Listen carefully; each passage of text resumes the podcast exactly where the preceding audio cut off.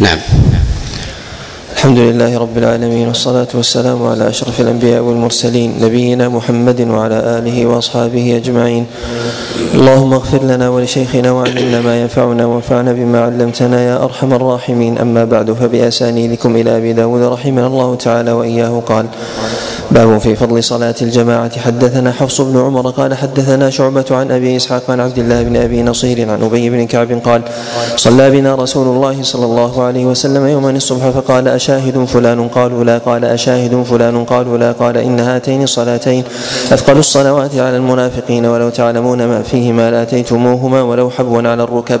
وإن الصف الأول على مثل صف الملائكة ولو علمتم ما فضيلته لابتدرتموه وإن صلاة الرجل مع الرجل أزكى من صلاته وحده وصلاته مع الرجلين أزكى من صلاته مع الرجل. وما كثر فهو أحب إلى الله تعالى.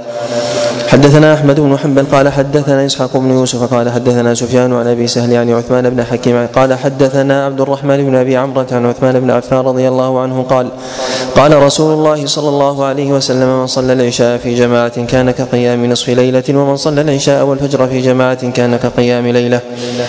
باب فضل المشي إلى الصلاة. حدثنا مسدد قال حدثنا يحيى عن ابن أبي ذئب عن عبد الرحمن بن مهران قال عن عبد الرحمن بن سعد عن أبي هريرة عن النبي صلى الله عليه وسلم قال الأبعد فالأبعد من المسجد أعظم اجرا حدثنا عبد الله بن محمد النفيلي قال حدثنا زهير قال حدثنا سليمان التيمي أن أبا عثمان حدثه عن أبي بن كعب قال كان رجل لا أعلم أحدا من الناس ممن يصلي القبلة من أهل المدينة أبعد منزلا من المسجد من ذلك الرجل.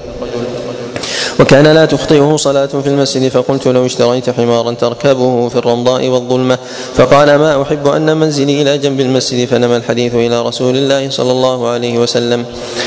فسأله عن قوله ذلك فقال أردت يا رسول الله أن يكتب لي إقبالي إلى المسجد والرجوع إلى أهلي إذا رجعت. فقال أعطاك الله ذلك كله أنطاك الله ما احتسبت كله أجمع حدثنا أبو توبة قال حدثنا الهيثم بن حميد عن يحيى بن الحارث عن القاسم أبي عبد الرحمن عن أبي بسم الله الرحمن الرحيم. وفي ذلك سعة فضل الله عز وجل وأن الإنسان إذا احتسب شيئا أعطاه الله عز وجل إياه. ولو جاء الإنسان على دابة. ولو جاء الإنسان على دابة فإن الله عز وجل يكتب أجر خطواته ما احتسب. نعم. أحسن الله عليكم. حدثنا أبو توبة قال حدثنا الهيثم بن حميد عن يحيى بن الحارث عن القاسم أبي عبد الرحمن عن أبي أمامة أن رسول الله صلى الله عليه وسلم قال من خرج من بيته متطهرا إلى صلاة مكتوبه فأجره كأجر الحاج المحرم ومن خرج إلى تسبيح الضحى لا ينصبه إلا إياه فأجره كأجر المعتمر وصلاة على إثر صلاة لا لغو بينهما كتاب في عليين حدثنا مسدد قال حدثنا أبو معاوية عن الأعمش عن أبي صالح عن أبي هريرة قال قال رسول الله صلى الله عليه وسلم صلاة الرجل في جماعة تزيد على صلاته في بيته وصلاته في سوقه خمسا وعشرين درجة. وذلك بأن أحدكم إذا توضأ فأحسن الوضوء وأتى المسجد لا يريد إلا الصلاة ولا ينهزه يعني ولا ينهزه يعني إلا الصلاة ثم لا يخط ثم لم يخطو خطوة إلا رفع له بها درجة وحط بها عنه خطيئة حتى يدخل المسجد فإذا دخل المسجد كان في صلاة ما كانت الصلاة هي تحبسه. والملائكة يصلون على أحدكم ما دام في مجلسه الذي صلى فيه يقولون اللهم اغفر له اللهم ارحمه اللهم تب عليه ما لم يؤذ فيه أو يحدث فيه. حدثنا محمد بن عيسى قال حدثنا أبو معاوية عن هلال بن ميمون عن عطاء بن يزيد عن أبي سعيد الخدري قال قال رسول الله صلى الله عليه وسلم الصلاة في جماعة تعدل خمسا وعشرين صلاة فإذا صلاها في فلاة فأتم ركوعها وسجودها بلغت خمسين صلاة. قال أبو داود قال عبد الواحد بن زياد في هذا الحديث صلاة الرجل في الفلاة تضاعف على صلاته في الجماعة وساق الحديث. باب ما جاء في المشي إلى الصلاة في الظلم الصلاة في الفلاة لا يخلو من علة ولكن هو بمجموعه بمجموعه جيد.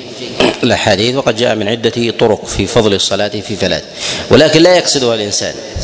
والمراد من ذلك أن يؤديها حتى لو كان في بادية كراعي الغنم أو الرجل الذي يبدو لمصلحة من المصالح أو غير ذلك أو الرجل المسافر الذي يكون في سفر ثم يصليها في فلاة فيؤتى الأجر ما احتسب. نعم. أحسن الله عليكم وأيها أفضل الإنسان يصلي إذا كان مسافرا في طريق أن يصلي في فلاة أم ينتظر حتى يأتي إلى جماعة في الطريق نقول الأفضل يصلي في فلاة ولكن لا يتقصد ترك الجماعة لأجل الفلاة ولكن نقول الأفضل له ألا يتقصد ترك صلاة الفلاة لأجل لأجل الجماعة. فنقول يصلي على حاله. نعم. أحسن الله عليكم باب ما جاء في المشي إلى الصلاة في طول حدثنا يحيى بن يحيى بن معين قال حدثنا أبو عبيدة الحداد قال حدثنا إسماعيل وأبو سليمان الكحال عن عبد الله بن أوس عن بريدة عن النبي صلى الله عليه وسلم قال بشر المشائين في الظلم إلى المساجد بالنور التام يوم القيامة. باب الهدي في المشي إلى الصلاة. حدثنا محمد بن سليمان الأنباري وأن عبد الملك بن عمرو حدثهم عن داود بن قيس عن داود بن قيس قال حدثني سعد بن إسحاق قال حدثني أبو ثمامة الحناط أن كعب بن عجرة أدركه وهو يريد المسجد المسجد أدرك أحدهما صاحبه قال فوجدني وأنا مشبك بيدي فنهاني عن ذلك وقال إن رسول الله صلى الله عليه وسلم قال إذا توضأ أحدكم فأحسن وضوءه. ثم خرج عامدا إلى المسجد فلا يشبكن يديه فإنه في صلاة. حدثنا محمد بن معاذ بن عباد العنبري قال حدثنا أبو عوانة عن يعلى بن عطاء عن معبد بن هرمز عن سعيد بن المسيب قال حضر رجل حضر رجلا من الأنصار الموت فقال إني محدثكم حديثا ما حد ما أحدثكموه إلا احتسابا. سمعت رسول الله صلى الله عليه وسلم يقول إذا توضأ أحدكم فأحسن الوضوء ثم خرج إلى الصلاة لم يرفع قدمه اليمنى إلا كتب الله عز وجل له حسنة ولم يضع قدمه اليسرى إلا حط الله عز وجل عنه سيئة. فليقرب أحدكم أو, لو أو ليبعد فإن أتى المسجد فصلى في جماعة غفر له. فإن أتى المسجد وقد صلوا بعضا وبقي بعض صلى ما أدرك وأتم ما بقي. كان كذلك. فإن أتى المسجد وقد صلوا فأتم الصلاة كان كذلك. باب في من خرج يريد الصلاة فسبق بها. حدثنا عبد الله بن مسلمة قال حدثنا عبد العزيز يعني ابن محمد عن محمد يعني ابن طحلى عن محسن بن علي عن عوف بن الحارث عن أبي هريرة رضي الله عنه قال قال النبي صلى الله عليه وسلم من توضا فأحسن وضوءه ثم وضوءه ثم راح فوجد الناس قد صلوا اعطاه الله عز وجل مثل أجر من صلاها وحضرها لا ينقص ذلك من أجرهم شيئا. باب في خروج النساء صواب في هذا الحديث الوقف. صواب في هذا في هذا الحديث الوقف. وهذا ظاهر قول أبي هريرة عليه رضوان الله أن الإنسان إذا خرج إلى صلاة المسجد إلى الصلاة فوجد الناس قد صلوا. يعني أنه عذر بذهابه وظن أن الوقت لم يذهب فيؤتى الأجر بإذن الله تعالى. كذلك أيضا من أدرك من الإمام لحظة من صلاته ثم دخل معه فيؤتى أجر الجماعة. لكن يفوته من ذلك ما فاته من الصلاة إذا كان مقصرا. فإذا خرج الإنسان قاصدا للصلاة وكان معذورا ثم وجد الناس قد انصرفوا. يؤتى أجر الجماعة بإذن الله. يؤتى أجر الجماعة بإذن الله.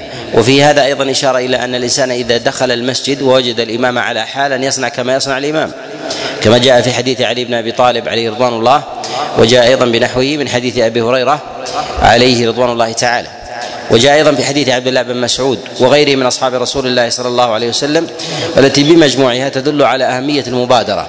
وأما ما يفعله ببعض الناس أنه ينتظر ينتظر جماعة أخرى والإمام في تشهده الأخير. نقول هذا لم يكن يعمله السلف وليس معروفا لا عند الصحابة ولا عند التابعين ولا عند التابعين بل يدخل مع الإمام ولو لحظة. وذلك لعموم قول النبي عليه الصلاة والسلام إنما جعل الإمام ليؤتم به. فينبغي على الإنسان أن أن يبادر. كذلك بعض الناس إذا كان الإمام ساجد يأتي إلى الصلاة ويقف حتى يرفع الإمام. وذلك أن هذه السجدة لا تحسب له. هذا حرمان. هذا حرمان. فكيف تفوت مثل هذه السجدة؟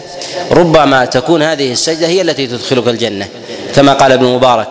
فالعبرة ليست باعتبار الركعة ولكن بتفويت الطاعة. بتفويت الطاعة فينبغي الإنسان أن يبادر.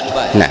أحسن الله عليكم باب في خروج النساء إلى المسجد. حدثنا موسى بن إسماعيل قال حدثنا حماد عن محمد بن عمرو عن أبي سلمة عن أبي هريرة أن رسول الله صلى الله عليه وسلم قال لا تمنعوا إماء الله مساجد الله ولكن ليخرج ليخرجن وهن تفلات حدثنا سليمان بن حرب قال حدثنا حماد عن ايوب حماد عن أيوب عن نافع عن ابن عمر قال قال رسول الله صلى الله عليه وسلم لا تمنعوا إماء الله مساجد الله.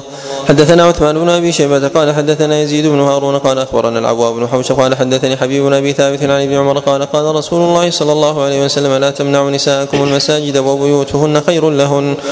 حدثنا عثمان بن أبي شيبة قال حدثنا جرير وابو معاوية عن الأعمش عن مجاهد قال قال عبد الله بن عمر قال النبي صلى الله عليه وسلم أذنوا للنساء إلى المساجد بالليل فقال ابن له والله لا نأذن لهن فيتخذنه دغلا والله لا نأذن لهن قال فسبه وغضب. وقال أقول قال رسول الله صلى الله عليه وسلم أذنوا لهن وتقول لا نأذن لهن. باب التشديد في ذلك. حدثنا وذلك أن الغيره على نوعين غيرة ممنوعة وغيرة مشروعة. الممنوعة هي التي تخالف الدليل. كمثل هذا الإنسان يظن أن غيرته أولى من النص. لا نقال أن النص هو الأولى هو الذي يحكم الغيرة. وذلك أيضا ما جاء في حديث سعد لما قال النبي عليه الصلاة والسلام تعجبون من غيرة سعد؟ لا أنا أغير منه والله أغير مني.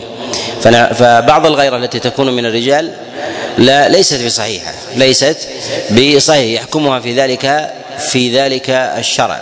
وقد جاء في مسند الإمام أحمد عن بعض الصحابة عليه رضوان الله أنه لا يستطيع أن يمنع امرأته من الذهاب إلى المسجد فكان يترصد لها في صلاة الفجر في الطريق.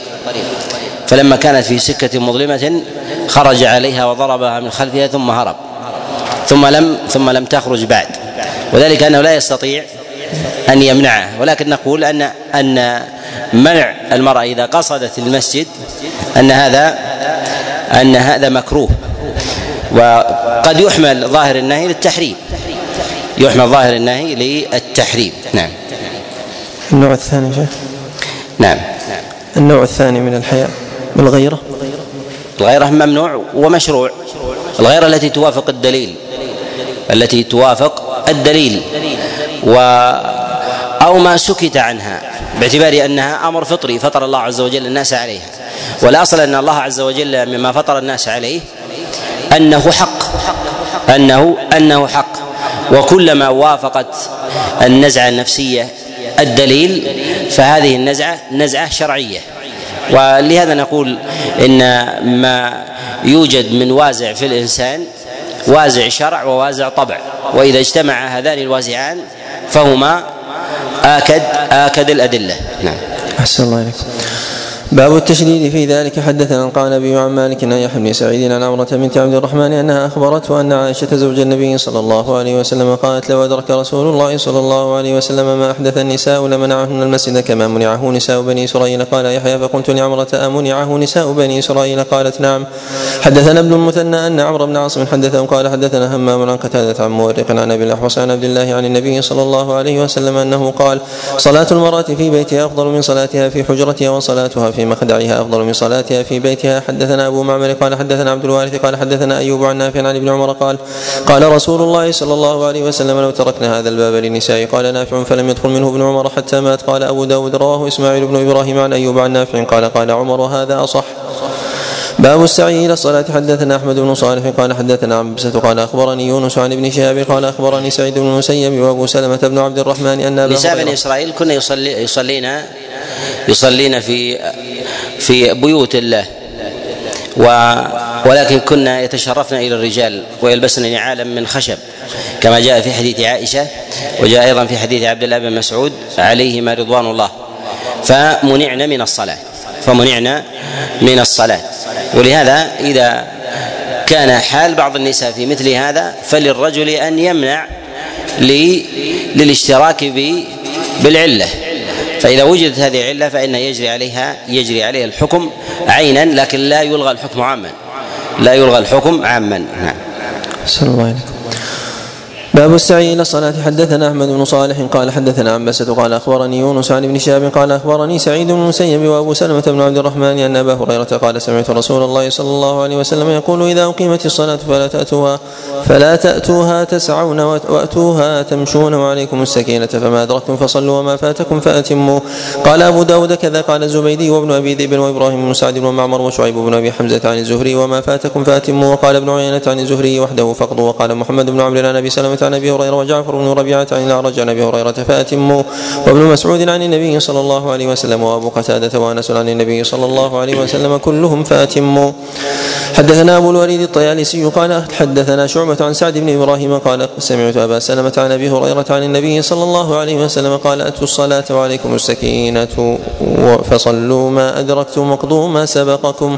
قال أبو داود وكذا قال ابن سيرين عن أبي هريرة وليقضي وكذا قال أبو رافع عن أبي هريرة وأبو ذر روي عنه فأتموا واقضوا اختلف عنه. باب الجمع في المسجد مرتين. حدثنا موسى بن إسماعيل قال حدثنا وهيب عن سليمان الاسود عن ابي المتوكل عن أبي سعيد الخدري أن رسول الله صلى الله عليه وسلم أبصر رجلا يصلي وحده فقال ألا رجل يتصدق على هذا فيصلي معه. باب في من صلى في منزله ثم أدرك الجماعة يصلي معهم. حدثنا حفص بن عمر وهذا يحمل على العذر وإلا في الأصل أنه لا تنعقد جماعتان في مسجد واحد.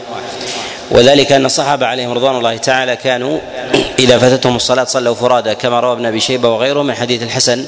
قال كان أصحاب النبي صلى الله عليه وسلم إذا فاتتهم الصلاة صلوا فرادى. ولا أعلم أحدا من الصحابة عليهم رضوان الله من عقد جماعة ثانية في مسجد واحد إلا ما ظهر من هذا الدليل وجاء أيضا فيه أثران. الأثر الأول عن أنس بن مالك والثاني عن عبد الله بن مسعود عليهما رضوان الله. ولعل ما جاء عنهما في ذلك أنه يحمل على العذر. إذا فاتت الإنسان الصلاة معذورا فإنه يصلي جماعة إن وجد. يصلي جماعة إن وجد. أما أن يبيت وجود جماعة ثانية في المساجد الراتبة فهذا خلاف السنة. فهذا خلاف السنة. المساجد غير الراتبة المساجد الطرقات وكذلك الذي تأخذ حكم المساجد غير الراتبة ولو كانت مساجد راتبه وهي كمساجد الأسواق. مساجد الأسواق وكذلك أيضا كالحرمين وغيرها من المساجد التي يعتادها الناس. فلا حرج من عقد جماعة أخرى بعد الجماعة الأولى. من عقد جماعة أخرى بعد الجماعة الأولى لأن هذه المساجد تقصد من القريب من القريب والبعيد. نعم. الله عليكم. باب في من صلى في منزله ثم أدرك الجماعة يصلي معهم حدثنا حفص بن عمر قال حدثنا شعبة قال أخبرني على بن عطاء عن جابر بن يزيد بن الأسود عن أبيه أنه صلى مع رسول الله صلى الله عليه وسلم وهو غلام شاب فلما صلى إذا رجلان لم يصليا في ناحية المسجد فدعا بهما فجيء بهما ترعد فرائصهما. فقال ما منعكما أن تصليا معنا؟ قال قد صلينا في رحالنا قال فقال لا تفعلوا إذا صلى أحدكم في رحله ثم أدرك الإمام ولم يصلي فليصلي معه فإنها له نافلة. حدثنا ابن معاذ قال حدثني أبي قال حدثنا شعبة عن جابر بن عطاء عن جابر بن يزيد عن أبيه. قال صليت مع النبي صلى الله عليه وسلم الصبح بمينا بمعناه. حدثنا قتيبة قال حدثنا معن بن عيسى عن سعيد بن مسا عن سعيد بن السائب عن نوح بن صعصعة عن يزيد بن عامر قال جئت والنبي صلى الله عليه وسلم في الصلاة فجلست ولم أدخل معه في الصلاة فصرف فصرف علينا رسول الله صلى الله عليه وسلم فرأى يزيد جالسا فقال ألم تسلم يا يزيد؟ قال بلى يا رسول الله قد أسلمت. قال فما منعك أن تدخل مع الناس في صلاتهم؟ قال إني كنت صليت في منزلي وأنا أحسب أن قد صليتم فقال إذا جئت إلى الصلاة فوجدت الناس فصل معهم وإن كنت قد صليت تكن لك نافلة وهذه مكتوبة.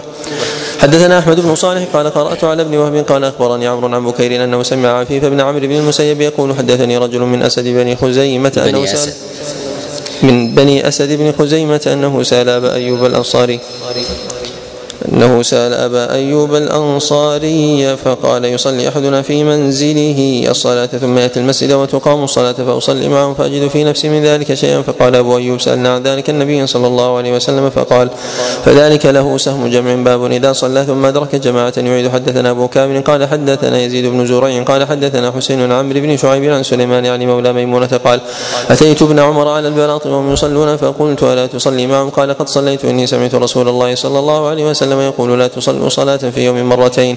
باب جماع الإمامة وفضلها حدثنا سليمان بن داود المهري قال حدثنا ابن وهب قال أخبرني يحيى بن أيوب عن, عبد الرحمن بن حرملة عن أبي علي الهمداني قال سمعت عقبة بن عامر يقول سمعت رسول الله صلى الله عليه وسلم يقول من أما الناس فأصاب الوقت فله وله ومن انتقص من ذلك شيئا فعليه ولا عليهم. باب كراهية التدافع على الإمامة. حدثنا هارون بن عباد الأزدي قال حدثنا مروان قال حدثتني طلحة أم غراب عن عقيلة امرأة من بني فزارة مولاة الله عن سلامة بنت الحر أخت خرشة بن الحر الفزاري قالت سمعت رسول الله صلى الله عليه وسلم يقول إن من أشراط الساعة أن يتدافع أهل المسجد لا يجدون إماما يصلي بهم. هذا الحديث لا يصح في سند جهالة الله عليكم باب من أحق بالإمامة. حدثنا أبو الوليد الطيالسي قال حدثنا شعبة قال أخبرني إسماعيل بن رجاء قال سمعت قال سمعت أوس بن ضمعج يحدث عن أبي مسعود البدري قال قال رسول الله صلى الله عليه وسلم يؤم القوم أقرأهم لكتاب الله وأقدمهم قراءة فإن كانوا في القراءة سواء فليؤمهم أقدمهم هجرة فإن كانوا في الهجرة سواء فليؤمهم فليؤمهم أكبرهم سنا ولا يؤم الرجل ولا يؤم الرجل في بيته ولا في سلطان ولا يجلس على تكريمته إلا بإذنه. قال شعبة فقلت لإسماعيل ما تكريمته قال فراشه. حدثنا ابن معاذ قال حدثنا أبي قال حدثنا شعبة بهذا الحديث قال فيه ولا يؤم ولا يؤم الرجل الرجل. قال أبو داود وكذا. قال يحيى القطان عن شعبة أقدمهم قراءة. حدثنا الحسن بن علي قال حدثنا عبد الله بن نمير عن الأعمش عن إسماعيل بن رجاء عن أوس بن ضم عجل الحضرمي قال سمعت أبا مسعود عن النبي صلى الله عليه وسلم في هذا الحديث قال فإن كانوا في القراءة سواء فأعلمهم بالسنة فإن كانوا في السنة سواء فاقدمهم هجرة ولم يقل فاقدمهم قراءه حدثنا موسى بن إسماعيل قال حدثنا حماد قال أخبرنا أيوب عن عمرو بن سليمة قال كنا بحاضر يمر بنا الناس فإذا أتوا النبي صلى إذا أتوا النبي صلى الله عليه وسلم. فكانوا إذا رجعوا مروا بنا فأخبرونا أن رسول الله صلى الله عليه وسلم قال كذا وكذا وكنت غلاما حافظا فحفظت من ذلك قرآنا كثيرا فانطلق أبي وافدا إلى رسول الله صلى الله عليه وسلم في نفر من قومه فعلمهم الصلاة وقال يؤمكم أقرأكم فكنت أقرأهم لما كنت أحفظ فقدموني فكنت أؤمهم علي بردة لي صغيرة صفراء فكنت إذا سجدت تكشفت عني فقالت امرأة من النساء واروا عنا عورة قارئكم فاشتروا لي قميصا عمانيا فما فرحت بشيء بعد الإسلام فرحي به فكنت أمهم وأنا ابن سبع سنين أو ثمان سنين. حدثنا النفيلي قال حدثنا زهير قال حدثنا عاصم الأحول عن عمرو بن سلمة بهذا الخبر قال فكنت أؤمهم في بردة مؤصلة فيها فتق فكنت إذا سجدت خرجت استي. حدثنا قتيبة قال حدثنا وكيع عن مسعر بن حبيب الجرمي قال حدثنا عمرو بن سلمة عن أبي أنهم وفدوا على النبي صلى الله عليه وسلم فلما أرادوا أن ينصرفوا قالوا يا رسول الله من يؤمنا قال أكثركم جمعا للقرآن أو أخذا للقرآن فلم يكن أحد من القوم جمع ما جمعت قال فقدموني وأنا غلام علي شملة لي قال فما شهدت مجمعا من جرم إلا كنت إمامهم وكنت أصلي على جنائزهم إلى يومي هذا قال أبو داود ورواه يزيد بن هارون عن مسعر بن حبيب عن عمرو بن سلمة قال لما وفد قومي إلى النبي صلى الله الله عليه وسلم لم يقل عن أبيه وحدثنا القعنبي حدثنا القعنبي قال حدثنا أنس يعني بن عياض حا وحدثنا الهيثم بن خالد الجهني المعنى. قال حدثنا ابن نمير عن عبيد الله عن نافع عن ابن عمر أنه لما قدم المهاجرون الأولون نزلوا العصبة قبل مقدم رسول الله صلى الله عليه وسلم فكان يؤمهم سالم مولى أبي حذيفة وكان أكثرهم قرآنا. زاد الهيثم فيهم عمر بن الخطاب وأبو سلمة بن عبد الأسد.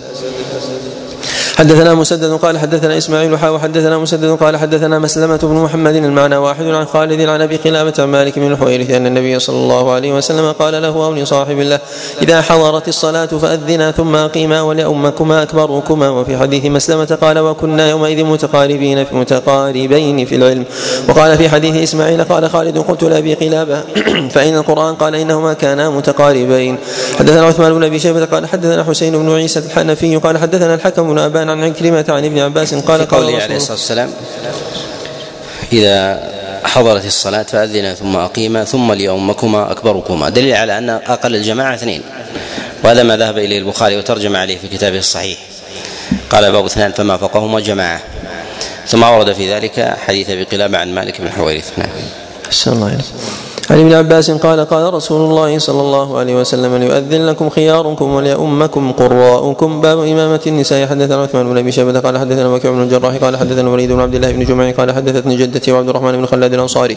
عن أم ورقة بنت نوفل عن أن النبي صلى الله عليه وسلم لما غزا بدرا قالت قلت له يا رسول الله إذا لي في الغزو معك أمرض مرضاكم لعل الله يرزقني شهادة. قال قري في بيتك فإن أو قري في بيتك فإن الله عز وجل يرزقك الشهادة. قال فكانت تسمى الشهيدة. قال وكانت قد قرأت القرآن فاستأذنت النبي صلى الله عليه وسلم أن تتخذ في دارها مؤذنا فأذن لها. قال وكانت قد دبرت غلاما لها وجارية فقاما إلي فقاما إليها بالليل فغماها بقطيفة لها حتى ماتت وذهبا. فأصبح عمر فقام في الناس فقال من عنده من هذين علم أو من رآهما فليجئ بهما فأمر بهما فصلبا فكان أول مصلوب بالمدينة. حدثنا الحسن بن حماد الحضرمي قال حدثنا محمد بن فضيل عن الوليد بن جميل عبد الرحمن بن خلاد عن أم ورقة بنت عبد الله بن الحارث بهذا الحديث والأول وأتم قال وكان رسول الله صلى الله عليه وسلم يزورها في بيتها وجعل لها مؤذنا يؤذن لها وأمرها أن تؤم أهل دارها. قال عبد الرحمن فأنا رأيت مؤذنها شيخا كبيرا. وهذا الحديث مما تفرد به الوليد بن جميع في روايته تارة يرويه عن جدته وتارة يرويه عن عبد الرحمن بن خلاد. وفي النفس من ذكر المؤذن شيء. وإمامة النساء للنساء معلومة. وجاء ذلك عن عائشة وجاء أيضا عن أم سلمة وغيرها من من الصحابيات وجاء أيضا عن جماعة من وجاء أيضا عن جماعة من التابعين عليهم رضوان الله وتقوم وسطهن. وأما أن تؤم المرأة الرجل فلا يثبت ذلك ولم يقل بهذا ولم يقل بهذا أحد. من من السلف في القرون في القرون المفضلة. و كذلك أيضا فيه أن حتى خروج المرأة إلى إلى الجهاد أنه ضيق بخلاف بخلاف الرجل. لهذا النبي عليه الصلاة والسلام قال قري في بيتك. يعني أنه ولو كان في هذه المسألة يكون هذا في في أبواب ضيقة. في أبواب ضيقة عند قلة الرجال والحاجة إلى النساء في مداواة في مداواة الجرح. والعجب أن شريعة الجهاد هي أظهر الشرائع كرها عند المنافقين ومع ذلك يستدلون بخروج النساء لاختلاطها بالرجال. يشرعون للمرأة الاختلاط أنها تداوي الجرحى ويكرهون الجرحى. فهم يكرهون شريعة الجهاد في ذاتها ولا يعلم منها منها إلا خروج المرأة إلى إلى الجهاد. حتى تختلط في حال الإقامة. حتى تختلط في حال الإقامة. لكن نقول لهم قولوا بالجهاد أصلا. ثم لا بأس يأتي مثل هذه المسائل تبعا. يأتي مثل هذه المسائل تبعا ولكن هي هي الأهواء. نعم. أحسن الله إليكم. باب الرجل يقوم القوم يؤم باب الرجل يؤم القوم وهم له كارهون. حدثنا القعنبي قال حدثنا عبد الله بن عمر بن غانم عن عبد الرحمن بن زياد عن عمران بن عبد عن عمران بن عبد المعافري. عن عبد الله بن عمرو أن رسول الله صلى الله عليه وسلم كان يقول ثلاثة لا يقبل الله منهم صلاة من تقدم قوما وهم له كارهون ورجل أتى الصلاة دبارا والدبار أن يأتيها بعد أن تفوته ورجل يعتبد محررة. باب إمامة الأعمى. حدثنا محمد بن عبد الرحمن العنبري أبو عبد الله قال حدثنا ابن مهدي قال حدثنا عمران القطان عن قتادة عن أنس أن النبي صلى الله عليه وسلم استخلف ابن أم مكتوم يؤم الناس وهو أعمى. باب إمامة الزائر. حدثنا مسلم بن إبراهيم قال حدثنا بان عن بدير قال حدثني أبو عطية مولى منا قال كان مالك بن الحويرث يأتينا إلى مصلانا هذا فأقيمت الصلاة فقلنا له تقدم فصله. فقال لنا قدموا رجلا منكم يصلي بكم وسأحدثكم لما لا أصلي بكم. سمعت رسول الله صلى الله عليه وسلم يقول من زار قوما فلا يؤمهم وليؤمهم رجل منهم. باب الإمام يقوم مكانا أرفع من مكان القوم. حدثنا أحمد بن سنان وأحمد بن فرات وأبو مسعود الرازي المعنى. قال حدثنا يعني قال حدثنا الأعمش عن إبراهيم عن همام أن حذيفة أما الناس بالمدائن على دكان فأخذ أبو مسعود بقميصه فجبذه. فلما فرغ من صلاته قال ألم تعلم أنهم كانوا ينهون عن ذلك؟ قال بلى قد ذكرت حين مددتني. حدثنا أحمد بن إبراهيم قال حدثنا حجاج عن ابن جرج قال أخبرني أبو خالد عن عدي بن ثابت الأنصاري قال حدثني رجل أنه كان مع عمار بن ياسر بالمدائن فأقيمت الصلاة فتقدم عمار وقام على دكان يصلي والناس أسفل منه. فتقدم حذيفة فأخذ على يده فاتبعه عمار حتى أنزله حذيفة فلما فرغ عمار من صلاته قال له حذيفة ألم تسمع رسول الله صلى الله عليه وسلم يقول إذا أما الرجل القوم فلا يقم في مكان أرفع من مقامهم أو نحو ذلك؟ قال عمار لذلك اتبعتك حين أخذت على يدي. باب إمامة من صلي بقوم وقد وقد صلى تلك الصلاة. حدثنا عبيد الله بن عمر بن ميسر ولكن لا حرج على الإمام أن يرتفع للتعليم. كما صلى النبي عليه الصلاة والسلام على على منبره ليراه الناس ليراه الناس فإذا أراد أن يسجد نزل. وهذا من باب من باب التعليم. نعم. الله عليك. حدثنا عبيد الله بن عمر بن ميسرة قال حدثنا يحيى بن سعيد عن محمد بن عجان قال حدثنا عبيد الله بن مقسم عن جابر بن عبد الله أن معاذ بن جبل كان يصلي مع رسول الله صلى الله عليه وسلم العشاء ثم يأتي قومه فيصلي بهم تلك الصلاة. حدثنا مسدد قال حدثنا سفيان عن عمرو بن دينار أنه سمع جابر بن عبد الله يقول إن معاذ كان يصلي مع النبي صلى الله عليه وسلم ثم يرجع فيؤم قومه. باب الإمام يصلي من قعود حدثنا قال نبي عن مالك عن ابن شهاب عن أنس بن مالك أن رسول الله صلى الله عليه وسلم ركب فرسا فصرع فجحش شقه الأيمن فصلى صلاة من الصلوات وهو قاعد فصلينا وراءه قعودا فلما انصرف قال إنما جعل الإمام ليؤتم به فإذا صلى قائما فصلوا قياما وإذا ركع فاركعوا وإذا رفع فارفعوا وإذا وإذا قال سمع الله لمن حميده فقولوا ربنا ولك الحمد وإذا صلى جالسا فصلوا جلوسا أجمعين. حدثنا عثمان بن أبي شيبة قال حدثنا جرير ووكيع عن الأعمش عن أبي سفيان عن جابر قال ركب رسول الله صلى الله عليه وسلم فرسا بالمدينة فصرعه على جذم نخلة فانفكت قدمه فأتيناه نعوده فوجدناه في مشربة لعائشة يسبح جالسا. قال فقمنا خلفه فسكت عنا ثم أتيناه مرة أخرى نعوده فصلى المكتومة جالسا فقمنا خلفه فأشار إلينا فقعدنا. قال فلما قضى الصلاة قال إذا صلى الإمام جالسا فصلوا جلوسا وإذا صلى الإمام قائما فصلوا قياما ولا تفعلوا كما يفعل أهل فارس بعظمائها.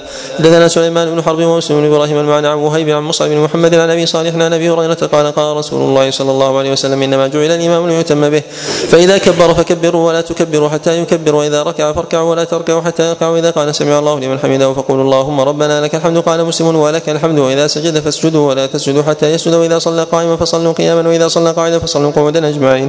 وفي هذا ان هذا في حكم الصلاة. النبي عليه الصلاة والسلام كره أن يقوم الناس خلفه وهو جالس. فكيف في غير الصلاة؟ فإنه أولى بالكراهة. أن الإنسان يقوم على رأسه أحد أو نحو ذلك فهذا مما يكره لأنه يغرس في نفس الإنسان والسيد الكبر والتعظيم الزائد الذي ينهى ينهى عنه. فنهى النبي صلى الله عليه وسلم عن ذلك وهو في صلاة فكيف فكيف بغيرها وينبغي أيضا على الإنسان أن يكره ذلك ولو وجد عنده خادم من يقف على رأسه أن يجلسه إلا لمصلحة كمصلحة الطعام وكذلك القيام في أمر الناس ونحو ذلك لا لأجل التعظيم لا لأجل التعظيم. مع وجوب القيام وكونه ركن في الصلاة جعل النبي عليه الصلاة والسلام المأموم يكون جالسا كحاله يكون جالسا كحاله. لماذا؟ لأن نفي هذا الأمر أعظم ومفسدته أيضا على الإنسان وعلى الناس وعلى الناس أظهر.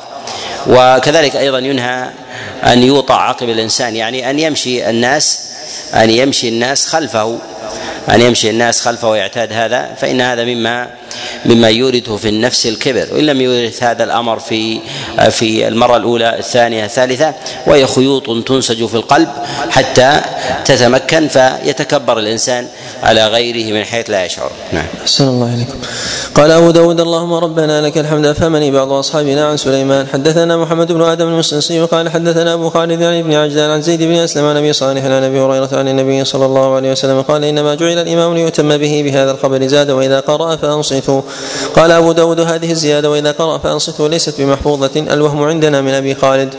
حدثنا القعنبي عن مالك عن هشام بن عروة عن أبيه عن عائشة زوج النبي صلى الله عليه وسلم أنها قالت صلى رسول الله صلى الله عليه وسلم في بيته وهو جالس فصلى وراءه قوم قياما فأشار إليهم أن يجلسوا فلما صرف قال إنما جعل الإمام ليتم به فإذا ركع فاركعوا وإذا رفع فارفعوا. وإذا صلى جالسا فصلوا جلوسا. حدثنا قتيبة بن سعيد ويزيد بن خالد بن موهب بالمعنى أن الليث حدثه مع أبي الزبير عن جابر قال اشتكى النبي صلى الله عليه وسلم فصلينا وراءه وهو قاعد وأبو بكر يكبرني يسمع الناس تكبيره ثم ساق الحديث. حدثنا عبدة بن عبد الله قال أخبرنا زيد يعني ابن الحباب عن محمد بن صالح قال حدثني حسين من ولد سعد بن معاذ عن أسيد بن حضير أنه كان يؤمهم قال فجاء رسول الله صلى الله عليه وسلم يعوده فقالوا يا رسول الله إن إمامنا مريض. فقال إذا صلى قاعدا فصلوا قعودا. قال أبو داود هذا الحديث ليس بمتصل. باب الرجلين يؤم أحدهما صاحبه كيف يقومان؟ حدثنا موسى بن إسماعيل قال حدثنا حماد قال أخبرنا ثابت عن أنس أن رسول الله صلى الله عليه وسلم دخل على أم حرام فأتوه بسمن وتمر فقال ردوا هذا في وعائه وهذا في سقائه فإني صائم. ثم قام فصلى بنا ركعتين تطوعا فقامت أم سليم وأم حرام خلفنا. قال ثابت ولا أعلمه إلا قال إلا قال أقامني عن يمينه على بساط. حدثنا حفص بن عمر قال حدثنا شعبة عن عبد الله بن المختار عن موسى بن آنس يحدث عن أنس أن رسول الله صلى الله عليه وسلم أمه وامرأة منهم فجعله عن يمينه والمرأة خلف ذلك. حدثنا مسدد قال حدثنا يحيى عن عبد الملك بن أبي سليمان عن عطاء عن ابن عباس قال بت في بيت خالتي ميمونة فقام رسول الله صلى الله عليه وسلم من الليل فأطلق القربة فتوضأ ثم وكان القربة ثم قام إلى الصلاة فقمت فتوضأت كما توضأ ثم جئت فقمت عن يساره فأخذني بيمينه فأدارني من ورائه فأقامني عن يمينه فصليت معه. حدثنا عمرو بن عون قال أخبرنا هشيم عن ابي بشر عن سعيد بن جبير عن ابن عباس في هذه القصة قال فأخذ براسي أو بذؤابتي فأقامني عن يمينه. باب إذا كانوا ثلاثة كيف يقومون؟ حدثنا القعنبي عن مالك عن إسحاق بن عبد الله بن أبي طلحة عن أنس بن مالك أن جدته مليكه دعت رسول الله صلى الله عليه وسلم لطعام صنعته فأكل منه ثم قال قوموا فلاصلي لكم. قال أنس فقمت إلى حصير لنا قد اسود من طول ما لبس فنضحته بماء فقام عليه رسول الله صلى الله عليه وسلم. وصففت أنا واليتيم وراءه والعجوز من ورائنا فصلى لنا ركعتين ثم انصرف. حدثنا عثمان بن أبي شيبة قال حدثنا محمد بن فضيل عن هارون بن عنترة عن عبد الرحمن بن الأسود عن أبيه قال استأذن علقمة والأسود على عبد الله وقد كنا أطلنا القعود على بابه فخرجت الجارية فاستأذنت لهما فأذن لهما ثم قام فصلى بيني وبينه ثم قال هكذا رأيت رسول الله صلى الله عليه وسلم فعل. باب الإمام ينحرف بعد التسليم. حدثنا مسدد قال حدثنا يحيى عن سفيان قال حدثني على بن عطاء عن جابر بن يزيد بن الأسود عن أبيه قال صليت خلف رسول الله صلى الله عليه وسلم فكان إذا انصرف انحرف. حدثنا محمد بن رافع قال حدثنا أبو أحمد الزبيري قال حدثنا مسعر عن ثابت بن عبيد عن عبيد بن البراء عن البراء بن عازب قال كنا إذا صلينا خلف رسول الله صلى الله عليه وسلم أحببنا أن نكون عن يمينه فيقول علينا بوجهه صلى الله عليه وسلم. باب الإمام يتطوع في مكانه. حدثنا أبو توبة الربيع بن نافع قال حدثنا عبد العزيز بن عبد الملك القرشي قال حدثنا عطاء الخرساني عن المغيرة بن شعبة قال قال رسول الله صلى الله عليه وسلم لا يصلي الإمام في الموضع الذي صلى فيه حتى يتحول. قال أبو داود عطاء الخرساني لم يدرك المغيرة بن شعبة. حد باب الامام يحدث بعدما يرفع رأسه من آخر ركعه حدثنا أحمد بن يونس قال حدثنا زهير قال حدثنا عبد الرحمن بن زياد بن أنعم قال عن عبد الرحمن بن رافع وبكر بن سواده عن عبد الله بن عمرو أن رسول الله صلى الله عليه وسلم قال إذا قضى الإمام الصلاة وقعد فأحدث قبل أن يتكلم فقد تمت صلاته ومن كان خلفه ممن أتم الصلاة. حد حدثنا عثمان بن أبي شيبة قال حدثنا وكيع عن سفيان عن بن عقيل عن محمد بن الحنفية عن علي رضي الله عنه قال قال رسول الله صلى الله عليه وسلم مفتاح الصلاة الطهور وتحريمها التكبير وتحليلها التسليم.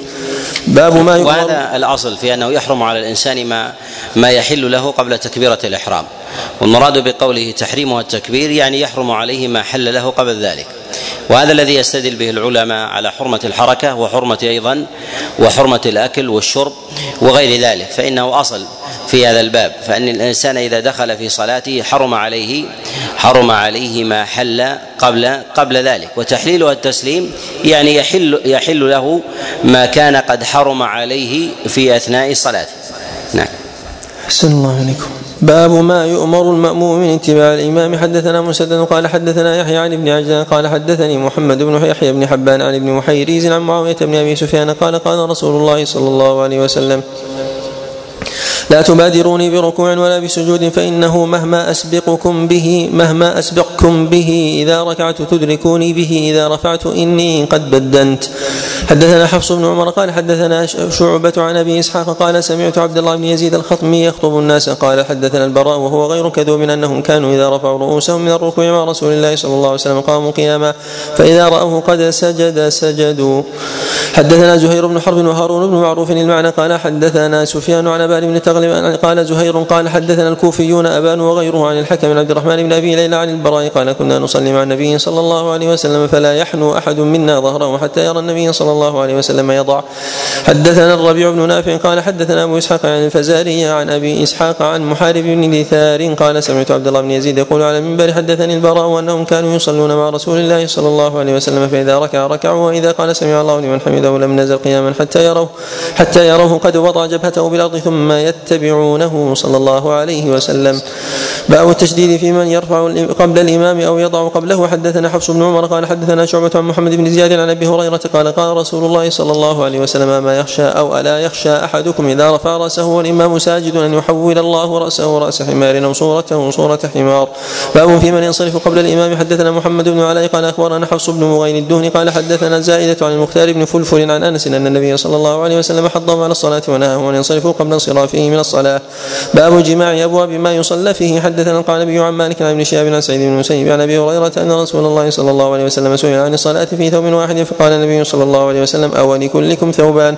حدثنا مسدد قال حدثنا سفيان عن أبي الزناد عن الأعرج عن أبي هريرة قال قال رسول الله صلى الله عليه وسلم لا يصلي أحدكم في الثوب الواحد ليس على منكبيه منه شيء.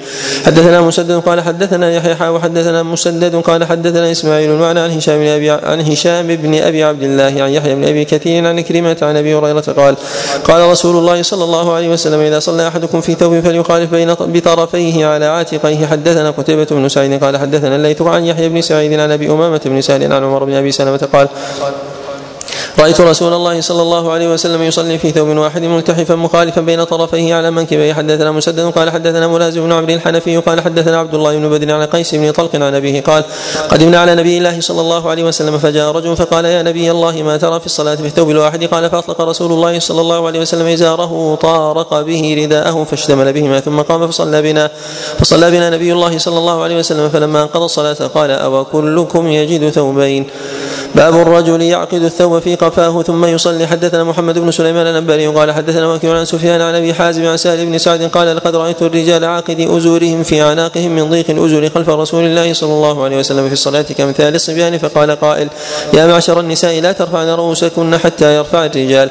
باب الرجل يصلي في ثوب بعضه على غيره. حدثنا أبو الوليد الطيالسي قال حدثنا زائدة عن أبي حصين عن أبي صالح عن عائشة رضي الله عنها أن النبي صلى الله عليه وسلم صلى في ثوب بعضه عليه. باب الرجل يصلي في قميص واحد. حدثنا قال حدثنا عبد العزيز عن ابن محمد عن موسى بن إبراهيم عن سلمة بن الأكوع قال قلت يا رسول الله إني رجل نصيد فأصلي في القميص الواحد. قال نعم وزروره ولو بشوكة. حدثنا محمد بن حاتم بن وزيع قال حدثنا يحيى بن أبي بكير عن, عن إسرائيل عن أبي حومل العامري. قال أبو داود كذا قال وهو أبو حرمل. عن محمد بن عبد الرحمن بن أبي بكر عن أبيه قال امنا جابر بن عبد الله في قميص ليس عليه رداء فلما انصرف قال إني رأيت رسول الله صلى الله عليه وسلم يصلي في قميص.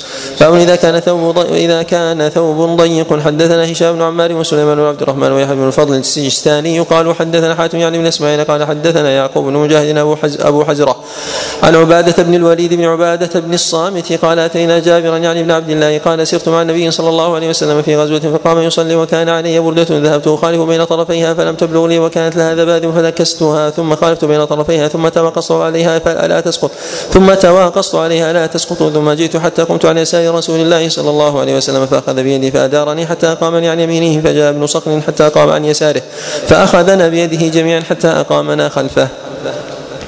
قال وجعل رسول الله صلى الله عليه وسلم يرمقني وأنا لا أشعر ثم فطنت به فأشار إلي أن اتزر بها فلما فرغ رسول الله صلى الله عليه وسلم قال يا جابر قلت لبيك يا رسول الله قال إذا كان واسعا فخالف بين طرفيه وإذا كان ضيقا فاشدده على حكمك.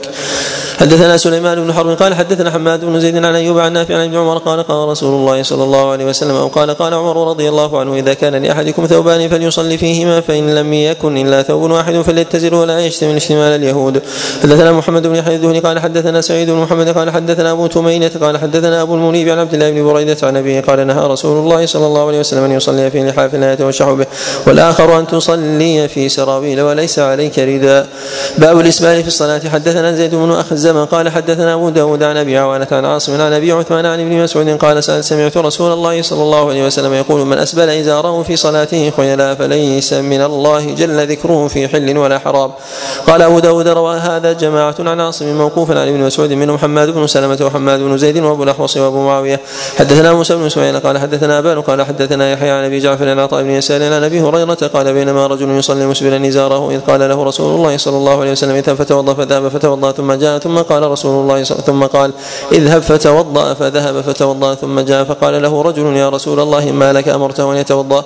قال إنه كان يصلي وهو مسبل ازاره وإن الله جل ذكره لا يقبل صلاة رجل مسبل ازاره وهذا الحديث لا يصح ولا يصح في بطلان وفساد صلاة المسبل خبر.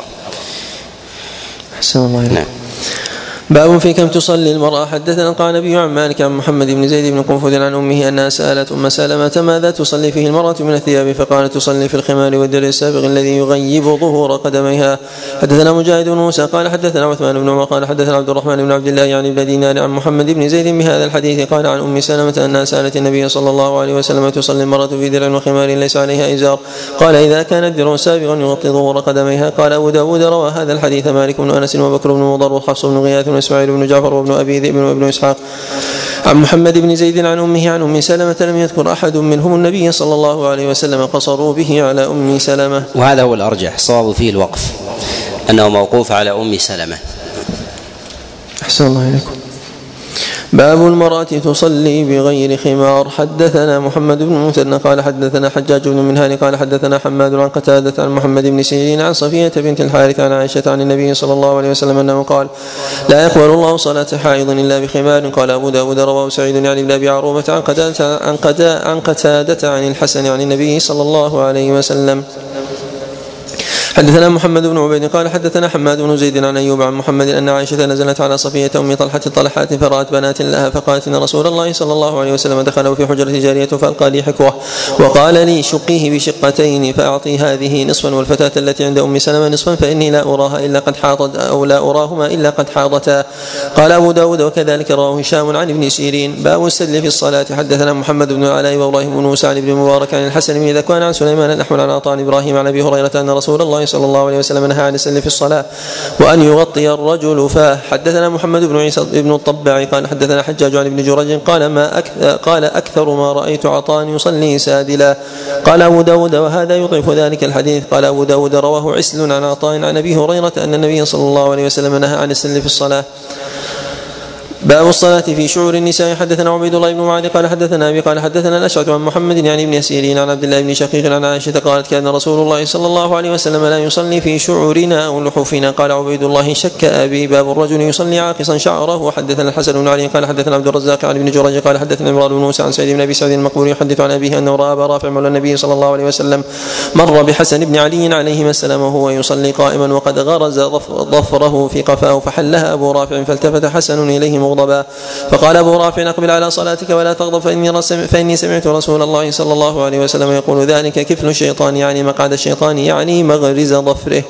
حدثنا محمد بن سلمة قال حدثنا ابن وهب عن عمرو بن الحارث أن بكيرا حدثه ان كريب مولى ابن عباس حدثه ان عبد الله بن عباس رأى عبد الله بن الحارث يصلي ورأسه مقوص من ورائه فقام وراءه فجعل يحله وأقر له الآخر فلما انصرف أقبل إلى ابن عباس فقال ما لك ورأسي؟ قال إني سمعت رسول الله صلى الله عليه وسلم يقول إنما مثل هذا مثل الذي يصلي وهو مكتوف باب الصلاة في النعل. حدثنا مسدد قال حدثنا يحيى عن ابن جريج قال حدثني محمد بن عباد بن جعفر عن ابن سفيان عن عبد الله بن السائب قال رأيت النبي صلى الله عليه وسلم يصلي يوم الفتح وضعنا عليه عن يساره. حدثنا الحسن بن علي قال حدثنا عبد الرزاق وابو عاصم قال أخبرنا ابن جريج قال سمعت محمد بن عباد بن جعفر يقول أخبرني أبو سلمة بن سفيان وعبد الله بن المسيب العابدي وعبد الله بن عمرو عن عبد الله بن السائب قال صلى بنا رسول الله صلى الله عليه وسلم الصبح بمكه فاستفتح سورة المؤمنين حتى إذا جاء ذكر موسى وهارون أو ذكر موسى وعيسى بن عباد يشكوا أو اختلفوا اخذت النبي صلى الله عليه وسلم سعلة فحذف فركع وعبد الله بن السائب حاضر لذلك. حدثنا موسى بن إسماعيل قال حدثنا حماد عن أبي نعمة السعدي عن أبي نضرة عن أبي سعيد الخدري قال بينما رسول الله صلى الله عليه وسلم يصلي بأصحابه إذ خلعنا عليه فوضعهما عن يساره فلما رأى ذلك القوم والقوم نعالا فلما قضى رسول الله صلى الله عليه وسلم صلاته قال ما حملكم على إلقائكم نعالكم؟ قالوا رأيناك ألقيتنا عليك فألقينا نعالنا. فقال رسول الله صلى الله عليه وسلم إن جبريل عليه سلامتان فأخبرني أن فيهما قدرا. وقال إذا جاء أحدكم إلى المسجد فلينظر فإن رأى فينا عليه قدرا أو اذى فليمسحه وليصلي فيهما. حدثنا موسى يعني ابن أسماعيل قال حدثنا أبان قال حدثنا قتادة قال حدثني بكر بن عبد الله عن النبي صلى الله عليه وسلم بهذا قال فيهما خبث وقال في موضع خبث. حدثنا قتي وقال في الموضعين خبث. حدثنا قتيبة بن سعيد قال حدثنا مروان بن معاوية الفزاري عن هلال بن ميمون الرملي عن يعلى بن شداد بن أوس عن أبيه قال قال رسول الله صلى الله عليه وسلم خالفوا اليهود فإنهم لا يصلون في نعالهم ولا خفافهم. حدثنا مسلم بن إبراهيم قال حدثنا علي بن مبارك عن حسين المعلم عن عمرو بن شعيب عن أبيه عن جده قال رأيت رسول الله صلى الله عليه وسلم يصلي حافيا ومنتعلا والصلاة بالنعال سنة. وذلك ما لم يؤذي المسجد أو يؤذي المصلين فإذا كان يؤذيهم فلا. فإن صون المسجد وكذلك عدم أذية المصلين أولى من الصلاة بالنعال. وصلى النبي عليه الصلاة والسلام بالنعال وصلى بغيرها فإذا فعل هذا وهذا فحسن. ولكن إذا لم يجد حاجة لنزعها فالسنة أن تبقى أن تبقى فيه. ولبس النعال أصلا في حال السير سنة. من جهة الأصل. ولهذا النبي عليه الصلاة والسلام يقول كما جاء في حديث جابر قال استكثروا من النعال فإن الرجل ما يزال راكبا من تعب. وهذا عموما سواء كان الإنسان في صلاة أو في غير في غير الصلاة. نعم. أحسن الله إليكم. باب المصلي إذا خلعنا عليه أين يضعه ما حدثنا الحسن بن علي قال حدثنا عثمان بن عمر قال حدثنا صالح بن رستم أبو عامر عن عبد الرحمن بن قيس عن يوسف بن ماهك عن أبي هريرة أن رسول الله صلى الله عليه وسلم قال إذا صلى أحدكم فلا يضعن عليه عن يمينه ولا عن يساره فتكون عن يمين غيره إلا إلا ألا يكون عن يساره أحد وليضعهما بين رجليه. حدثنا عبد الوهاب بن نجدة قال حدثنا بقية وشعيب بن إسحاق عن الأوزاعي قال حدثني محمد بن وليد عن سعيد بن أبي سعيد عن أبيه عن أبي هريرة عن رسول الله صلى الله عليه وسلم قال إذا صلى أحدكم فخلعن عليه فلا يؤذي بهما أحدا ليجعلهما بين رجليه أو ليصلي فيهما. باب الصلاة على الخمرة. حدثنا عمرو بن عمرو قال حدثنا خالد عن الشيباني عن عبد الله بن شداد قال حدثتني ميمونة بنت الحارث قالت كان رسول الله صلى الله عليه وسلم يصلي وأنا حذاءه وأنا حائض وربما أصابني ثوبه إذا سجد وكان يصلي على الخمرة. باب الصلاة على الحصين حدثنا عبيد الله بن معاذ قال حدثنا أبي قال حدثنا شعبة عن أنس بن سيرين عن أنس بن مالك قال قال رجل من الأنصار يا رسول الله إني رجل ضخم وكان ضخما لا أستطيع أن أصلي معك. وصنع له طعاما ودعاه إلى بيته فصلي حتى أراك. كيف تصلي؟ فأقتدي بك. فنضحوا له طرف حصير لهم فقام فصلى ركعتين فقال فلان بن الجارود لأنس بن مالك كان يصلي الضحى. قال لم أره صلى إلا يومئذ. حدثنا مسلم بن إبراهيم قال حدثنا المثنى بن سعيد قال حدثنا قتادة عن أنس بن مالك أن النبي صلى الله عليه وسلم كان يزور أم سليم فتدركه صلاة أحيانا فيصلي على بساط لنا وهو حصير تنضحه بالماء. حدثنا عبيد الله بن عمر بن ميسرة وعثمان بن شيبة بمعنى الحديث بمعنى الإسناد والحديث. قال حدثنا أبو أحمد الزبير عن يونس بن الحارث عن أبي عون عن أبيه عن المغيرة بن شعبة قال كان رسول الله صلى الله عليه وسلم يصلي على الحصير والفروة المدبوغة. وفي هذا دليل على ان على جواز وألا حرج على الإنسان أن يصلي على البسط والفرش وإن سمكت. وبعض السلف يرى استحباب الصلاة على الأرض وأن يمس أن تمس جبهة الإنسان الأرض وما في من جنسها وذلك من الحجارة وغير هذا. وجاء هذا عن جماعة من السلف من الصحابة وكذلك أيضا من التابعين. والنبي عليه الصلاة والسلام ثبت عنه هذا وهذا. وإنه لم يفرش مسجد النبي عليه الصلاة والسلام ابتداء لضيق الحال وضعف وضعف اليد. لأنه لم يكن بوسعهم أن يفرشوا لأنفسهم شيئا يسيرا فكيف أن يفرشوا المساجد بالبسط والحصير وغير ذلك؟ ولكن لما تيسر للناس توسع الناس توسع الناس في هذا ولا حرج عليه. نعم. الله عليكم. باب الرجل يسجد على ثوبه. حدثنا أحمد بن محمد قال حدثنا بشر بن ابي المفضل قال حدثنا غالب بن قطان عن بكر بن عبد الله عن أنس بن مالك قال كنا نصلي مع رسول الله صلى الله عليه وسلم في شدة الحر فإذا لم يستطع أحدنا أن يمكن وجهه من الأرض بسط ثوبه فسجد عليه. تفريع باب الصفوف باب تسوية الصفوف. حدثنا عبد الله بن محمد النفيلي قال حدثنا زهير قال سألت سليمان الأعمش عن حديث جابر بن سمرة في الصفوف المقدمة فحدثنا عن المسيب بن رافع عن تميم بن طرفة عن جابر بن سمرة قال قال رسول الله صلى الله عليه وسلم الا تصلون كما تصف. ألا تصفون كما تصف الملائكة عند ربهم؟ قلنا وكيف تصف الملائكة عند ربهم؟ قال يتمون الصفوف المقدمة ويتراصون في الصف. حدثنا عثمان بن أبي شيبة قال حدثنا مكن عن زكريا بن أبي زائدة عن أبي قاسم الجدلي قال سمعت النعمان بن بشير يقول أقبل رسول الله صلى الله عليه وسلم على الناس بوجهه فقال أقيموا صفوفكم ثلاثا والله لتقيمن صفوف لتقيمن صفوفكم أو ليخالفن الله بين قلوبكم. قال فرأيت الرجل يلزق منكبه بمنكب صاحبه وركبته بركبة صاحبه وكعبه بكعبه. حدثنا موسى بن إسماعيل قال حدثنا حماد عن سماك بن حرب قال سمعت نعمان بن بشير يقول كان النبي صلى الله عليه وسلم يسوينا في الصفوف كما يقوم القدح كما يقوم القدح حتى إذا ظن أن قد أخذنا ذلك عنه فقهنا أقبل ذات يوم بوجهه فإذا رجل منتبذ بصدره فقال لتسون صفوفكم أو ليخالفن الله بين وجوهكم. حدثنا وهذا دليل على أن المعاصي لها أثر على الناس. في اجتماعهم. والنبي عليه الصلاة والسلام في قوله يصون صفوفكم أو لا يخالفن الله بين وجوهكم. وجاء في رواية بين قلوبكم. أن المعصية لها أثر على اجتماع الناس وعلى وحدة الصف. فإذا وجد في مجتمع من المجتمعات الفرقة وتنافر الناس فليعلم أن هذا بسبب المعاصي. وهذا الأمر الذي يستهين به ربما بعض الناس في مسألة تسوية الصفوف انظروا إلى أثره إلى أثره في الناس. فيخالف الله عز وجل بين الوجوه يعني يظهر فيهم آه، النفاق والتصنع لبعضهم مع تنكر قلوب بعضهم لبعض تنكر قلوب بعضهم لبعض. وكلما كان الناس إلى الطاعة أقرب كانوا إلى الاجتماع والألفة والألفة أقرب. وفي هذا أيضا أن قرب الناس مع بعضهم واجتماعهم يؤدي إلى إلى ائتلافه وأما إذا تنافر وابتعد الإنسان عن أخيه ربما أنف عن دنوه منه هذا أدى إلى إلى نفرة إلى نفرة القلوب. وجاءت الصلاة وشرع تسوية الصفوف وقرب الناس من بعضهم وتراصهم وازاق المناكب والأكعب ببعضها. كسرا لحواجز النفوس وأنفة الناس أن يقرب الأخ من الأخ من أخيه وهذا يقرب القلوب ما تقاربت الأبدان. أحسن الله نعم. وفي هذا أيضا إشارة إلى أنه كلما قربت الأبدان قربت القلوب. فإذا اجتمع الناس اجتمعت قلوبهم. وإذا تنافروا من جهة الأبدان أن قلوبهم تتنافر. وكم من الناس يكون في نفسه على أخيه فإذا التقى به زال ما في قلبه على أخيه. ولهذا شرع شرع جماعة الناس وشرعت صلاة الخمس شرعت إجابة الدعوة في الوليمة وغيرها وذلك حتى يلتقي الناس ويزول ما يجدونه في قلوبهم. نعم. أحسن الله عليكم حدثنا هناد بن سري وأبو عاصم بن جواس الحنفي عن أبي الأحوص عن منصور عن عن طلحة اليامي عن عبد الرحمن بن عوسجة عن البراء بن عازب قال كان رسول الله صلى الله عليه وسلم يتخلل الصف من ناحية إلى ناحية يمسح صدورنا ومناكبنا ويقول لا تختلفوا فتختلف قلوبكم وكان يقول إن الله عز وجل وملائكته يصلون على الصفوف الأول.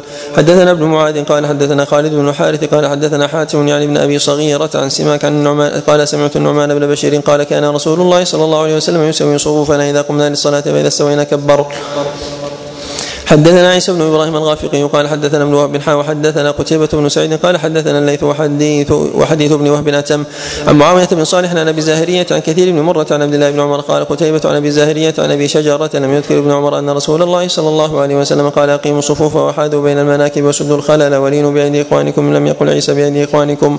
ولا تذروا فروجات للشيطان ومن وصل صفا وصله الله ومن قطع صفا قطعه الله. قال أبو داود أبو شجر كثير بن مرة.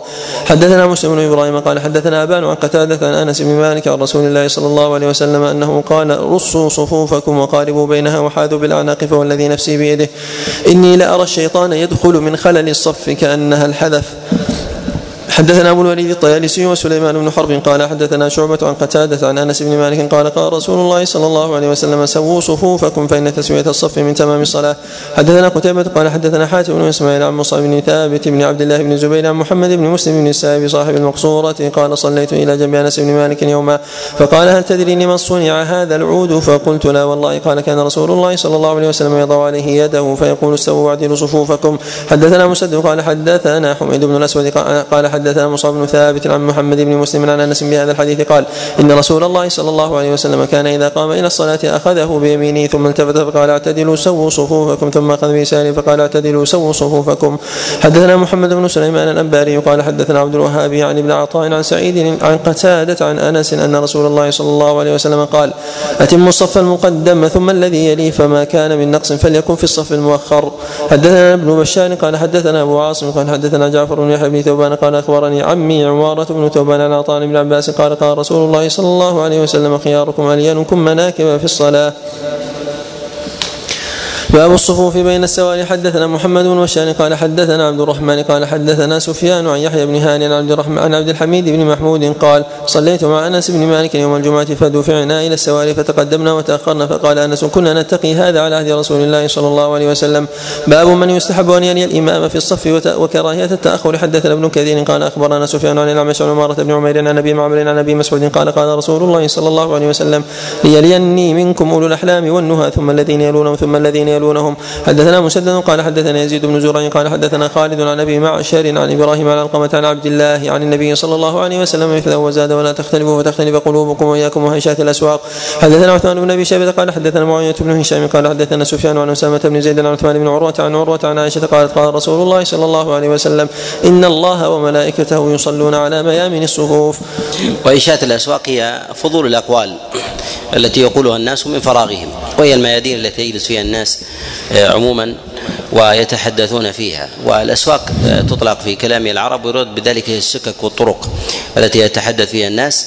وهذه المواضع ليست لأحاديث لأحاديث الناس آه، الهامة وإنما لأحاديث الفضول. فيتحدثون في الذاهب والغادي والرائح وغير ذلك. حتى حتى يخرج الأمر عن مقصده فيفسد الإنسان أو يفسد القائل والمقول والمقول فيه. نعم. الحمد لله رب العالمين وبأسانيدكم إليه رحمه الله تعالى. باب مقام الصبيان من الصف. حدثنا عيسى بن شاذان قال حدثنا عياش الرقام قال حدثنا عبد الأعلى قال حدثنا قرة بن خالد قال حدثنا بديل قال حدثنا شهر بن حوشب عن عبد الرحمن بن غنم قال قال أبو مالك الأشعري ألا أحدثكم بصلاة النبي صلى الله عليه وسلم؟ قال فأقام الصلاة فصف الرجال وصف الغلمان خلفهم ثم صلى بهم فذكر صلاته ثم قال هكذا صلاته قال عبد الأعلى لا, أحسبه إلا قال أمتي. باب صف النساء والتأخر. عن الصف الأول حدثنا محمد بن الصباح البزاز قال حدثنا خالد بن إسماعيل بن زكريا عن سهيل بن أبي صالح عن ولا عن يثبت أن للصبيان صف منفرد وإنما يصلون مع الناس وإنما يصلون مع الناس. والأحاديث الواردة في أن للصبيان صف مستقل منفرد لا يثبت منها شيء فالصبي يكون مع الناس. بل لو كان أقرأهم يكون إماما. كان كان الصبي أقرأهم فإنه يكون إماما فكيف لا يكون مع مع الصفوف؟ ولكن بالنسبة لخلف الإمام يكون الأقرأ والاعقل وذلك لقول النبي عليه الصلاة والسلام ليالي منكم أولو الأحلام والنهى والتولي هنا يعني القرب القرب والدنو وللأحلام البالغين والنهى أصحاب العقول الراجحة وذلك حتى يفتحوا عليه ربما في الساو وكذلك أيضا فانه الأقرب أن يكون لدى لدى الكبير الكبار فإن هذا أحظى وأولى. نعم. عن أبي هريرة قال قال رسول الله صلى الله عليه وسلم خير صفوف الرجال أولها وشرها آخرها وخير صفوف النساء آخرها وشرها أولها. حدثنا يحيى بن معين قال حدثنا عبد الرزاق قال عن عكرمة بن عمار عن يحيى بن أبي كثير عن أبي سلمة عن عائشة قالت قال رسول الله صلى الله عليه وسلم لا يزال قوم يتأخرون عن الصف الأول حتى يؤخرهم الله في النار.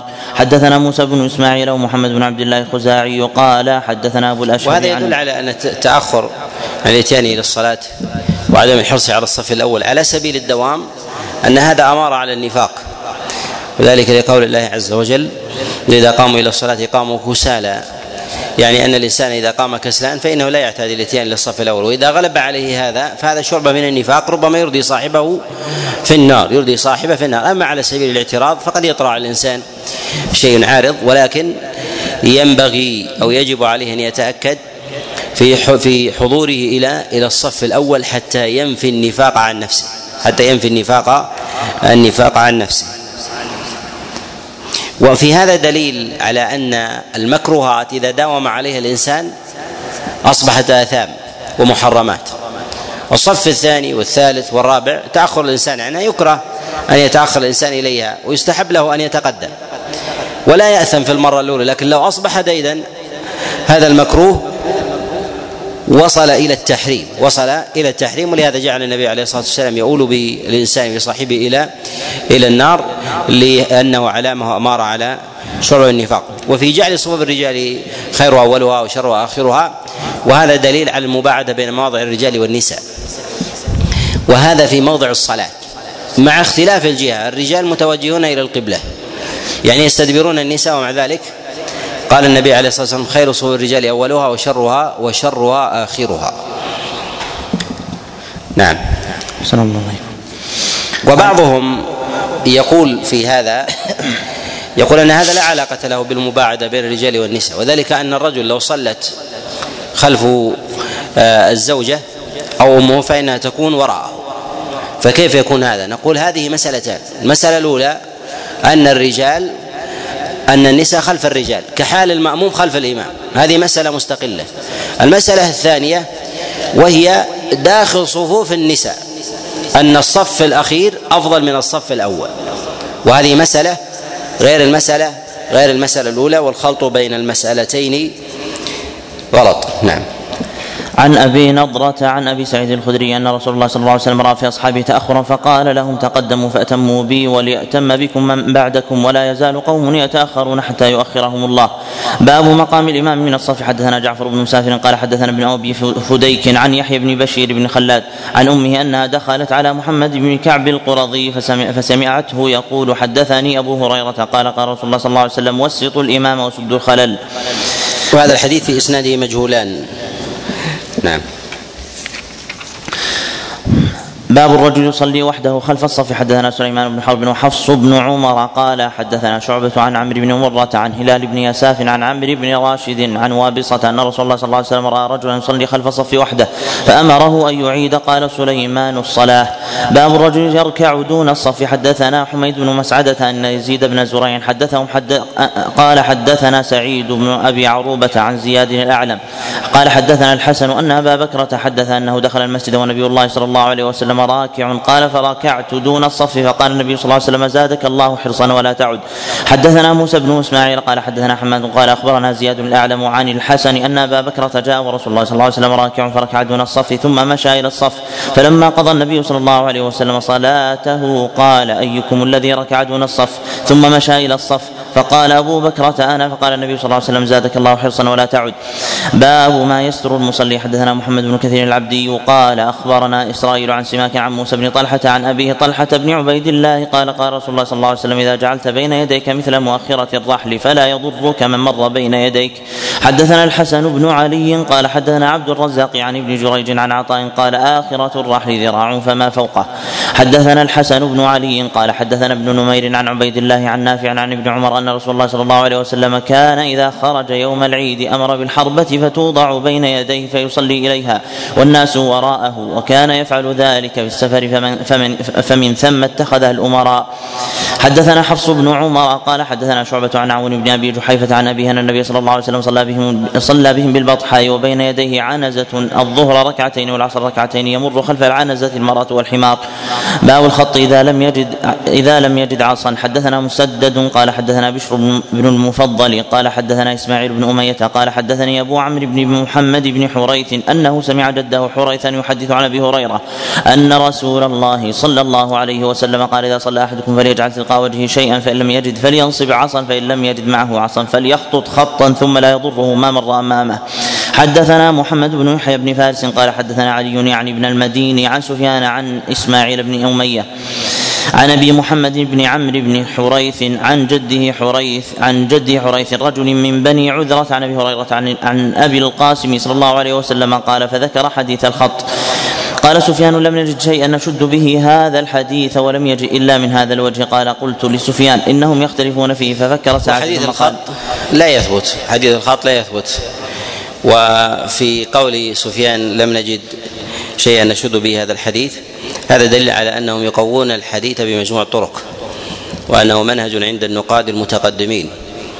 ولكن الباب ضيق عندهم يختلف عند عن توسع المتأخرين. وسترة المصلي سنة مؤكدة وليست بواجبة. وجاء في ويعوض هذا القول انه جاء في حديث عبد الله بن عباس في الصحيحين أن النبي عليه الصلاة والسلام صلى بمنى إلى غير جدار. ونفي الجدار هنا إشارة إلى نفي السترة. وإلا السترة لا فرق بين ذكرها سواء كانت للجدار أو إلى غيره. كذلك أيضا جاء من حديث هشام بن عروة عن أبيه أنه كان يصلي إلى غير سترة وذهب إلى هذا جماعة جماعة من السلف لكنها من المتأكدات من المتأكد. وتأكد تتأكد عن الإنسان إذا كان عنده أحد إذا كان عنده أحد. ولكن تتأ ولكن هي سنة حتى لو كان الإنسان خاليا حتى لا يقطع الشيطان عليه صلاته فجاءت العلة في الشيطان وجاءت العلة أيضا في الإنسان. نعم. أحسن الله عليكم. قال قلت لسفيان إنهم يختلفون فيه ففكر ساعة ثم قال ما أحفظ إلا أبا محمد بن عمرو. قال سفيان قدم هنا رجل بعدما مات إسماعيل بن أمية فطلب هذا الشيخ فطلب هذا الشيخ أبا محمد حتى وجده فسأله عنه فخلط عليه. قال أبو داود سمعت أحمد يعني ابن حنبل رحمه الله سئل عن وصف الخط غير مرة فقال هكذا عرضا مثل الهلال. وسمعت مسددا قال قال ابن داود الخط بالطول. حدثنا عبد الله بن محمد الزهري قال حدثنا سفيان بن عيينة قال رأيت شريكا صلى بنا في جنازة العصر في جنازة العصر فوضع قلنسوته بين يديه يعني في فريضة حضرت. باب الصلاة إلى الراحلة. حدثنا عثمان بن أبي شبة وهو ابن بقية وابن أبي خلف وعبد الله بن سعيد قال عثمان حدثنا أبو خالد قال حدثنا عبيد الله عن نافع عن ابن عمر أن النبي صلى الله عليه وسلم كان يصلي إلى بعيره. باب إذا صلى إلى سارية أو نحوها أي أين يجعلها منه؟ حدثنا محمود بن خالد الدمشقي قال حدثنا علي بن عياش قال حدثنا أبو عبيدة الوليد بن كامل عن المهلب بن حجر البهراني عن ضباعة بنت المقداد بن الأسود عن أبيها قال ما رأيت رسول الله صلى الله عليه وسلم يصلي إلى عود ولا عمود ولا شجرة إلا جعله على حاجبه الأيمن أو الأيسر ولا يصمد له صمدا. وهذا لا يثبت أيضا النبي عليه الصلاة والسلام كان لا يصمد إليها. وهذا وإن كان يقول به الإمام أحمد ويحتج به لكنه ربما يأخذه على سبيل الاحتياط. وذلك أن الإنسان إذا استقبل إذا استقبل السترة ربما يظن أنه يسجد أو يصلي لها ولكن يميل عنها شيئا يمينا أو يسارا. هذا التعليل الذي يقول به يقول به بعض بعض الفقهاء في عضد معنى هذا الحديث والعمل به. ولكن الأمر في هذا الأمر في هذا سعة الأمر في هذا سعة لا يثبت في هذا دليل سواء صوب إليها أو مال عنها يمينا أو شمالا فإن هذا لا حرج فيه ما سترته وكان تمارة على حاجز بينه وبين من يمر بين بين يديه. نعم. باب الصلاة إلى المتحدثين والنيام حدثنا عبد الله بن مسلمة القعنبي قال حدثنا عبد الملك بن محمد بن أيمن عن عبد الله بن يعقوب بن إسحاق عمن حدثه عن محمد بن كعب القرظي قال قلت له يعني لعمر بن عبد العزيز حدثني حدثني عبد الله بن عباس أن النبي صلى الله عليه وسلم قال لا تصلوا خلف النائم ولا المتحدث. باب الدنو من السترة حدثنا محمد بن الصباح بن, بن, بن سفيان. أخبرنا قال أخبرنا سفيان حاء وحدثنا عثمان بن أبي شيبة وحامد بن يحيى وابن السرح قالوا حدثنا سفيان عن عن صفوان بن سليم عن نافع بن جبير عن سهل بن أبي حثمة يبلغ به النبي صلى الله عليه وسلم قال إذا صلى أحدكم إلى سترة فليدن منها لا يقطع الشيطان عليه صلاته. قال أبو داود ورواه واقد بن محمد عن صفوان عن محمد بن سهل عن أبيه أو عن محمد بن سهل عن النبي صلى الله عليه وسلم وقال بعضهم عن نافع بن جبير عن سليم سعد واختلف, واختلف في إسناده.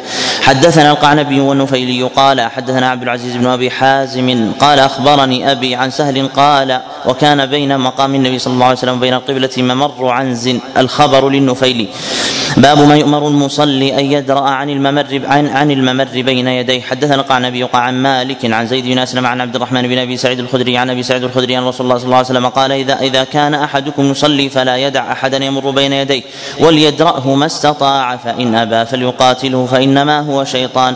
حدثنا محمد بن العلاء قال حدثنا أبو خالد عن ابن عجلان عن زيد بن أسلم عن عبد الرحمن بن أبي سعيد الخدري عن أبيه قال قال رسول الله صلى الله عليه وسلم إذا صلى أحدكم فليصلي إلى سترة وليدنو منها ثم ساق معناه حدثنا أحمد بن أبي سريج الرازي قال حدثنا أبو أحمد أبو أحمد أبو أحمد الزبيري قال أخبرنا مسرة بن معبد اللخمي قال قال أخبرنا مسرة بن معبد اللخمي لقيته بالكوفة قال حدثني أبو عبيد حاجب سليمان قال رأيت عطاء بن رأيت عطاء بن يزيد الليثي قائما يصلي فذهبت أمر بين يديه فردني ثم قال حدثني ابو سعيد الخدري أن رسول الله صلى الله عليه وسلم قال من استطاع منكم الا يحول بينه وبين قبلته أحد فليفعل.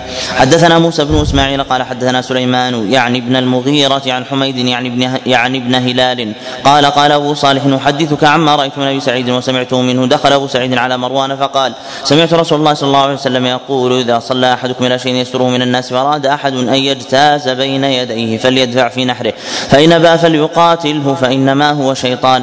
باب ما ينهى عنه من المرور بين يدي المصلي. حدثنا القعنبي عن مالك عن عن أبي النضر مولى عمر بن عبد عبيد الله عن بسر بن سعيد أن زيد بن خالد الجهني أرسله إلى أبي جهيم يسأله ماذا سمع رسول الله صلى الله عليه وسلم في المار بين يدي المصلي فقال أبو جهيم قال رسول الله صلى الله عليه وسلم لو يعلم المار بين يدي المصلي ماذا عليه لكان ان يقف أربعين خير له من أن يمر بين يديه. قال أبو النضر فلا لا أدري. قال أربعين يوما أو شهرا أو سنة. باب ما يقطع الصلاة. حدثنا حفص بن عمر. قال حدثنا شعبة حاء وحدثنا عبد السلام بن مطهر وابن كثير. المعنى أن سليمان بن المغيرة أخبرهم عن حميد بن هلال. عن عبد الله بن الصامت عن أبي ذر قال حفص. قال قال رسول الله صلى الله عليه وسلم يقطع صلاة الرجل. وقال عن سليمان قال قال أبو ذر يقطع صلاة الرجل إذا لم يكن بين يديه قيد آخرة الرحل الحمار والكلب الأسود والمرأة. فقلت ما بال الأسود من الأحمر من الاصفر من الأبيض؟ فقال يا ابن أخي سألت رسول الله صلى الله عليه وسلم كما سألتني فقال الكلب الأسود شيطان. حدثنا مسدد قال حدثنا يحيى عن شعبة قال حدثنا قتادة قال سمعت جابر بن زيد يحدث عن ابن عباس رفعه شعبة قال يقطع الصلاة المرأة الحائض والكلب. قال أبو داود أوقفه سعيد وهشام وهمام عن قتادة عن ابن عباس حدثنا محمد بن إسماعيل البصري قال حدثنا عن جابر. عند كذا عندكم؟ عن قتادة؟ نعم عن قتادة. في في نسخة زيادة من باب وداود عن جابر بن زيد. الأقرب. أن عن جابر بن زيد. أنا لا يوجد عندي جابر لكن الأقرب أنه عن جابر بن زيد قتادة عن جابر بن زيد على ابن عباس. نعم. قال حدثنا قتادة قال سمعت جابر بن زيد يحدث عن ابن عباس. كذا شيخ. قال أبو داود أوقفه سعيد وهشام وهمام عن قتادة عن جابر بن زيد. على ابن عباس. أحسن الله عليك قال أبو داود أوقفه سعيد وهشام وهمام عن قتادة عن جابر بن زيد على ابن عباس.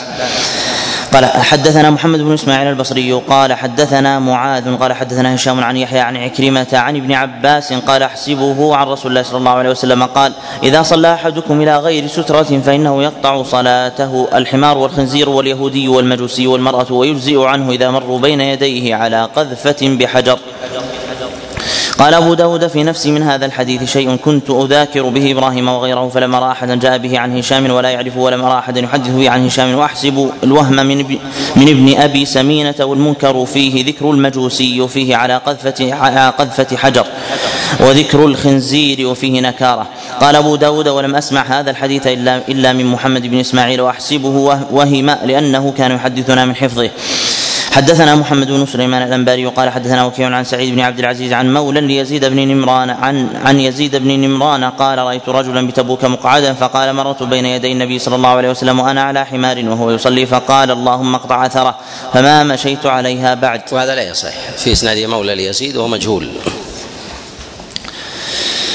حدثنا كثير بن عبيد يعني المذحجية قال حدثنا أبو حيوة عن سعيد بإسناده ومعناه زاد فقال قطع صلاتنا قطع الله أثره.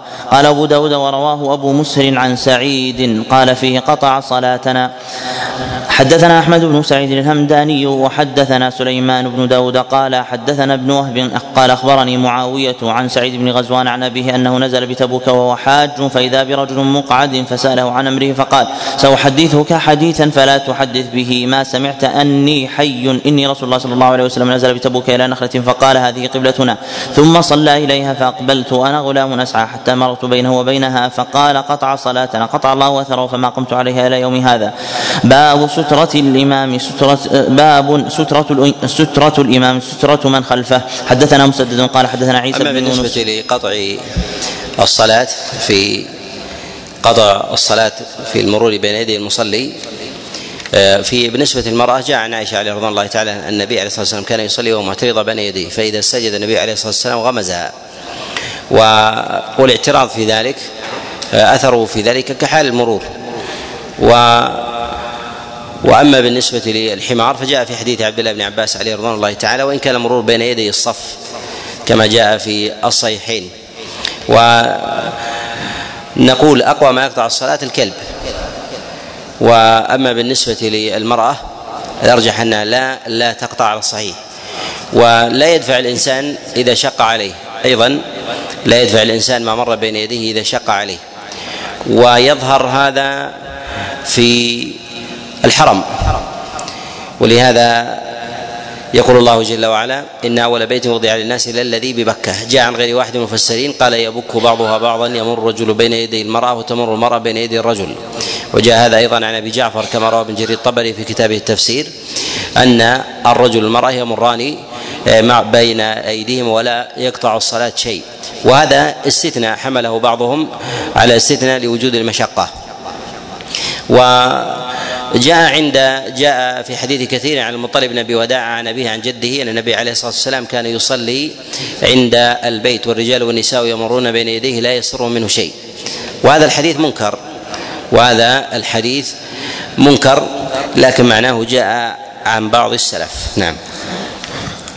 حدثنا مسدد قال حدثنا عيسى بن يونس قال حدثنا هشام بن الغازي عن عمرو بن شعيب عن أبيه عن جده قال هبطنا مع رسول الله صلى الله عليه وسلم من ثنية اذاخر فحضرت الصلاة فصلى يعني إلى جدر فاتخذ فاتخذه قبلة ونحن خلفه. فجاءت بهمه تمر بين يديه فما زال يدارئها حتى لصق بطنه بالجدر ومرت من ورائه أو كما قال مسدد. حدثنا سليمان بن حرب وحفص بن عمر قال حدثنا شعبة عن عمرو بن مرة عن يحيى بن الجزار عن ابن عباس أن النبي صلى الله عليه وسلم كان يصلي فذهب جدي يمر بين يديه فجعل يتقيه. باب من قال المرأة لا تقطع الصلاة. حدثنا مسلم مسلم بن إبراهيم. قال حدثنا شعبة عن سعد بن إبراهيم عن عروة عن عائشة قالت كنت بين بين النبي صلى الله عليه وسلم وبين القبلة. قال شعبة وأحسبها قالت وأنا حائض. قال أبو داود رواه الزهري وعطاء وأبو بكر بن حفص بن حفص وهشام بن عروة وعراك بن مالك وأبو الأسود وتميم بن سلمة. كلهم عن عروة عن عائشة. وإبراهيم عن الأسود عن عائشة. وأبو الضحى عن مسروق عن عائشة. والقاسم بن محمد وأبو سلمة عن عائشة. لم يذكروا وأنا حائض. حدثنا أحمد بن يونس قال حدثنا زهير قال حدثنا هشام بن عروة. عن عروة عن عائشة أن رسول الله صلى الله عليه وسلم كان يصلي صلاته من الليل وهي معترضة بينه وبين القبلة راقدة. واحدة على الفراش الذي يرقد عليه حتى إذا أراد أن يوتر أيقظها فأوترت حدثنا مسدد قال حدثنا يحيى عن عبيد الله قال سمعت القاسم يحدث عن عائشة قالت بئس ما عدلتمونا بالحمار والكلب.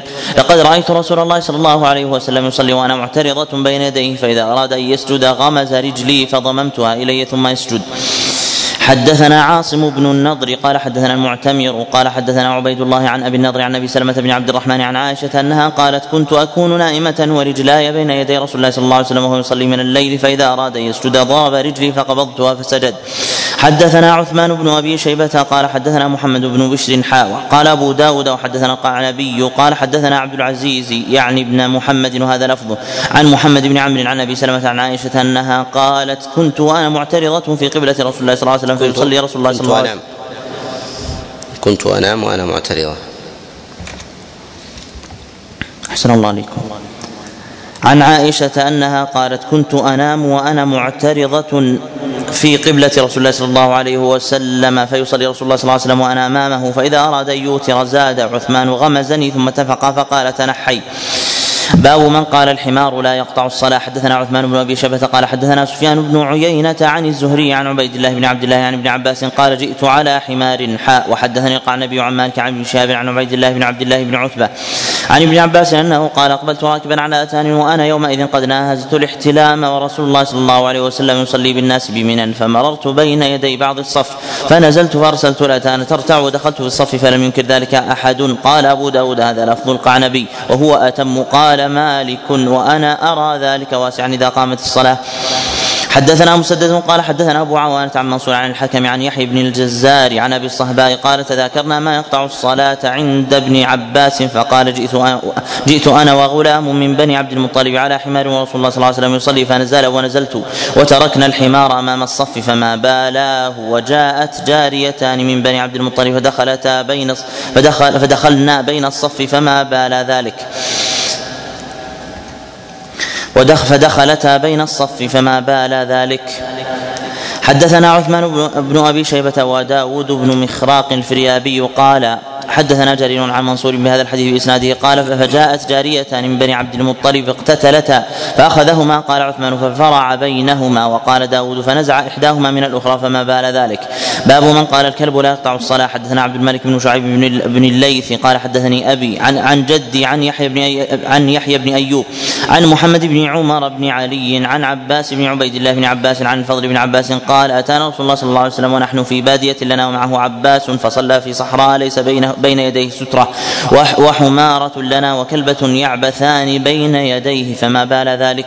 باب من قال لا يقطع الصلاة شيء. حدثنا محمد بن العلاء قال أخبرنا أبو أسامة عن مجالد عن أبي الوداك عن أبي سعيد قال قال رسول الله صلى الله عليه وسلم لا يقطع الصلاة شيء وادرأوا ما استطعتم فإنما هو شيطان.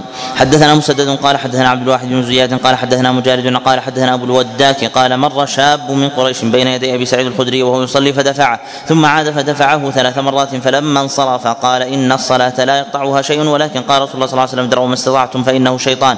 قال أبو داود إذا ناز إذا إذا تنازع الخبران عن النبي صلى الله عليه وسلم نظر إلى ما عمل به أصحابه من بعد. وهذا وهذا من الفقه. وهذا من الفقه أن الصحابة عليهم رضوان الله تعالى يوجهون ويرجحون الأدلة الواردة في هذا. ولهذا لا بد من النظر إليه لتفسير كلام النبي عليه الصلاة والسلام والجمع بين متعارضه وفهم وجهه في حال في حال اعتراضه في الظاهر. ولا بد من معرفة أقوالهم. ولهذا كان غير واحد من السلف يعتمد على أقوالهم في الفصل في هذا وتفسير المرفوع. ولهذا يقول إبراهيم النخعي يقول كل حديث يريدني عن النبي عليه الصلاة والسلام لم يعمل به أصحاب رسول الله صلى الله عليه وسلم لا أبالي أن أرمي به يعني إما أن يكون طرأ عليه نسخ أو ربما وهم وغلط. والحديث في نفي قطع الصلاة انه لا يقطعها شيء الحديث في هذا معلولة كلها معلولة. نعم. أحسن الله عليكم أبواب تفريع استفتاح الصلاة باب رفع اليدين. حدثنا أحمد بن محمد بن حنبل قال حدثنا سفيان عن الزهري عن سالم عن أبيه قال رأيت رسول الله صلى الله عليه وسلم إذا استفتح الصلاة رفع يديه حتى تحاذي منكبيه. وإذا أراد أن يركع بعدما يرفع رأسه من الركوع وقال سفيان مرة وإذا رفع رأسه أكثر ما كان يقول بعدما يرفع من الركوع ولا يرفع بين السجدتين. حدثنا محمد بن مصفى الحمصي قال حدثنا بقية قال حدثنا الزبيدي عن الزهري عن سالم عن عبد الله بن عمر قال كان رسول الله صلى الله عليه وسلم إذا قام إلى الصلاة رفع يديه حتى تكون حذو منكبيه ثم كبر وهما كذلك فيركع ثم ثم إذا أراد أن يرفع صلبه رفعهما حتى تكون حذو منكبيه ثم قال سمع الله لمن حمده ولا يرفع ولا يرفع يديه في السجود ويرفعهما في كل تكبيرة يكبرها قبل الركوع حتى تنقضي صلاته. حدثنا عبيد الله بن عمر بن ميسرة قال حدثنا عبد الوارث بن بن قال حدثنا عبد الوارث بن سعيد قال حدثنا محمد بن جحادة قال حدثني عبد الجبار بن وائل بن حجر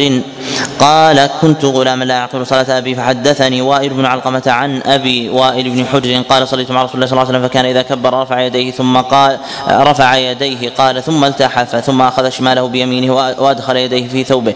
قال فإذا أراد أن يركع أخرج يديه ثم رفعهما وإذا أراد أن يرفع رأسه من الركوع رفع يديه ثم سجد ووضع وجهه بين كفيه وإذا رفع رأسه من السجود أيضا رفع يديه حتى فرغ من صلاته. قال محمد فذكرت ذلك للحسن بن أبي الحسن فقال هي صلاة رسول الله صلى الله عليه وسلم فعله من فعله وتركه من تركه. قال أبو داود روى هذا الحديث همام عن ابن جحادة لم يذكر رفع من مع الرفع من السجود. حدثنا مسدد قال حدثنا يزيد يعني ابن زريع قال حدثنا المسعودي قال حدثنا عبد الجبار بن وائل قال حدثني أهل بيتي عن أبي أنه حدثهم أنه رأى رسول الله صلى الله عليه وسلم يرفع يديه مع التكبير. حدثنا عثمان بن أبي شيبة قال حدثنا عبد الرحيم بن سليمان عن الحسن بن عبيد الله النخعي عن عبد الجبار عن عبد الجبار بن وائل عن أبيه أنه أبصر النبي صلى الله عليه وسلم حين قام إلى الصلاة رفع يديه حتى كانتا بحيال منكبيه وحاذا بإبهاميه أذنيه ثم كبر. حدثنا مسدد قال حدثنا بشر بن المفضل عن عاصم بن كليب عن أبيه عن وائل بن حجر قال قلت لأنظرن إلى صلاة رسول الله صلى الله عليه وسلم كيف يصلي.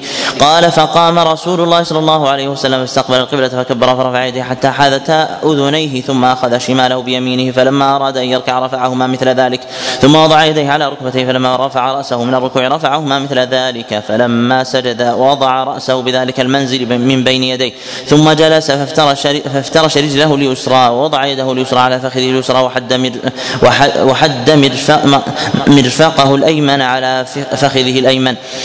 وقبض ثنتين وحلق حلقة ورأيته يقول هكذا وحلق بشر الإبهام والوسطى وشار بالسبابة حدثنا الحسن بن علي قال حدثنا أبو الوليد قال حدثنا زائدة عن عاصم بن كليب بإسناده ومعناه قال فيه ثم وضع يده اليمنى على ظهر كفه اليسرى والرصغ والساعد وقال فيه ثم جئت بعد ذلك في زمان فيه برد شديد فرأيت الناس عليهم جل الثياب تحرك أيديهم تحت الثياب.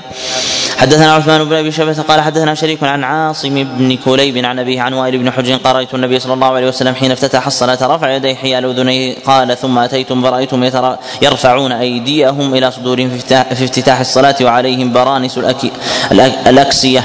باب افتتاح الصلاة. حدثنا محمد بن سليمان الانباري قال حدثنا وكيع عن شريك عن عاصم بن كليب عن علقمة بن وائل عن وائل بن حجر قال أتيت النبي صلى الله عليه وسلم في الشتاء فرأيت أصحابه يرفعون, يرفعون أيديهم في ثيابهم في الصلاة. حدثنا أحمد بن حنبل قال حدثنا أبو عاصم الضحاك بن مخلد. رفع اليدين في الصلاة عند التكبيرات. هذا سنة.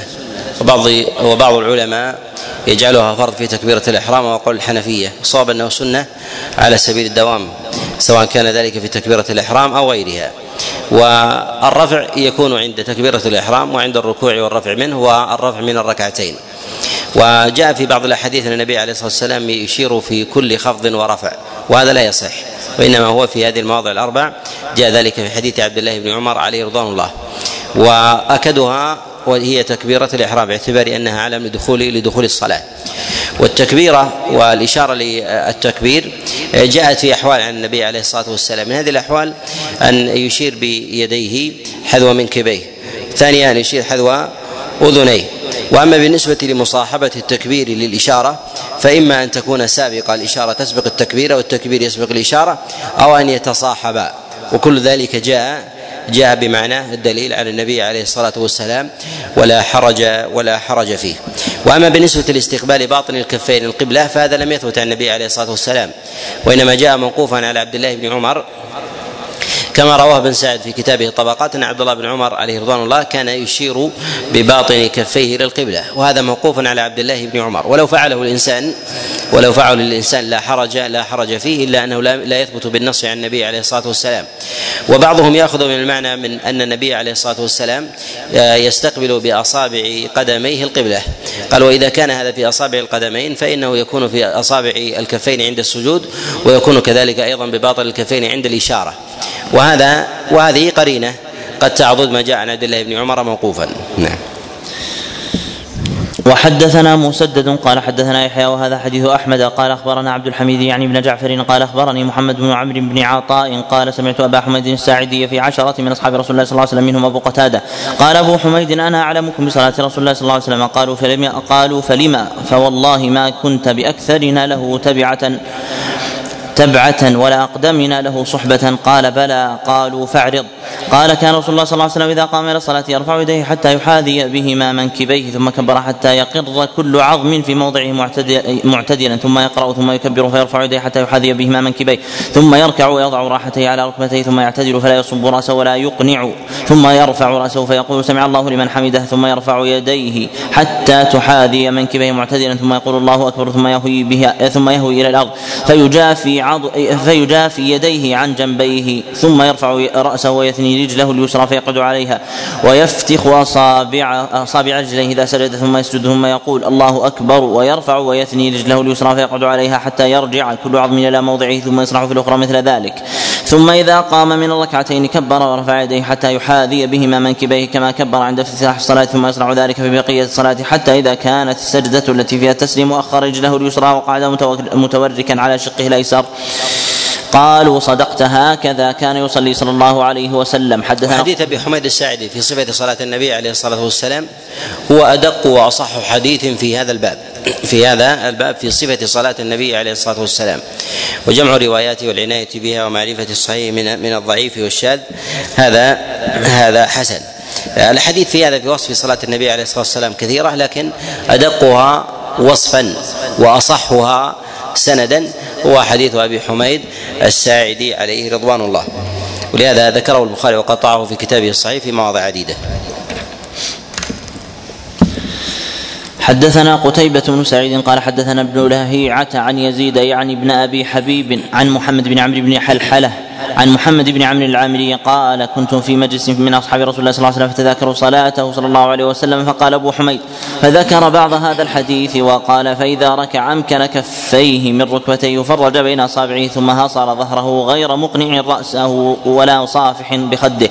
وقال فإذا قعد في الركعتين قعد على بطن قدمه اليسرى ونصب اليمنى فإذا كان في الرابعة أفضى بوركه اليسرى إلى الأرض وأخرج قدميه من ناحية واحدة. حدثنا عيسى بن إبراهيم المصري قال حدثنا ابن وهب عن الليث بن سعد عن يزيد بن محمد القرشي ويزيد بن أبي حبيب عن محمد بن عمرو بن حلحلة عن محمد بن عمرو بن عطاء نحو هذا قال فإذا سجد وضع يديه غير مفترش ولا قابضهما واستقبل بأطراف أصابعه القبلة. حدثنا علي بن الحسين وعلي بن الحسين بن إبراهيم قال حدثنا أبو بدر شجاع بن الوليد قال حدثنا زهير أبو خيثمة قال حدثنا الحسن بن الحر قال حدثني عيسى بن عبد الله بن بن مالك عن عن محمد بن عمرو بن عطاء أحد بني مالك عن عباس أو عياش بن سهل بن سهل الساعدي أنه كان في مجلس مجلس فيه أبوه وكان أصحاب النبي صلى الله عليه وسلم وفي المجلس أبو هريرة وأبو حميد الساعدي وأبو سيد بهذا الخبر يزيد أو ينقص. قال فيه ثم رفع رأسه يعني من الركوع فقال سمع الله لمن حمده اللهم ربنا لك الحمد. ورفع يديه ثم قال الله أكبر فسجد فانتصب على كفيه وركبتيه وصدور قدميه وهو ساجد. ثم كبر فجلس فتورك ونصب قدمه الأخرى. ثم كبر فسجد ثم كبر فقام ولم يتورك ثم ساق الحديث. قال ثم جلس بعد الركعتين حتى إذا هو أراد أن ينهض للقيام قام بتكبير تكبيرة ثم ركع الركعتين الأخريين ولم يذكر التورك في التشهد. حدثنا أحمد بن محمد قال حدثنا عبد الملك بن عمرو قال أخبرني فليح قال حدثني عباس بن سهل قال اجتمع أبو حميد وأبو أسيد وسهل بن سعد ومحمد بن مسلمة فذكروا صلاة رسول الله صلى الله عليه وسلم. فقال أبو حميد أنا أعلمكم صلاة رسول الله صلى الله عليه وسلم. فذكر بعض هذا قال ثم ركع فوضع يديه على ركبتيه كأنه قابض عليه عليها ووتر يديه فتجافى عن جنبيه. قال ثم سجد فأمكن أنفه وجبهته ونحى يديه عن جنبيه ووضع كفيه حذو منكبيه ثم رفع رأسه حتى حتى رجع كل عظم في موضعه حتى فرغ ثم جلس فافترش فافترش رجل فافترش رجله اليسرى وأقبل بصدر اليمنى على قبلته ووضع كفه اليمنى على ركبته اليمنى وكفه اليسرى على ركبته اليسرى وأشار بأصابعه بإصبعه. قال أبو داود روى هذا الحديث عتبة بن أبي حكيم عن عبد الله بن عيسى عن العباس بن سهل لم يذكر التورك وذكر نحو فليح وذكر الحسن بن الحر نحو جلسة حديث فليح وعتبة. حدثنا عمرو بن عثمان قال حدثنا بقية قال حدثنا عتبة قال حدثني عبد الله, عبد الله بن عيسى عن العباس بن سهل الساعدي عن أبي حميد بهذا الحديث قال وإذا سجد فرج بين فخذيه غير حامل بطنه على شيء من فخذيه. قال أبو داود ورواه ابن المبارك. قال أخبرنا فليح قال سمعت عباس بن سهل يحدث ولم أحفظه فحدثني أراه ذكر عيسى بن عبد الله أنه سمعه من عباس بن سهل قال حضرت أبا حميد الساعدي. حدثنا محمد بن جعفر قال حدثنا حجاج بن منهال قال حدثنا همام قال حدثنا محمد بن جحادة عن عبد الجبار بن وائل عن أبي عن النبي صلى الله عليه وسلم في هذا الحديث قال فلما سجد وقعتا ركبتاه إلى الأرض قبل أن تقعا كفاه. فلما سجد وضع جبهته بين كفيه وجاء عن إبطيه. قال حجاج وقال همام وحدثنا شقيق قال حدثني عاصم بن كليب عن أبي عن النبي صلى الله عليه وسلم بمثل هذا. وفي حديث أحدهما وأكبر علمي أنه حديث محمد بن جحادة وإذا نهض نهض على ركبتيه واعتمد على فخذه. حدثنا مسدد قال حدثنا عبد الله بن داود عن فطر عن عن عن, عن عبد الجبار بن بن وائل عن أبيه قال رأيت رسول الله صلى الله عليه وسلم يرفع إبهاميه في الصلاة إلى شحمة أذنيه. حدثنا عبد الملك بن شعيب بن الليث قال حدثني أبي عن عن جدي عن يحيى بن أيوب عن عبد الملك بن عبد العزيز بن جريج عن ابن شهاب عن أبي بكر بن عبد الرحمن بن الحارث بن هشام عن أبي هريرة أنه قال كان رسول الله صلى الله عليه وسلم إذا كبر الصلاة جعل يديه حذو منكبيه وإذا ركع فعل مثل ذلك وإذا رفع للسجود فعل مثل ذلك وإذا قام من الركعتين فعل مثل ذلك حدثنا قتي... حدثنا قتيبة بن سعيد قال حدثنا ابن الله عن, عن, عن أبي هبيرة عن ميمون المكي أنه رأى عبد الله بن الزبير وصلى بهم يشير بكفيه حين يقوم وحين يركع وحين يسجد وحين ينهض للقيام فيقوم فيشير بيديه. فانطلقت إلى ابن عباس فقلت إني رأيت ابن الزبير صلى صلاة لما رأح أحدا يصليها. فوصفت له هذه الإشارة فقال ان, إن أحببت أن تنظر إلى صلاة رسول الله صلى الله عليه وسلم فاقتدي بصلاة عبد الله بن الزبير. حدثنا قتيبة بن سعيد ومحمد بن أبان قال المعنى قال حدثنا النضر بن كثير يعني السعدي.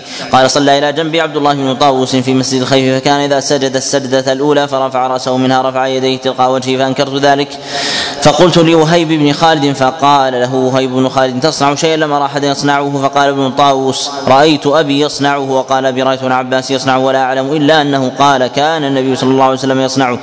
حدثنا نصر بن علي قال أخبرنا عبد الأعلى قال حدثنا عبيد الله عن نافع عن ابن عمر أنه كان إذا دخل في الصلاة كبر ورفع يديه وإذا ركع وإذا قال سمع الله لمن حمده وإذا قام من ركعة رفع يديه ويرفع ذلك رسول الله صلى الله عليه وسلم. قال أبو داود الصحيح قول الصحيح قول ابن عمر ليس بمرفوع. قال أبو داود روى بقية أوله عن عبيد الله. الصحابة عليهم رضوان الله أنه كان يشير بيديه في كل خفض ورفع لكنه لا يثبت عن النبي عليه الصلاة والسلام إلا في المواضع الواردة في حديث عبد الله بن عمر. جاء ذلك عن النبي عليه الصلاة والسلام في جملة من الأحاديث في حديث عبد الله بن عباس جاء أيضا في حديث عبد الله بن عمر جاء في حديث أبي هريرة جاء في حديث علي ومالك بن الحويرث وغيرها. قال أبو داود روى بقية أوله عن عبيد الله وأسنده ورواه الثقفي عن عبيد الله أوقفه عن ابن عمر وقال فيه وإذا قام من الركعة يرفعهما إلى ثدييه وهذا الصحيح. قال أبو داود وراه الليث بن سعد ومالك وأيوب وابن جريج موقوفا وأسنده حمد بن سلمة وحده عن أيوب لم يذكر أيوب ومالك رفع إذا قام من السجدة من السجدتين. وذكره الليث في حديثه قال ابن جريج في قتل نافع أكان ابن عمر يجعل الأولى أرفعهن قال لا سواء قلت أشر إلي أشر لي فأشار إلى الثديين أو أسفل من ذلك. حدثنا القعنبي عن مالك عن نافع أن عبد الله بن عمر كان إذا ابتدأ الصلاة يرفع يديه حذو منكبيه وإذا رفع رأسه من الركوع رفعه ما دون ذلك. قال أبو داود لم يذكر رفعه ما دون ذلك أحد غير مالك فيما أعلم. باب حدثنا عثمان بن أبي شبة ومحمد بن عبيد المحاربي قال حدثنا محمد بن فضيل بن فضيل عن عاصم بن كريب عن محارب بن دثار عن ابن عمر قال كان رسول الله صلى الله عليه وسلم إذا قام إذا قام في الركعتين كبر ورفع يديه. حدثنا الحسن بن علي قال حدثنا سليمان بن داود الهاشمي قال حدثنا عبد الرحمن بن أبي الزناد عن موسى بن عقبة عن عبد الله بن الفضل بن ربيعة بن الحارث بن عبد المطلب عن عبد الرحمن الأعرج عن عبيد الله بن أبي رافع عن علي بن أبي طالب عن رسول الله صلى الله عليه وسلم أنه قال أنه كان إذا قام إلى الصلاة المكتوبة كبر ورفع يديه حذو منكبيه ويصنع مثل ذلك إذا قضى قراءة ورد يركع. ويصنعه إذا رفع من الركوع ولا يرفع يديه في شيء من صلاته وهو قاعد وإذا قام من السجدتين رفع يديه كذلك وكبر قال أبو داود.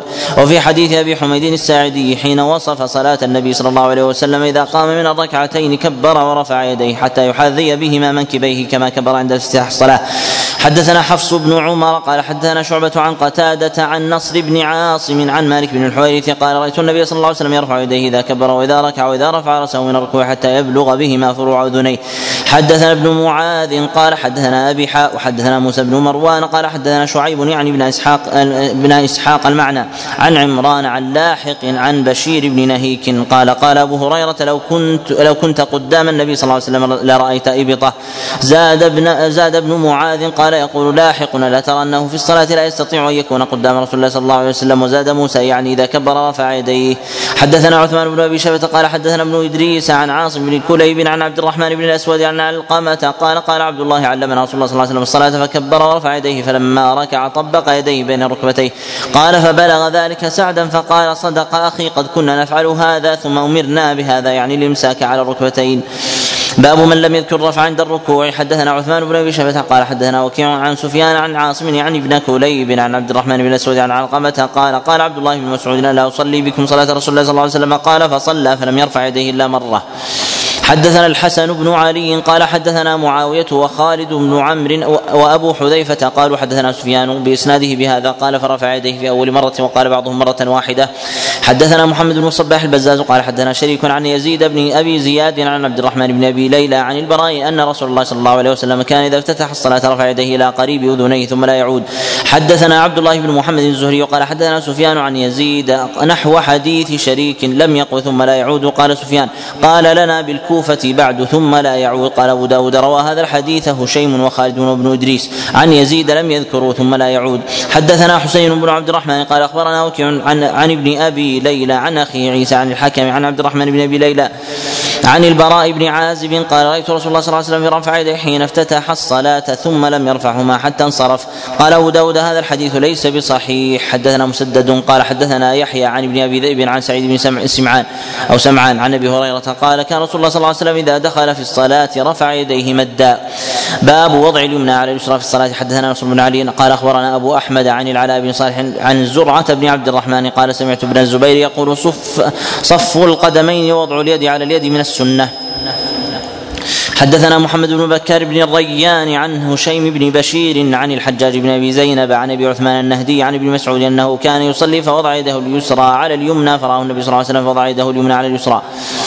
باب ما يستفتح به الصلاة من الدعاء. حدثنا عبيد الله بن معاذ قال حدثني قال حدثنا أبي قال حدثنا عبد العزيز بن أبي سلمة عن عمه الماجشون ابن أبي سلمة عن عبد الرحمن الأعرج عن عبيد الله بن أبي رافع عن علي بن أبي طالب قال كان رسول الله صلى الله عليه وسلم إذا قام إلى الصلاة كبر ثم قال وجهت وجهي للذي فطر السماوات والأرض حنيفا وما أنا من المشركين إن صلاتي ونسكي ومحياي ومماتي لله رب العالمين لا شريك له بذلك أمرت وأنا أول المسلمين. اللهم أنت الملك لا إله لي إلا أنت أنت ربي وأنا عبدك ظلمت نفسي واعترفت بذنبي فاغفر لي ذنوبي جميعا. لا يغفر الذنوب إلا أنت. القبض الذي جاء النبي عليه الصلاة والسلام جاء في صور قبض الكف اليمنى قبض الكف اليسرى باليمنى وجاء قبض ساعد اليسرى باليمنى. وأما موضعها فجاء في ذلك جملة من الروايات ولا يثبت عن النبي عليه الصلاة والسلام شيء. لا يثبت في هذا على الصدر ولا تحت السرة ولا فوقها وإنما ثابت في ذلك في ذلك القبض فقط. فيقبض أينما تيسر له وهذا ظاهر مذهب الإمام أحمد عليه رحمة الله. ولو وضع الإنسان يده على صدره فلا حرج وضعها على بطنه فلا حرج وضعها تحت السرة فلا حرج. وأصح المرويات التي جاءت في هذا مع ضعفها هي تحت السرة ثم يليها بعد ذلك على الصدر ثم يليها بعد ذلك على على البطن. نعم. اللهم أنت الملك لا إله لي إلا أنت أنت ربي وأنا عبدك ظلمت نفسي واعترفت بذنبي فاغفر لي ذنوبي جميعا لا يغفر الذنوب إلا أنت واهدني لأحسن الأخلاق لا يهدي لاحسنها إلا أنت واصرف عني سيئها لا سيئها إلا أنت لبيك وسعديك والخير كله في يديك أنا بك وإليك.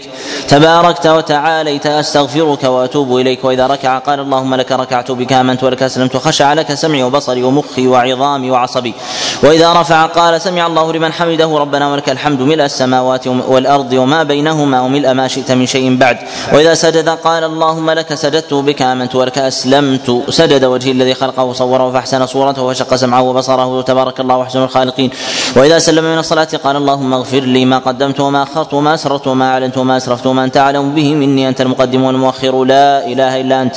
حدثنا الحسن بن علي قال حدثنا سليمان بن داود الهاشمي قال حدثنا عبد الرحمن بن أبي الزناد عن عن موسى بن عقبة عن عبد الله بن الفضل بن ربيعة بن الحارث بن عبد المطلب عن الأعرج عن عبيد الله بن أبي رافع عن علي بن أبي طالب عن رسول الله صلى الله عليه وسلم أنه كان إذا قام إلى الصلاة المكتوبه كبر ورفع يديه حذو منكبيه ويصنع مثل ذلك إذا قضى قراءته وإذا أراد أن يركع ويصنعه إذا رفع من الركوع ولا يرفع يديه في شيء من صلاته وهو قاعد وإذا قام من السجدتين رفع يديه كذلك وكبر ودعا نحو حديث عبد العزيز في الدعاء يزيد وينقص الشيء ولم يذكر والخير في يديك والشر ليس إليك وزاد فيه ويقول عند انصرافه من الصلاة اللهم اغفر لي ما قدمت وأخرت وأسررت وأعلنت أنت إلهي لا إله إلا أنت حدثنا عمرو بن عثمان قال حدثنا شريح بن يزيد قال حدثني شعيب بن أبي حمزة قال قال لي ابن المنكدر وابن أبي فروة وغيرهما من فقهاء أهل المدينة فإذا قلت أنت ذلك ذاك فقل وأنا من المسلمين يعني قول في في قل ولم يذكر والخير في يديك.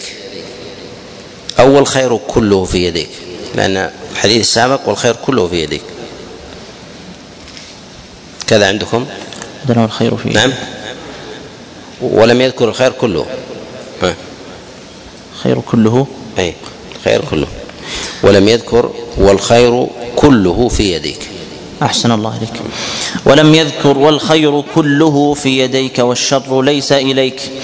وزاد في وزاد فيه ويقول عند انصرافه من الصلاة اللهم اغفر لي ما قدمت وأخرت وأسررت وأعلنت وأنت إلهي لا إله إلا أنت. يكون قبل السلام أو بعد السلام محتملة محتمل هذا وهذا. الأظهر أنه بعد. نعم. حدثنا عمرو بن عثمان قال حدثني شرح بن يزيد قال حدثني شعيب بن أبي حمزة قال قال لي ابن المنكدر وابن أبي فروة وغيرهما من فقهاء أهل المدينة فإذا قلت أنت ذاك فقل أنا من المسلمين. يعني قوله وأنا وأنا أول المسلمين. حدثنا موسى بن إسماعيل قال حدثنا حماد عن قتادة وثابت وحميد عن أنس بن مالك أن رجلا جاء إلى إلى إلى الصلاة وقد حفزه النفس فقال الله أكبر الحمد لله حمدا كثيرا طيبا مباركا فيه. فلما قضى رسول الله صلى الله عليه وسلم صلاته قال أيكم المتكلم بالكلمات فإنه لم يقل بأسا فقال رجل أنا يا رسول الله جئت وقد حفزني النفس فقلت فقال قد رأيت اثني عشر ملكا يبتدرونها أيهم يرفعها. وزاد حميد فيه وإذا جاء أحدكم فليمشي نحو ما كان يمشي فليصلي ما أدرك وليقضي ما سبقه وفي هذا دليل على أنه لا حرج على الإنسان أن أن يحدث ذكرا معينا وإن لم يلتزمه. فإن الالتزام يحتاج إلى دليل ذكر معين من معاني الحسنة. وظاهر قول النبي عليه الصلاة والسلام أيكم المتكلم بالكلمات؟ أن هذا الرجل تكلم بها ابتداء وبادر بنظمها. فإذا نظم ذكرا أو تسبيحا أو تهليلا ولم يلتزم في عبادة معينة حتى لا يقع في البدعه نعم. حدثنا عمرو بن مرزوق قال أخبرنا شعبة عن عمرو بن مرة عن عاصم العنزي عن عن ابن جبير بن مطعم عن أبيه أنه رأى رسول الله صلى الله عليه وسلم يصلي صلاة. قال عمرو لا أدري أي صلاة هي. فقال الله أكبر الله أكبر كبيرا الله أكبر كبيرا الله أكبر كبيرا. الحمد لله كثيرا الحمد لله كثيرا. سبحان الله بكرة وأصيلا ثلاثة. أعوذ بالله من الشيطان من نفخه ونفثه وهمزه. قال نفثه الشعر ونفخه الكبر وهمزه الموتة. حدثنا مسدد قال حدثنا يحيى عن مسعر عن عمرو بن مرة عن رجل عن نافع بن جبير عن أبيه قال سمعت النبي صلى الله عليه وسلم يقول في التطوع ذكر نحوه. حدثنا محمد بن رافع قال حدثنا زيد بن الحباب قال أخبرني معاوية بن صالح قال أخبرني أزهر بن سعيد الحراء الحرازي عن عاصم بن حميد قال سألت عائشة بأي شيء كان يفتتح رسول الله صلى الله عليه وسلم قيام الليل فقالت لقد سألتني عن شيء ما سألني عنه أحد قبلك كان إذا قام كبر عشرا وحمد الله عشرا وسبح عشرا وهلل عشرا واستغفر عشرا وقال اللهم اغفر لي واهدني وارزقني وعافني وتعوذ من ضيق المقام يوم القيامة. قال أبو داود رواه خالد بن معدان عن ربيعة الجرشي عن عائشة نحوه حدثنا ابن مثنى قال حدثنا عمر بن يونس قال حدثنا عكرمة قال حدث قال حدثني يحيى بن أبي كثير قال حدثني أبو سلمة بن عبد الرحمن بن, بن عوف قال سألت عائشة بأي شيء كان نبي الله صلى الله عليه وسلم يفتتح صلاته إذا قام من الليل؟ فقالت كان إذا قام من الليل يفتتح صلاته. اللهم رب جبريل, جبريل, جبريل وميكائيل وإسرافيل فاطر السماوات والأرض عالم الغيب والشهادة أنت تحكم بين عبادك فيما كانوا فيه يختلفون. اهدني لما اختلف فيه من الحق بإذنك إنك تهدي من تشاء إلى صراط مستقيم. وهذا من عظيم الدعاء وتخصيصه في قيام الليل لعظمته وعظمة الوقت. وقول النبي عليه الصلاة والسلام وهو من هو في مقام النبوة والعبودية؟ اللهم اهدني لما اختلف فيه من الحق بإذنك والوحي بين يديه. والمراد من ذلك والله أعلم في مواضع الخلاف هي مواضع التنزيل تنزيل الدليل. وأما الدليل والحجة الظاهرة فهي بين يدي النبي عليه الصلاة والسلام. ولهذا ينبغي للإنسان إذا ملك الدليل أن يتضرع لله عز وجل في التنزيل وأن لا يظن أنه إذا ملك الحجة والدليل أنه يملك حينئذ أن يضع الدليل في موضعه. فربما وضعه وضع الدليل البين الواضح في أمر ليس بواضح فوقع في ذلك اختلال. والإنسان إذا أراد أن يحكم لا بد له من معرفة أمرين.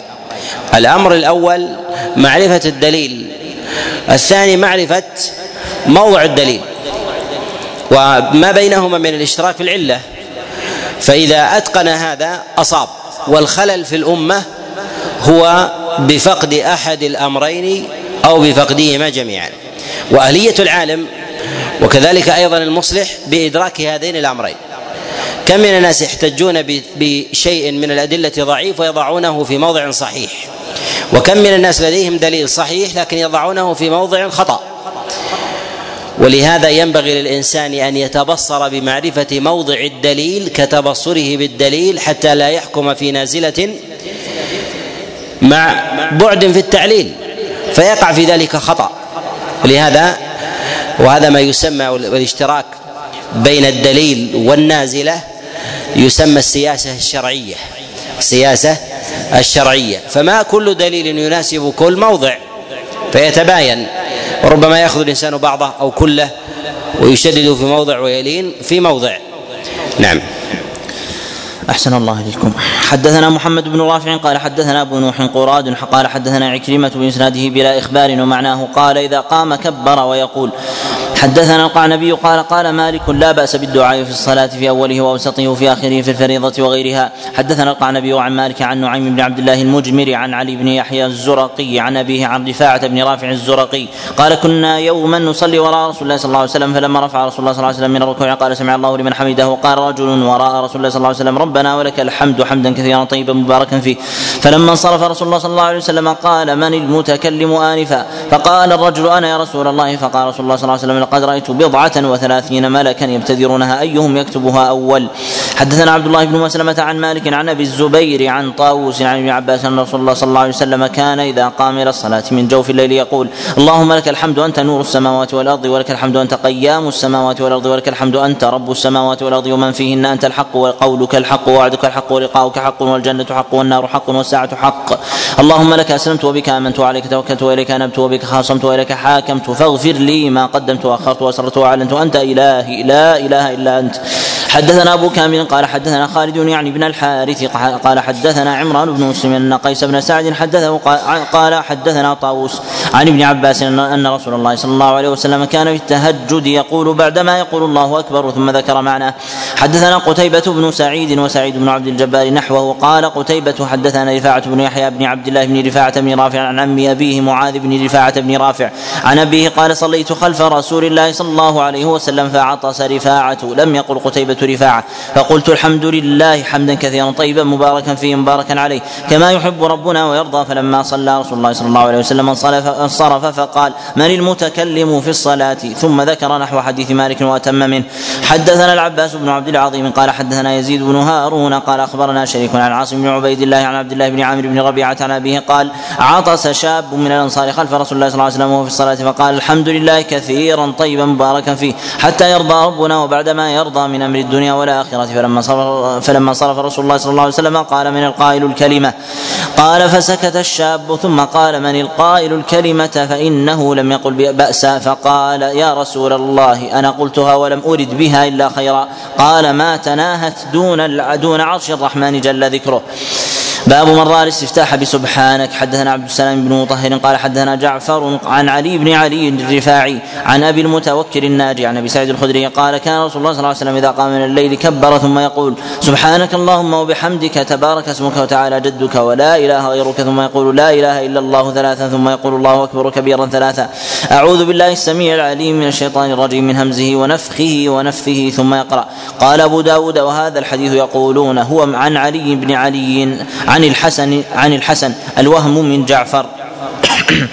حدثنا حسين بن عيسى قال حدثنا طلق بن غنام قال حدثنا عبد السلام بن حرب الملائي عن بديل بن ميسرة عن أبي الجوزاء عن عائشة قالت كان رسول الله صلى الله عليه وسلم إذا استفتح الصلاة قال سبحانك اللهم وبحمدك وتبارك اسمك تعالى جدك ولا إله غيرك قال أبو داود وهذا الحديث ليس بالمشهور ليس بالمشهور عن عبد السلام بن حرب لم يروه إلا عن إلا طلق بن غنام وقد روى قصة الصلاة عن بديل عن بديل جماعة لم يذكروا فيه شيئا من هذا. باب السكتة عند عند الافتتاح. حدثنا يعقوب بن إبراهيم قال حدثنا إسماعيل عن يونس عن الحسن قال قال سمرة وحفظت سكتتين في الصلاة سكتة إذا كبر الإمام حين حتى يقرأ. وسكتة إذا فرغ من من فاتحة الكتاب وسورة عند الركوع. قال فأنكر ذاك عليه عمران بن حسين قال فكتبوا في ذلك إلى المدينة إلى أبي فصدق سمرة قال أبو داود قال كذا قال حميد في هذا الحديث. وسكتة إذا فرغ من القراءة. حدثنا أبو بكر بن خلاد قال حدثنا خالد بن الحارث عن أشعث عن الحسن عن سمرة بن جندب عن النبي صلى الله عليه وسلم أنه كان يسكت سكتتين إذا استفتح وإذا فرغ من القراءة كلها فذكر معنى حديث يونس فذكر معنى يونس. حدثنا مسدد قال حدثنا يزيد قال حدثنا سعيد قال حدثنا قتادة عن الحسن أن سمرة بن جندب وعمران بن حسين تذاكرا فحدث سمرة فحدث سمرة بن سمرة بن جندب أنه حفظ عن رسول الله صلى الله عليه وسلم سكتتين سكتة إذا كبر وسكتة إذا فرغ من قراءة غير المغضوب عليهم ولا الضالين فحفظ ذلك سمرة وأنكر عليه عمران بن حسين فكتبا في ذلك إلى أبي بن كعب فكان كتابه إليهما أو رده عليهما أن سمرة قد حفظ. حدثنا ابن المثنى قال حدثنا عبد الأعلى قال حدثنا سعيد بهذا قال عن قتادة عن الحسن عن الحسن عن سمرة قال سكتتان حفظتهما عن رسول الله صلى الله عليه وسلم. قال في قال سعيد قلنا لقتادة ما هاتان السكتتان قال إذا دخل في صلاته وإذا فرغ من القراءة. ثم قال بعد وإذا قال غير المغضوب عليهم ولا الضالين.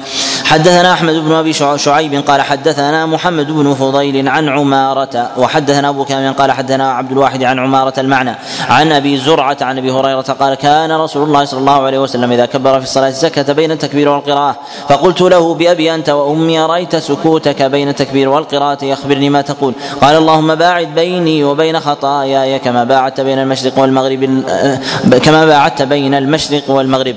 اللهم أنقني من خطاياك كالثوب الأبيض من الدنس اللهم اغسلني بالثلج والماء والبرد. في هذا بالنسبة للسكتات السكتة الأولى وهي بعد تكبيرة الإحرام آكد وأطول كذلك من السكتة الثانية التي تكون بعد التي تكون بعد الفاتحة. فالتي بعد الفاتحة تكون لأخذ لأخذ النفس.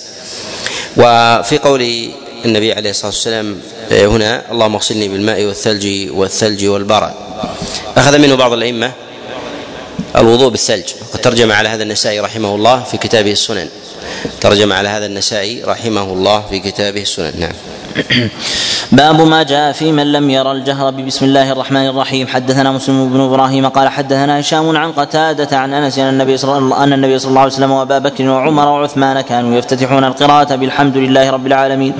حدثنا مسدد قال حدثنا عبد الوارث بن سعيد عن الحسين المعلم عن بديل بن ميسرة عن أبي الجوزاء عن عائشة قالت كان رسول الله صلى الله عليه وسلم يفتتح الصلاة بالتكبير والقراءة بالحمد لله رب العالمين وكان إذا ركع لم يشخص راسه ولم يصوبه ولكن بين ذلك وكان إذا رفع رأسه من الركوع لم يسجد حتى يستوي قائما وكان إذا رفع رأسه من السجود لم يسجد حتى يستوي قاعدا وكان يقول في كل ركعتين التحيات وكان إذا جلس يفرش رجله اليسرى رجله اليمنى وكان ينهى عن عقب الشيطان وعن فرشة السبع وكان يختم الصلاة بالتسليم عليه الصلاة والسلام. حدثنا هناد بن السري قال حدث حدثنا ابن فضيل عن المختار بن فلفل قال سمعت أنس بن مالك يقول قال رسول الله صلى الله عليه وسلم أنزلت علي انفا سورة فقرأ. بسم الله الرحمن الرحيم. إنا أعطيناك الكوثر حتى ختمها.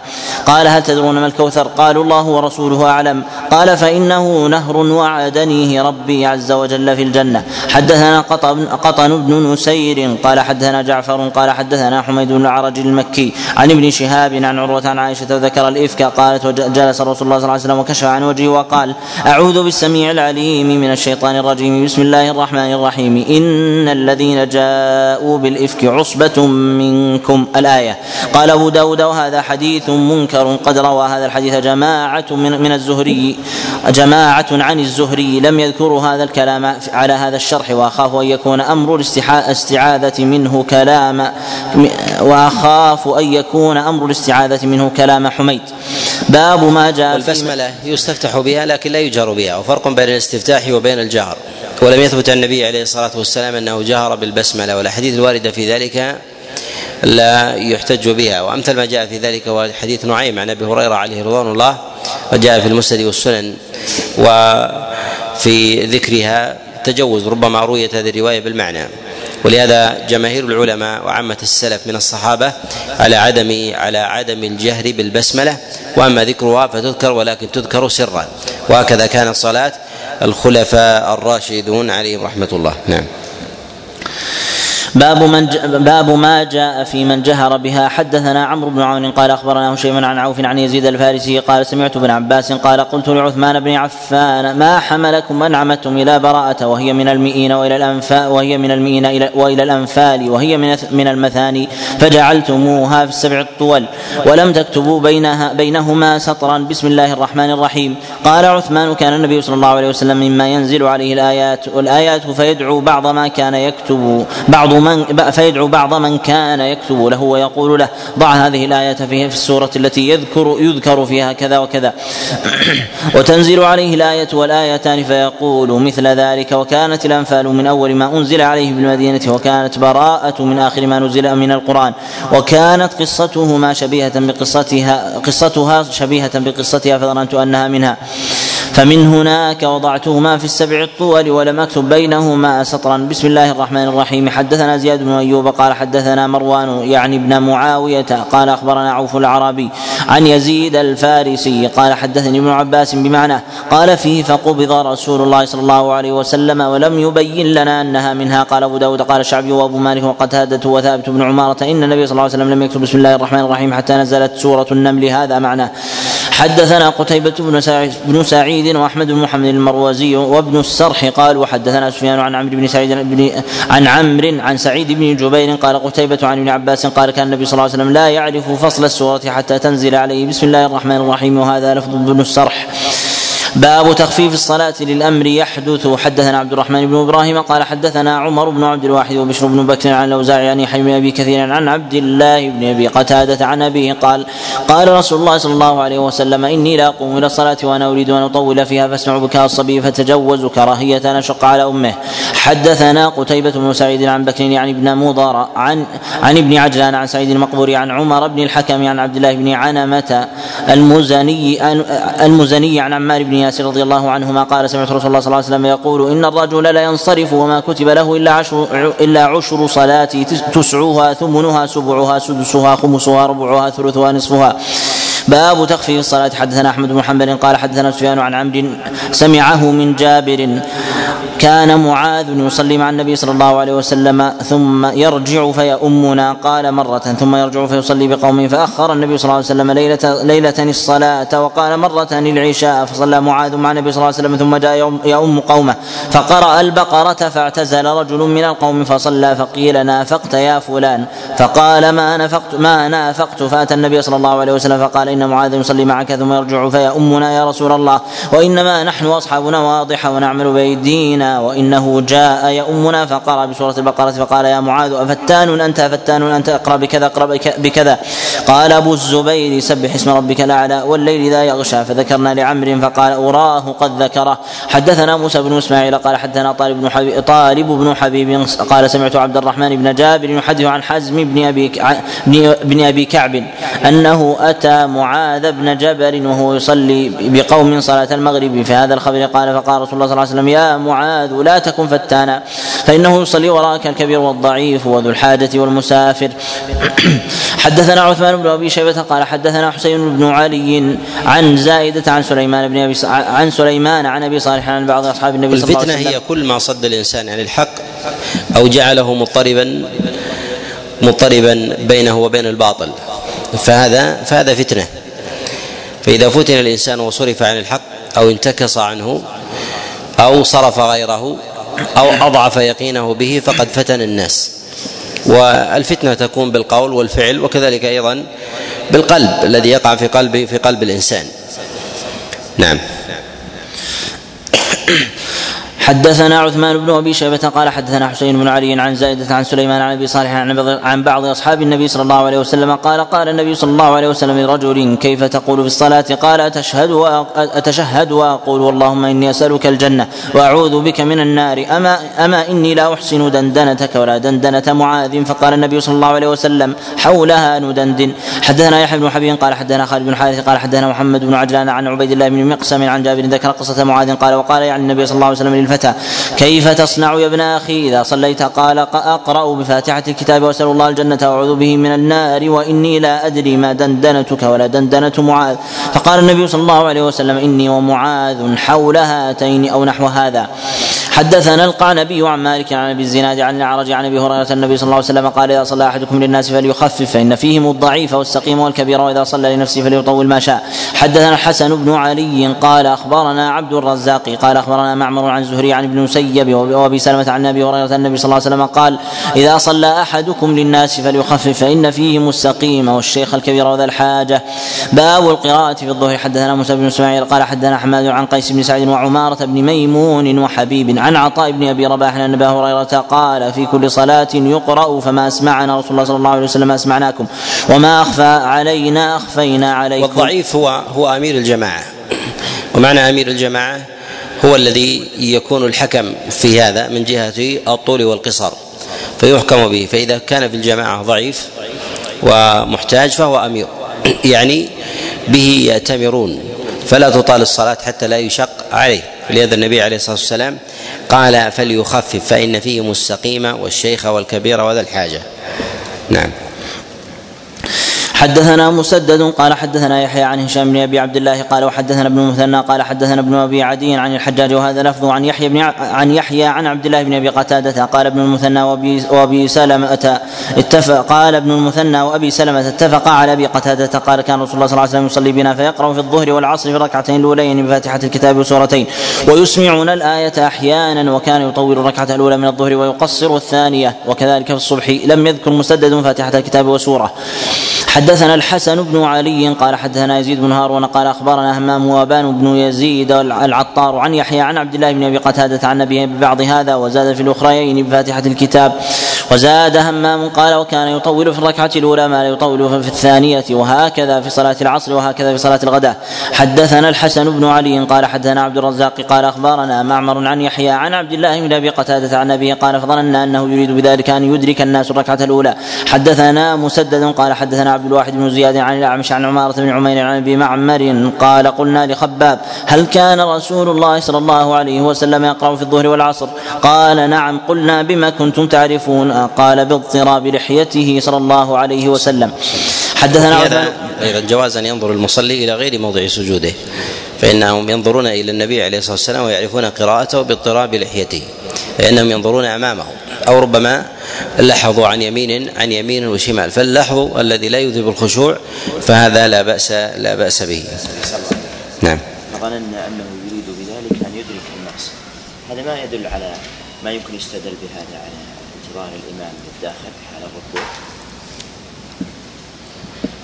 يقول هنا فظننا أنه يريد بذلك أن يدرك الناس الركعة الأولى. يعني هذا ظن ليس ليس بقطع. ظن ليس ليس بقطع. والنبي عليه الصلاة والسلام كان يطيل الركعة الأولى والأصل في ذلك أن تطال سواء كان الإنسان منفردا أو كان أو كان في جماعة وهذا هو السنة. وهل للإمام أن ينتظر المعمومين بالصلاة فيطيل؟ أو إذا سمع أحدا وهو راكع أن ينتظر فلا يقوم حتى يدخل الناس في الصف.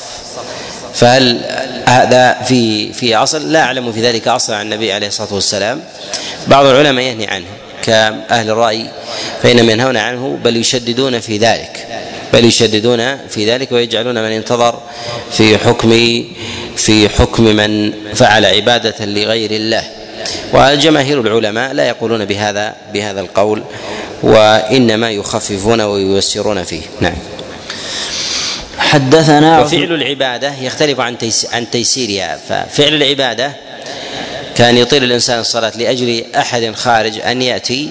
هذا يختلف عن التخفيف لوجود شيء. ولهذا النبي عليه الصلاة والسلام كما في حديث أنس كان يخفف إذا سمع صياح الصبي وذلك شفقة على أمه. فهذا تخفيف.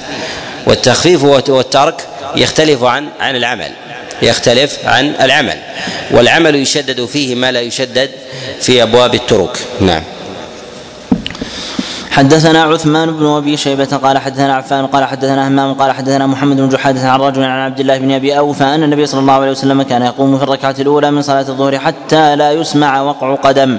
باب تخفيف الأخرين. حدثنا حفص حفص بن عمر قال حدثنا شعبة عن محمد بن عبيد الله أبي عون عن جابر بن سمرة قال كا قال قال عمر لسعد قد شكاك الناس في كل شيء حتى في الصلاة. قال أما أنا فأما أنا فأمد في الأوليين وأحذف في الأخرين ولا آل ما اقتديت من صلاة رسول الله صلى الله عليه وسلم قال ذاك الظن بك. حدثنا عبد الله بن محمد يعني النفيلي قال حدثنا هشيم قال أخبرنا منصور عن الوليد بن مسلم الهجيمي عن أبي الصديق الناجي عن أبي سعيد الخدري قال حزرنا قيام رسول الله صلى الله عليه وسلم في الظهر والعصر فحزرنا قيامه في الركعتين الاولين من الظهر قدر ثلاثين آية قدر ألف لام ميم تنزيل السجدة وحزرنا قيامه في الأخرين على على النصف من ذلك وحزرنا قيامه في الأوليين من العصر على قدر الأخرين من من الظهر وحزرنا قيامه في الأخرين من العصر على النصف من ذلك. باب قدر القراءة في صلاة الظهر والعصر. حدثنا موسى بن إسماعيل قال حدثنا حماد عن سماك بن حرب عن جابر بن سمرة أن رسول الله صلى الله عليه وسلم كان يقرأ في الظهر والعصر بالسماء والطارق. والسماء ذات البروج ونحوهما من السور. حدثنا عبيد الله بن معاذ قال حدثنا أبي قال حدثنا شعبة عن سماك عن عن سماك سمع جابر بن سمرة قال كان رسول الله صلى الله عليه وسلم إذا دح إذا دحضت الشمس صلى الظهر وقرأ بنحو من والليل إذا يغشى والعصر كذا كذلك والصلوات إلا الصبح فإنه كان يطيلها. حدثنا محمد بن عيسى قال حدثنا معتمر بن سليمان ويزيد بن هارون وهشيم عن سليمان التيمي. عن أمية عن أبي مجلز عن عن ابن عمر النبي صلى الله عليه وسلم سجد في صلاة الظهر ثم قام فركع فرؤينا أنه قرأ تنزيل السجدة. قال ابن عباس قال ابن عيسى لم يذكر مية أحد إلا معتمر. حدثنا مسدد قال حدثنا عبد الوارث عن موسى بن سالم قال حدثنا عبد الله بن عبيد الله قال دخلت على ابن عباس في شباب من بني هاشم فقلنا لشاب منا سل ابن عباس ابن عباس أكان رسول الله صلى الله عليه وسلم يقرأ في الظهر والعصر؟ فقال لا لا. فقيل له لعله كان يقرأ في نفسه. فقال خم خمشا هذه شر من الأولى. كان عبدا مأمورا بلغ ما أرسل به وما اختصنا دون الناس بشيء إلا بثلاث خصال. أمرنا أن نسبغ الوضوء وألا نأكل الصدقة وألا ننزي الحمار على الفرس. حدثنا زياد بن أيوب قال حدثنا حسين عن عكرمة عن ابن عباس قال لا أدري كان رسول الله صلى الله عليه وسلم يقرأ في الظهر حدثنا زياد بن أيوب. قال حدثنا حسين. ما في سقط؟ ها؟ والله زياد بن أيوب أخبرنا هشيم. مكان حسين أو بينهما؟ زياد بن أيوب يحدث عن هشيم بواسطة عن حسين. صلى الله عليكم. حدثنا زياد بن أيوب قال أخبرنا هشيم قال حدثنا حسين عن عكرمة عن ابن عباس قال لا أدري كان رسول الله صلى الله عليه وسلم يقرأ في الظهر والعصر أم لا.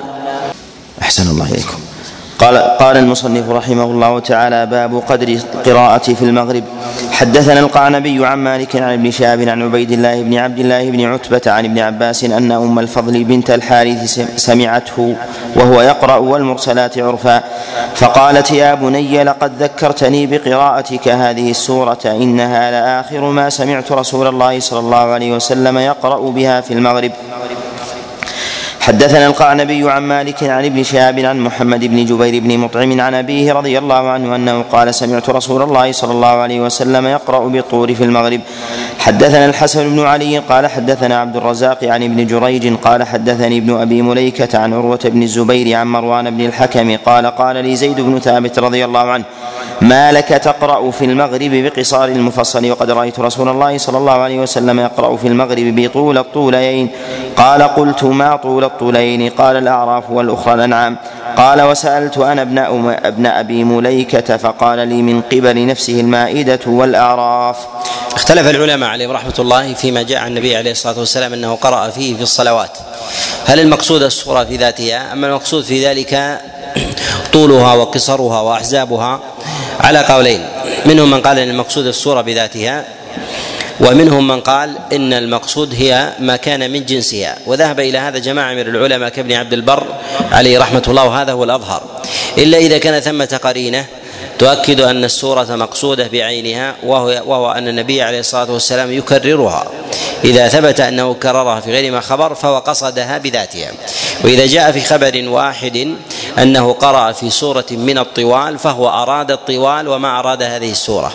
وإذا جاء أنه صلى في صلاة فقرأ في سورة من الاواسط أو القصار فإنه أراد أراد القصار والأواسط وما أراد هذه السورة إلا إذا جاء الدليل عنه في غير ما موضع ومن غير وجه أنه قرأ بسورة بعينها فهو أرادها بعينها وأراد أيضا ما كان مثلها من أحزاب القرآن. نعم.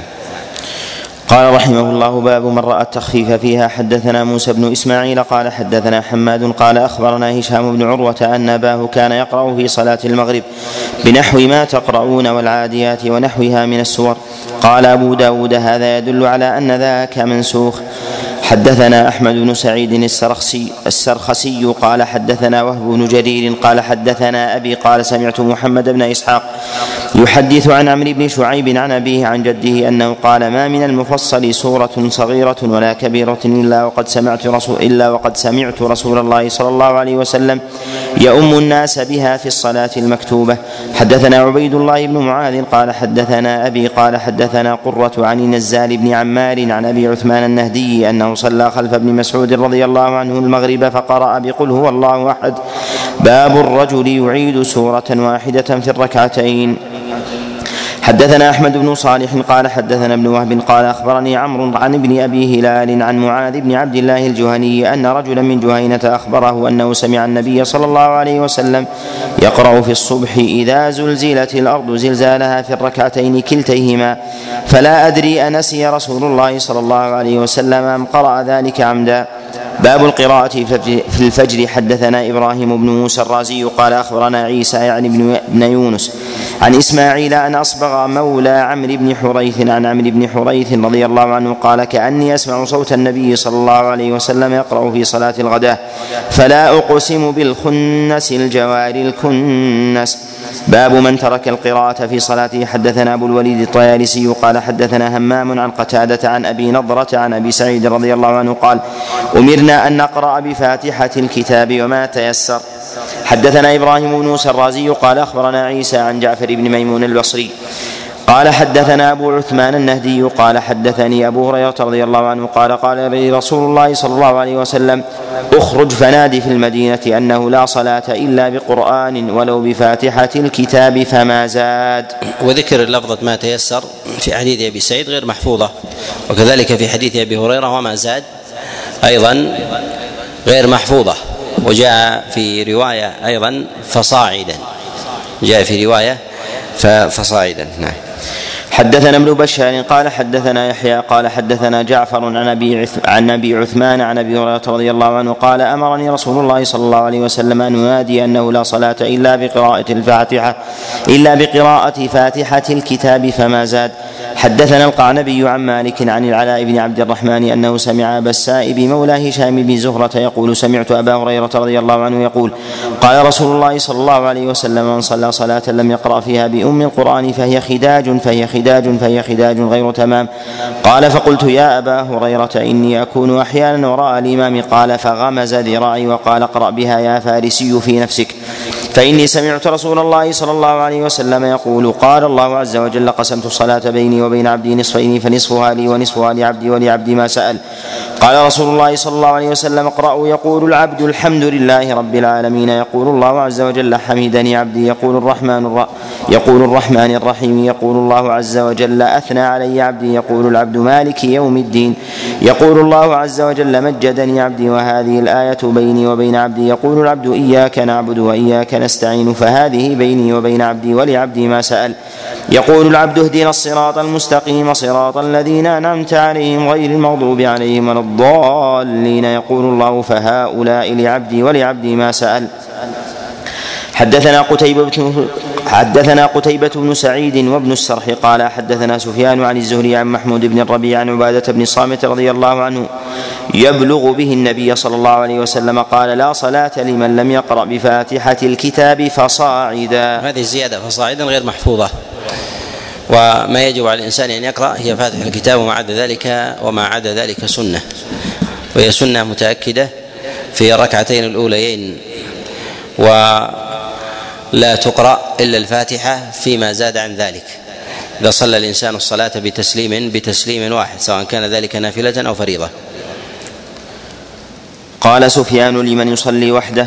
حدثنا عبد الله بن محمد النفيلي قال حدثنا محمد بن سلمة عن محمد بن إسحاق عن مكحول عن محمود بن الربيع عن عبادة بن صامت رضي الله عنه قال كنا خلف رسول الله صلى الله عليه وسلم في صلاة الفجر فقرأ رسول الله صلى الله عليه وسلم فثقلت عليه القراءة فلما فرغ قال لعلكم تقرؤون خلف إمامكم؟ قلنا نعم هذا يا رسول الله. قال لا تفعلوا إلا بفاتحة الكتاب فإنه لا صلاة لمن لم يقرأ بها. حدثنا الربيع بن سليمان الأزدي قال حدثنا عبد الله بن يوسف قال حدثنا الهيثم بن حميد قال أخبرني زيد بن واقد عن مكحول عن نافع بن محمود بن الربيع الأنصاري قال نافع أبطأ عبادة بن الصامت عن صلاة الصبح فأقام أبو نعيم المؤذن الصلاة فصلى أبو نعيم بالناس وأقبل عبادة وأنا معه. حتى صففنا خلف أبي نعيم وأبو نعيم يجهر بالقراءة فجعل عبادة يقرأ بأم القرآن فلما انصرف فلما انصرف قلت لعبادة سمعت سمعتك تقرأ بأم القرآن وأبو نعيم يجهر. قال أجل صلى بنا رسول الله صلى الله عليه وسلم بعض الصلوات التي يجهر فيها بالقراءة. قال فالتبست عليه القراءة فلما انصرف أقبل علينا بوجهه وقال هل تقرؤون إذا جهرت بالقراءة؟ فقال بعضنا إنا نصنع ذلك. قال فلا وأنا أقول ما لي ينازع وما وأنا أقول ما لي ينازع ينازعني القرآن فلا تقرأ بشيء من القرآن إذا جهرت إلا بأم القرآن. حدثنا علي بن سهل الرملي قال حدثنا الوليد عن ابن جابر وسعيد بن عبد العزيز وعبد الله بن العلاء عن مكحول عن عبادة نحو حديث الربيع بن سليمان. قالوا فكان مكحول يقرأ في المغرب والعشاء والصبح بفاتحة الكتاب في كل ركعة سرا. قال مكحول اقرأ بها فيما جهر به الإمام إذا قرأ بفاتحة الكتاب وسكت سرا فإن لم يسكت اقرأ بها قبله ومعه وبعده لا تتركها على حال. باب من رأى القراءة إذا لم يجهر. حدثنا القعنبي عن مالك عن ابن شهاب عن ابن أكيمة الليثي عن أبي هريرة رضي الله عنه أن رسول الله صلى الله عليه وسلم انصرف من صلاة جهر فيها بالقراءة فقال هل, مع هل قرأ معي أحد منكم آنفا؟ فقال رجل نعم يا رسول الله قال إني أقول ما لي أنازع القرآن. قال فانتهى الناس عن القراءة مما رسول مع رسول الله صلى الله عليه وسلم فيما جهر فيه النبي صلى الله عليه وسلم بالقراءة من الصلوات.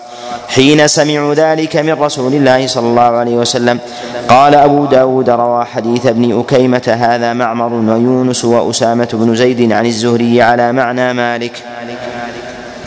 حدثنا مسدد وأحمد بن محمد المروزي ومحمد بن أحمد بن أبي خلف وعبد الله بن محمد الزهري وابن السرح قالوا حدثنا سفيان عن الزهري قال سمعت ابن أكيمة يحدث سعيد بن المسيب قال سمعت أبا هريرة رضي الله عنه يقول صلى بنا رسول الله صلى الله عليه وسلم صلاة نظن أنها الصبح بمعناه إلى قوله ما لي أنازع القرآن. قال أبو داود قال مسدد في حديثه قال معمر فانتهى الناس عن القراءة فيما جهر به رسول الله صلى الله عليه وسلم. وقال ابن السرح في حديثه قال معمر عن الزهري قال أبو هريرة فانتهى الناس وقال عبد الله بن محمد الزهري من بينهم. قال سفيان وتكلم الزهري بكلمة لم أسمعها فقال معمر إنه قال فانتهى الناس. قال أبو داود ورواه عبد الرحمن بن إسحاق عن الزهري وانتهى حديثه إلى قوله ما لي أنازع القرآن. ورواه الأوزاعي عن الزهري قال فيه قال الزهري فاتعظ المسلمون بذلك فلم يكونوا يقرؤون معه فيما, جه فيما يجهر به صلى الله عليه وسلم. قال أبو داود سمعت محمد بن يحيى بن فارس قال قوله فانتهى الناس من كلام الزهري.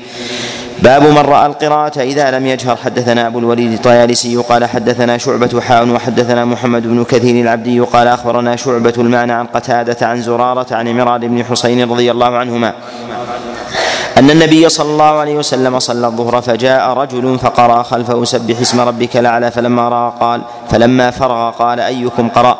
قالوا رجل قال قد عرفت أن بعضكم خالجنيها. قال أبو داود قال أبو الوليد في حديثه قال شعبة فقلت لقتادة أليس قول سعيد أنصت للقرآن قال ذاك إذا جهر به. وقال ابن كثير في حديثه قال قلت لقتادة كأنه كرهه قال لو كرهه نهى عنه. حدثنا ابن المثنى قال حدثنا ابن أبي عدي عن سعيد عن قتادة عن قتادة عن زرارة عن عمران بن حسين النبي أن نبي الله صلى الله عليه وسلم صلى بهم الظهر. فلما انفتل قال أيكم قرأ بسبح اسم ربك الأعلى؟ فقال رجل أنا. فقال علمت أن بعضكم خالجنيها. باب قراءة الفاتحة ركن من أركان الصلاة ويقرأها الإمام والمأموم في الصلاة في الصلاة الجهرية. والسرية للإمام وبالنسبة للمأموم يقرأها في السرية. وبالنسبة للمنفرد يقرأها في كل حال وهي ركن في جميع ركعات ركعات الصلاة. ويحمل الإمام على المأموم في الصلاة الجهرية. ولا يقرأ المأموم مع الإمام في صلاته لا معه مع حروفه ولا في سكتاته. وهذا هو الثابت عن جماعة من أصحاب النبي عليه الصلاة والسلام. صح ذلك عن عبد الله بن مسعود وجابر بن عبد الله وعبد الله بن عمر وغيره من أصحاب رسول الله صلى الله عليه وسلم أنهم لا يرون القراءة خلف الإمام في الصلاة الجهرية فقراءة الإمام له فقراءة الإمام له له قراءة. وهذا ظاهر في كلام الله سبحانه وتعالى فإن الله عز وجل يقول فإذا قرئ القرآن فاستمعوا له وأنصتوا الإنصات المراد بذلك هو هو في في الصلاة لأن الإنسان لا يقرأ. وإنما شرع جهر الإمام في الصلاة ليستمع المأموم وإلا لم يكن ثمة معنى أن يجهر الإمام ثم يقرأ المأموم وكل يقرأ يقرأ لنفسه وهذا يخالف المقصود من الجهر أصلا. نعم. قال رحمه الله باب ما يجزئ الأمية والأعجمية من القراءة. حدثنا وهب بن بقية قال أخبرنا خالد عن حميد الأعرج عن محمد بن المنكدر عن جابر بن عبد الله رضي الله عنهما قال خرج علينا رسول الله صلى الله عليه وسلم. ونحن نقرأ القرآن وفينا الأعرابي والأعجمي فقال اقرأوا فكل حسن وسيجيء قوم يقيمونه كما يقام القدح يتعجلونه ولا يتأجلونه. حدثنا أحمد بن صالح قال حدثنا عبد الله بن وهب قال أخبرني عمرو وابن لهيعة عن بكر بن سوادة عن وفاء بن شريح الصدفي عن سهل بن سعد الساعدي رضي الله عنه قال خرج علينا رسول الله صلى الله عليه وسلم يوما ونحن نقترئ فقال الحمد لله كتاب الله واحد وفيكم الأحمر وفيكم الأبيض وفيكم الأسود اقرأوا قبل أن يقرأه أقوام يقيمونه كما يقوم السهم يتعجل أجره ولا يتأجله. حدثنا عثمان بن أبي شيبة قال حدثنا وكيع بن الجراح قال حدثنا سفيان الثوري عن أبي خالد الدالاني عن إبراهيم السكسكي. عن عبد الله بن أبي أوفى رضي الله عنه قال جاء رجل إلى النبي صلى الله عليه وسلم فقال إني لا أستطيع أن آخذ من القرآن شيئا فعلمني ما يجزئني منه. قال قل سبحان الله والحمد لله ولا إله إلا الله والله أكبر ولا حول ولا قوة إلا بالله. قال يا رسول الله هذا لله عز وجل فما لي. قال قل اللهم ارحمني وارزقني وعافني واهدني. فلما قام قال هكذا بيده فقال رسول الله صلى الله عليه وسلم أما هذا فقد ملأ يده من الخير. حدثنا أبو توبة الربيع بن نافع قال أخبرنا أبو إسحاق عن الفزاري عن حميد عن الحسن عن جابر بن عبد الله رضي الله عنهما قال كنا نصلي التطوع ندعو قياما وقعودا ونسبح ركوعا وسجودا. حدثنا موسى بن إسماعيل قال حدثنا حماد عن حميد حميد مثله لم يذكر التطوع. قال كان الحسن يقرأ في الظهر والعصر إماما أو خلف إمام بفاتحة الكتاب ويسبح ويكبر ويهلل قدر قاف والذاريات. باب تمام التكبير. حدثنا سليمان بن حرب قال حدثنا حماد عن غيلان بن جرير عن مطرف قال صليت أنا وعمران بن حسين خلف علي بن أبي طالب رضي الله عنه. فكان إذا سجد كبر وإذا ركع كبر وإذا نهض من الركعتين كبر فلما انصرفنا أخذ عمران بيدي وقال لقد صلى هذا قبل أو قال لقد صلى بنا هذا قبل صلاة محمد صلى الله عليه وسلم. حدثنا عمرو بن عثمان قال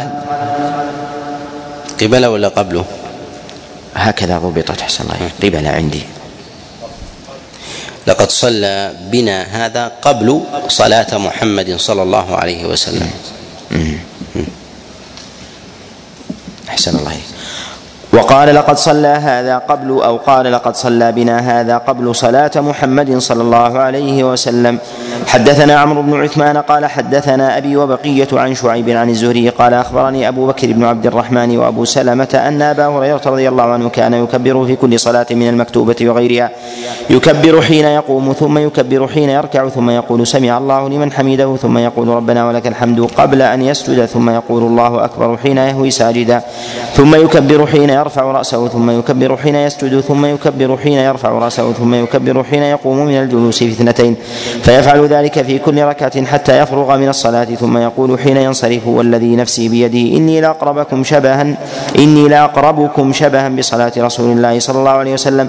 إن كانت هذه لصلاته حتى فارق الدنيا. قال أبو داود هذا الكلام الأخير يجعله مالك والزبيدي وغيرهما عن الزهري عن علي بن حسين ووافق عبد الأعلى. عن معمر شعيب بن أبي حمزة عن الزهري. حدثنا محمد بن بشار وابن المثنى قال حدثنا أبو داود قال حدثنا شعبة عن الحسن بن عمران قال ابن بشار الشامي.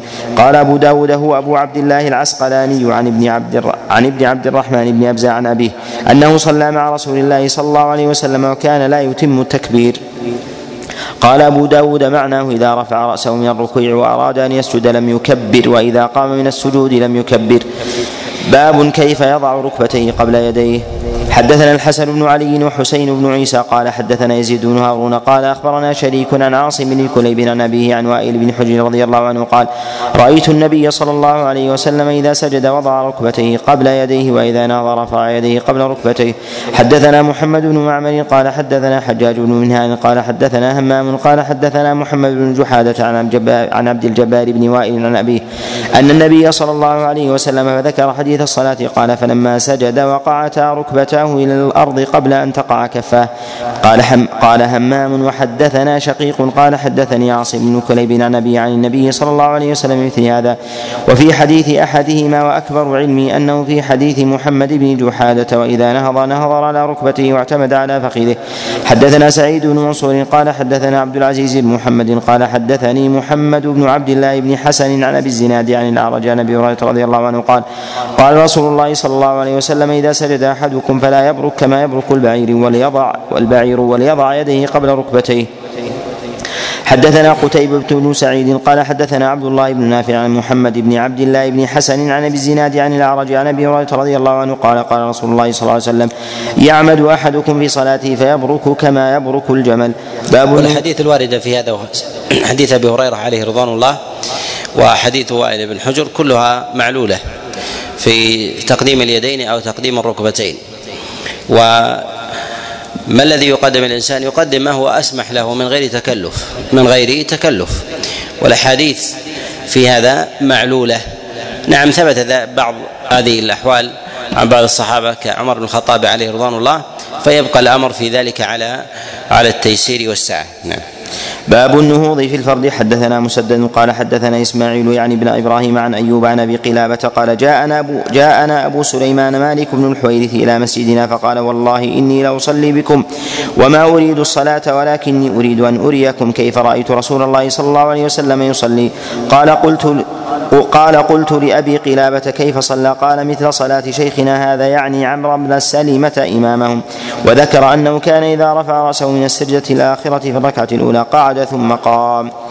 حدثنا زياد بن أيوب قال حدثنا إسماعيل عن أيوب عن أبي قلابة قال جاءنا أبو سليمان مالك بن الحويرث إلى مسجدنا فقال والله إني لاصلي وما أريد الصلاة ولكني أريد أن أريكم كيف رأيت رسول الله صلى الله عليه وسلم يصلي. قال فقعد في الركعة الأولى حين رفع رأسه من السجدة الآخرة. حدثنا مسدد قال حدثنا هشيم عن خالد عن أبي قلابة عن مالك بن الحويرث رضي الله عنه أنه رأى النبي صلى الله عليه وسلم إذا كان في وتر من صلاته لم ينهض حتى يستوي قاعدا. باب الإيقاع بين السجدتين. حدثنا يحيى بن معين قال حدثنا حجاج بن محمد عن ابن جريج قال أخبرني أبو الزبير أنه سمع طاووسا يقول يقول قلنا لابن عباس رضي الله عنهما في الإيقاع على القدمين في السجود فقال هي السنة. قال قلنا إنا لنراه جفاء بالرجل فقال ابن عباس هي سنة نبيك صلى الله عليه وسلم. باب ويقول إذا رفع رأسه من الركوع.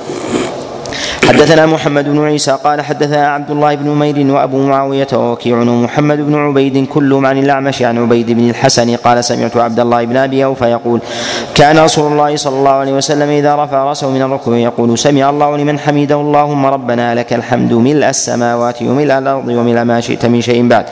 قال أبو داود قال سفيان الثوري وشعبة بن الحجاج عن عبيد أبي الحسن هذا الحديث ليس فيه بعد الركوع. قال سفيان لقينا الشيخ عبيدا أبا الحسن بعد فلم يقل فيه بعد الركوع. قال أبو داود وروى شعبة عن أبي عصمة عن الأعمش عن عبيد قال بعد الركوع. حدثنا مؤمل بن الفضل الحراني قال حدثنا الوليد حاء وحدثنا محمود بن خالد قال حدثنا أبو مسهر أبو مسهر حاء وحدثنا ابن السرح قال حدثنا بشر بن بكر. حاء وحدثنا محمد بن مصعب قال حدثنا عبد الله بن يوسف. كلهم عن سعيد بن عبد العزيز عن عطية بن قيس عن قزعة بن يحيى عن أبي سعيد الخدري رضي الله عنه أن رسول الله صلى الله عليه وسلم كان يقول حين يقول سمع الله لمن حمده.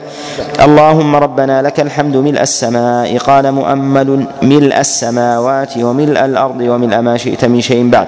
أهل الثناء والمجد حق ما قال العبد وكلنا لك عبد لا مانع لما أعطيت زاد محمود ولا معطي لما منعت ثم اتفقوا ولا ينفع ذا الجد منك الجد.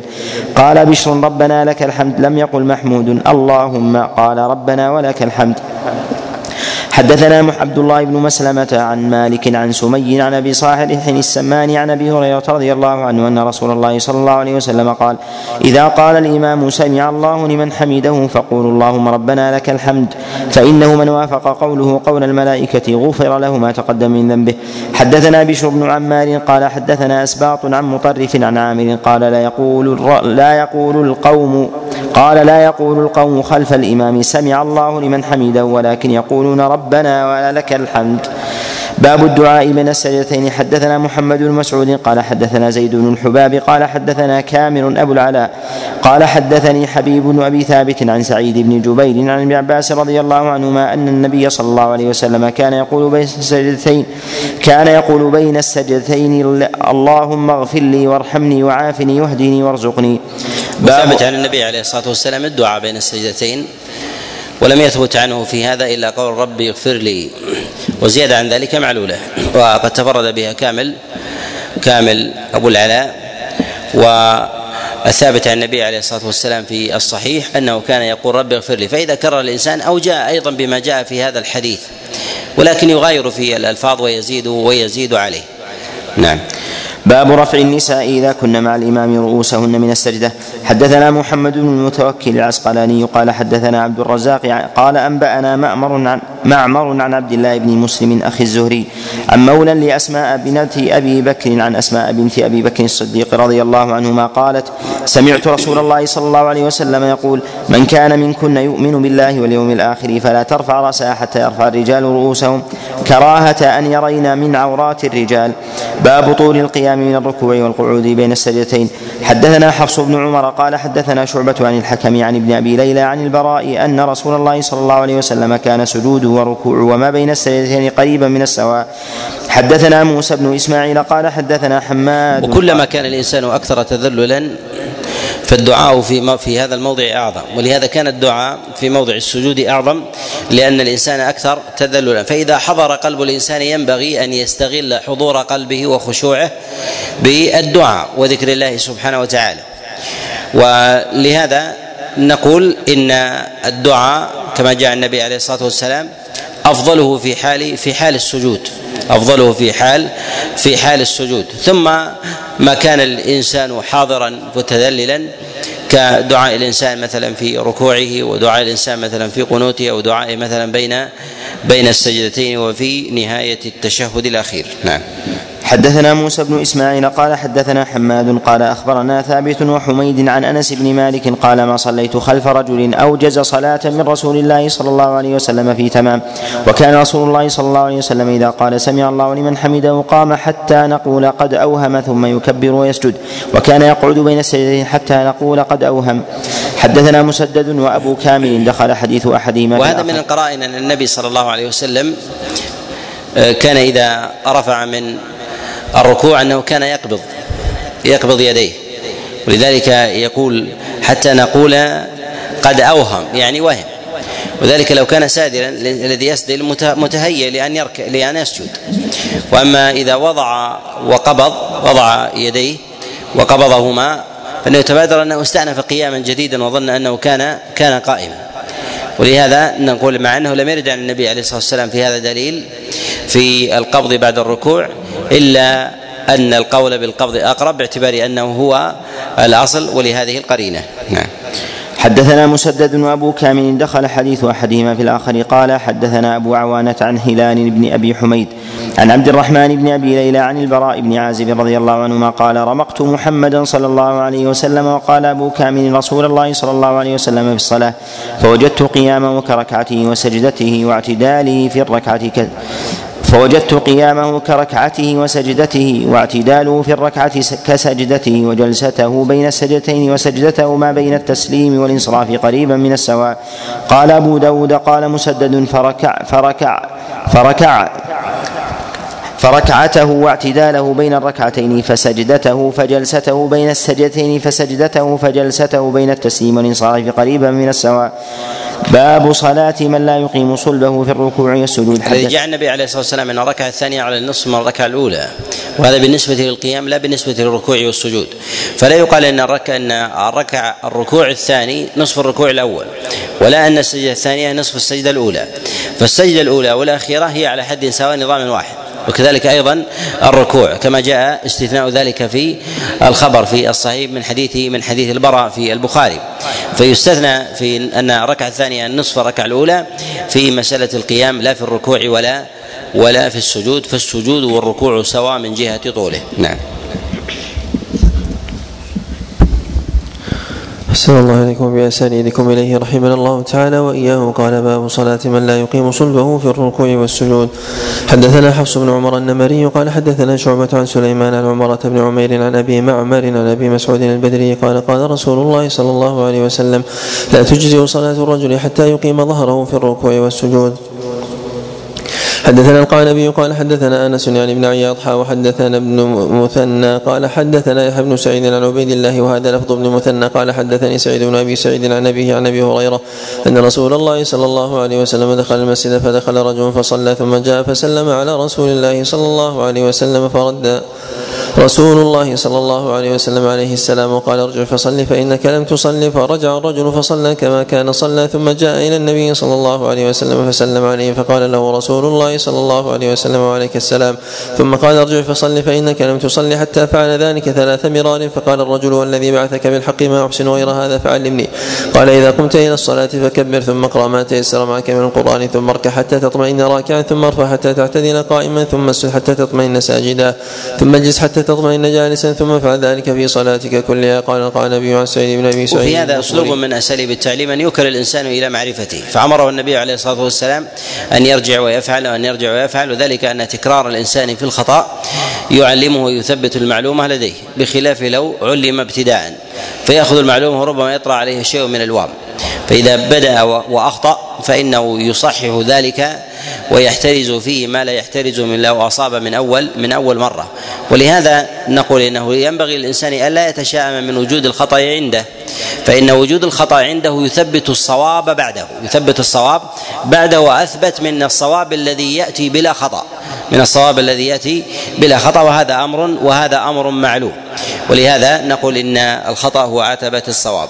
نعم. الله عليكم قال القعنبي عن سعيد بن أبي سعيد المقبوري عن أبي هريرة وقال في اخره فإذا فعلت هذا فقد تم صلاتك ومن تقصت من هذا فانما انتقصته من صلاتك وقال فيه إذا قمت إلى الصلاة فأسبغ الوضوء.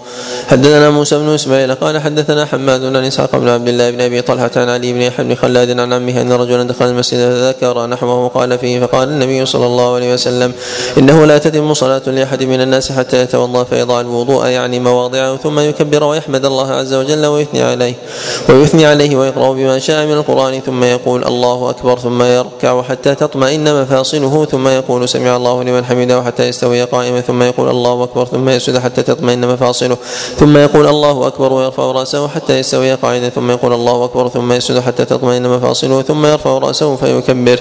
فإذا فعل ذلك تمت صلاته. حدثنا الحسن بن علي قال حدثنا هشام بن عبد الملك والحجاج بن منهان قال حدثنا همام قال حدثنا إسحاق بن عبد الله بن أبي طلحة عن علي بن يحيى بن خلاد عن أبيه عن عمه رفاعة بن رافع رفاعة بن رافع بمعناه قال فقال رسول الله صلى الله عليه وسلم إنها لا تتم صلاة أحدكم حتى يسبغ الوضوء كما أمر الله تعالى فيغسل وجهه ويديه إلى المرفقين ويمسح برأسه ورجليه إلى الكعبين ثم يكبر الله عز وجل ويحمده ثم يقرأ من القرآن ما أذن له فيه وتيسر. فذكر نحو حماد قال ثم يكبر فيسجد فيمكن وجهه وقال قال همام ربما قال جبهته من الأرض حتى تطمئن مفاصله وتسترخي ثم يكبر فيستوي قاعدا على مقعده ويقيم صلبه فوصف الصلاة هكذا أربع ركعات حتى فرغ. لا تتم صلاة أحدكم حتى يفعل ذلك. حدثنا وهب بن بقية عن خالد عن محمد يعني بن عمرو عن علي بن يحيى بن خلاد عن رفاعة بن رافع بهذه القصة قال إذا قمت فتوجهت إلى القبلة فكبر ثم اقرأ بأم القرآن وبما شاء الله أن تقرأ وإذا ركعت فضع راحتيك على ركبتيك وامدد ظهرك.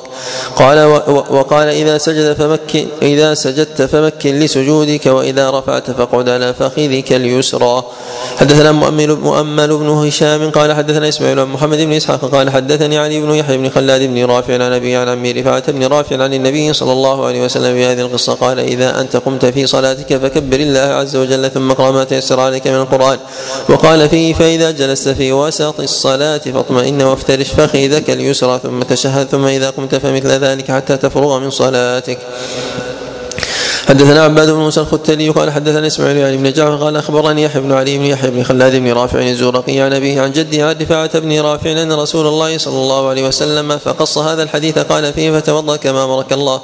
ثم تشهد فأقم ثم كبر فإن كان معك قرآن فاقرأ به وإلا فاحمد الله عز وجل وكبره وهلله وقال فيه وإن تقصت منه شيئا اتقصت من صلاتك. حدثنا أبو الوليد الطيالسي قال حدثنا الليث عن يزيد بن أبي حبيب عن جعفر بن الحكم وحدثنا قتيبة قال حدثنا الليث عن جعفر بن عبد الله الانصاري عن تميم بن محمود عن عبد الرحمن بن شبل قال نهى رسول الله صلى الله عليه وسلم عن نقرة الغراب وافتراش السبع وأن يوطن الرجل المكان في المسجد كما يوطن البعير. هذا لفظ قتيبة. حدثنا زهير بن حرب قال حدثنا جرير عن عطاء بن السائب عن سالم البراد قال أتينا عقبة بن عبد الانصاري أبا مسعود فقلنا له حدثنا عن صلاة رسول الله صلى الله عليه وسلم فقام بين أيدينا في المسجد فكبر فلما ركع وضع يديه على ركبتيه وجعل أصابعه أسفل من ذلك وجاف بين مرفقي مرفقيه حتى استقر كل شيء منه ثم قال سمع الله لمن حمده فقام حتى استقر كل شيء منه ثم كبر وسجد وضع كفيه على الأرض ثم جاف بين مرفقيه حتى ثم جاف بين مرفقيه حتى استقر كل شيء منه ثم رفع رأسه فجلس حتى استقر كل شيء منه فعل مثل ذلك أيضا. ثم صلى أربع ركعات مثل هذه الصلاة فصلى صلاته ثم قال هكذا هكذا رأينا رسول الله صلى الله عليه وسلم يصلي.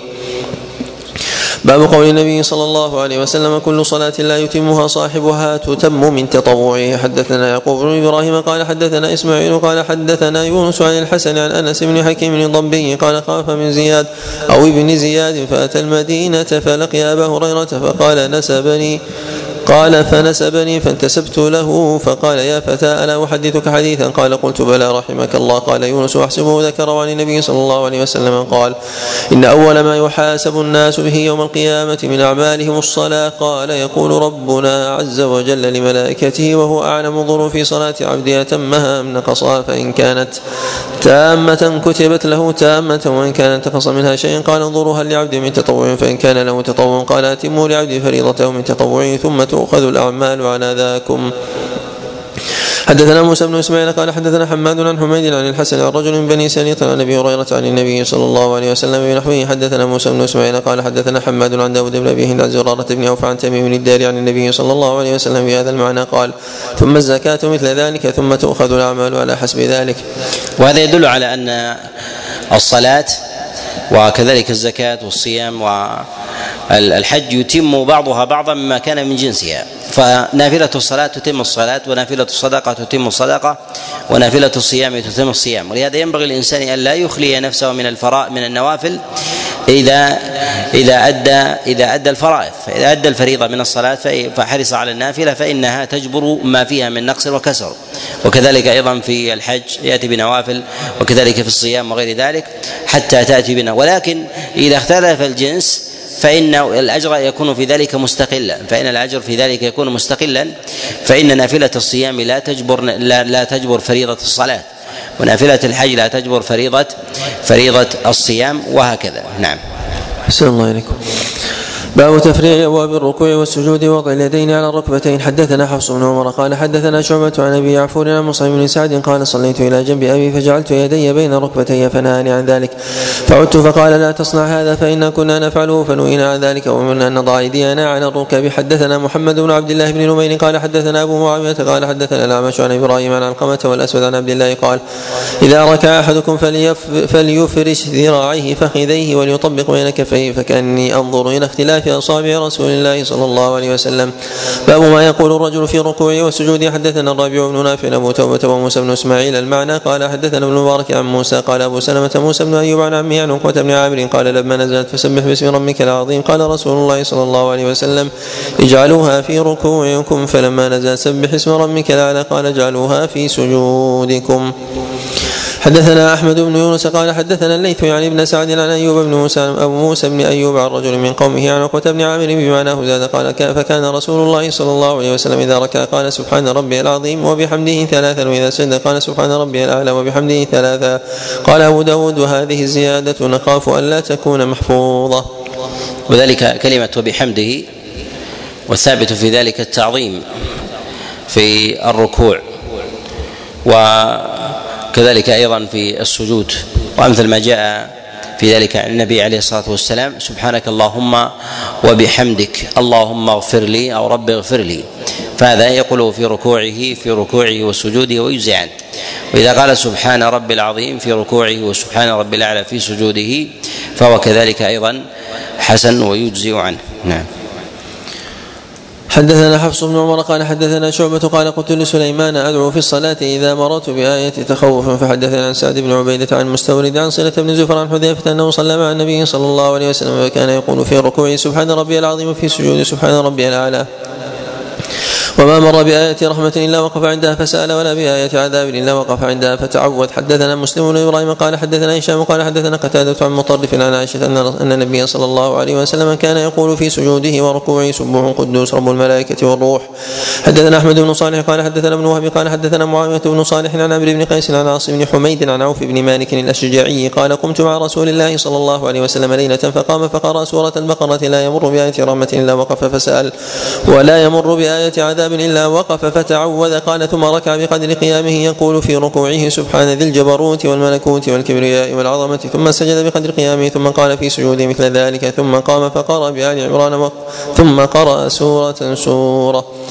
حدثنا أبو الوليد الطيالسي وعلي بن الجعد قال حدثنا شعبة عن عمرو بن مرة عن أبي حمزة مولى الأنصار عن رجل من بني عبس عن حذيفة انه راى رسول الله صلى الله عليه وسلم يصلي من الليل فكان يقول الله أكبر ثلاثة ذو الملكوت والجبروت والكبرياء والعظمة. ثم استفتح فقرأ البقرة ثم وهذا من من المهجور. أيضا مع ثبوت عن النبي عليه الصلاة والسلام من يقول الإنسان في ركوعه سبحان الجبروت والملكوت والعظمة والكبرياء والعظمة. يقولها الإنسان وإذا كررها ثلاثا فحسن. نعم. صلى الله عليكم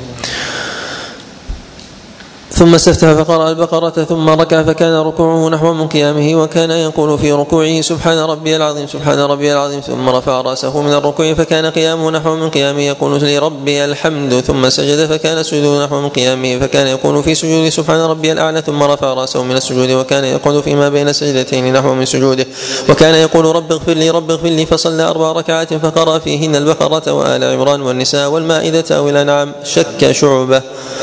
باب الدعاء في الركوع والسجود. حدثنا أحمد بن صالح وأحمد بن عمرو بن سرح ومحمد بن سلمة قالوا حدثنا ابن وهب قال أخبرنا عمرو يعني بن الحارث عن عمارة بن غزية عن سمي مولى أبين أنه سمع أبا صالح ذكوان يحدث عن أبي هريرة أن رسول الله صلى الله عليه وسلم قال أقرب ما يكون العبد من ربه وهو ساجد فأكثر من الدعاء فأكثر الدعاء.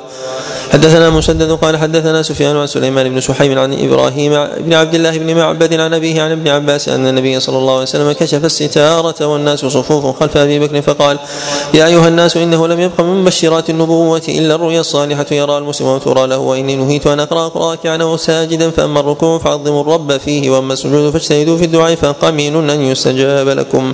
حدثنا عثمان بن أبي شيبة قال حدثنا جرير عن منصور عن والرؤيا هي النافذة الوحيدة الباقية الصادقة إلى الغيب. ويؤتاها من يؤتاها.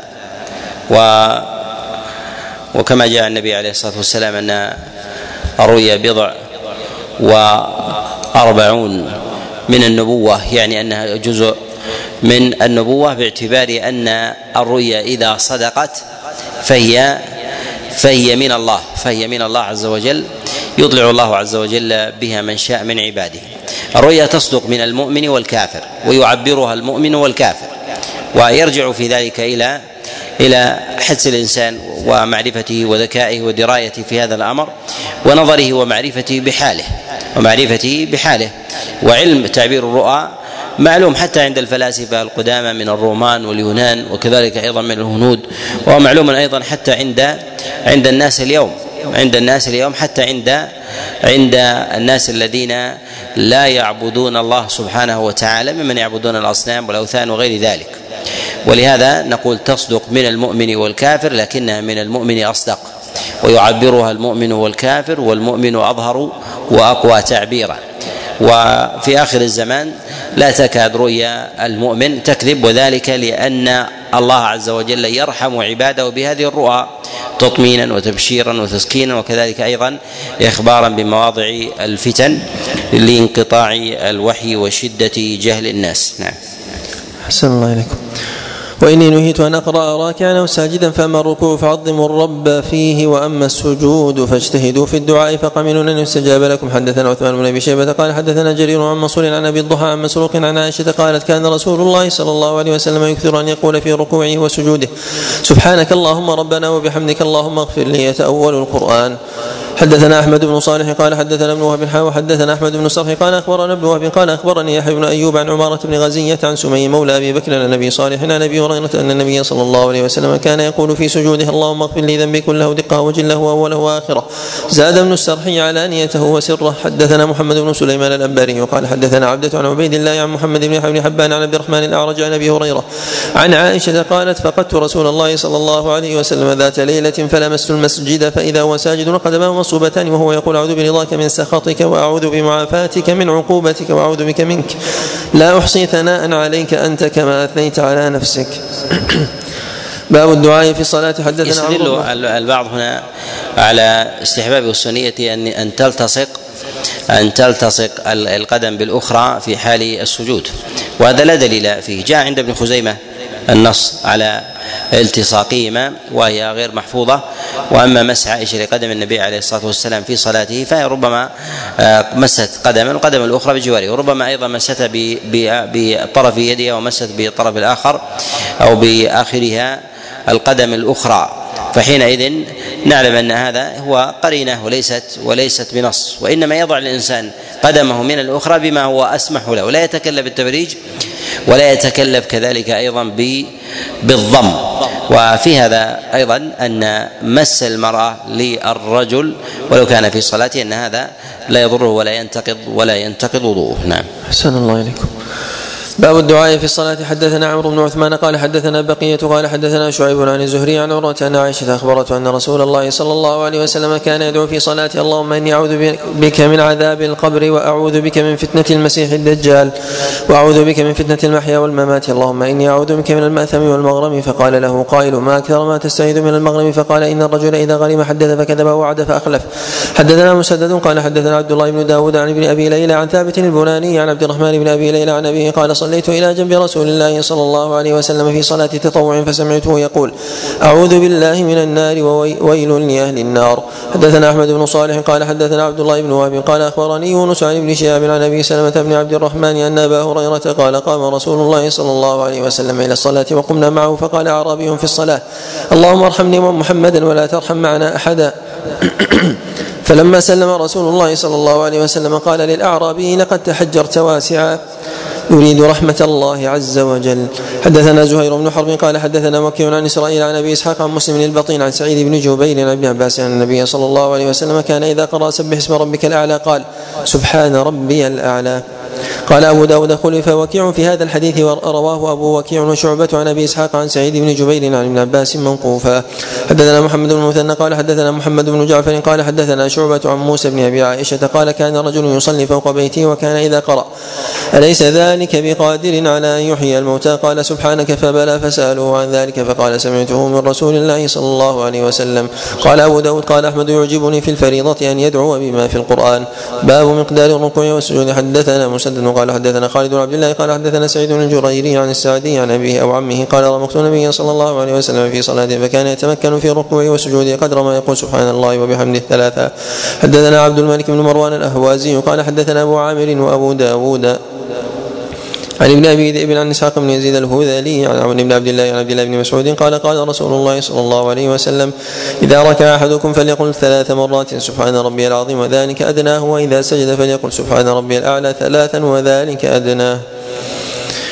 قال أبو داود هذا مرسل عون لم يدرك عبد الله. حدثنا عبد الله بن محمد الزهري قال حدثنا سفيان قال حدثني إسماعيل بن أمية قال سمعت عربيا يقول سمعت أبا هريرة يقول قال رسول الله صلى الله عليه وسلم من قرأ منكم والتين والزيتون فانتهى إلى آخرها. أليس, أليس الله بأحكم الحاكمين فليقل بلى وأنا على ذلك من الشاهدين.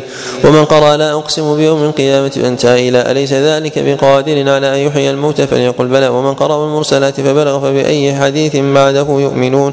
فليقل آمنا بالله.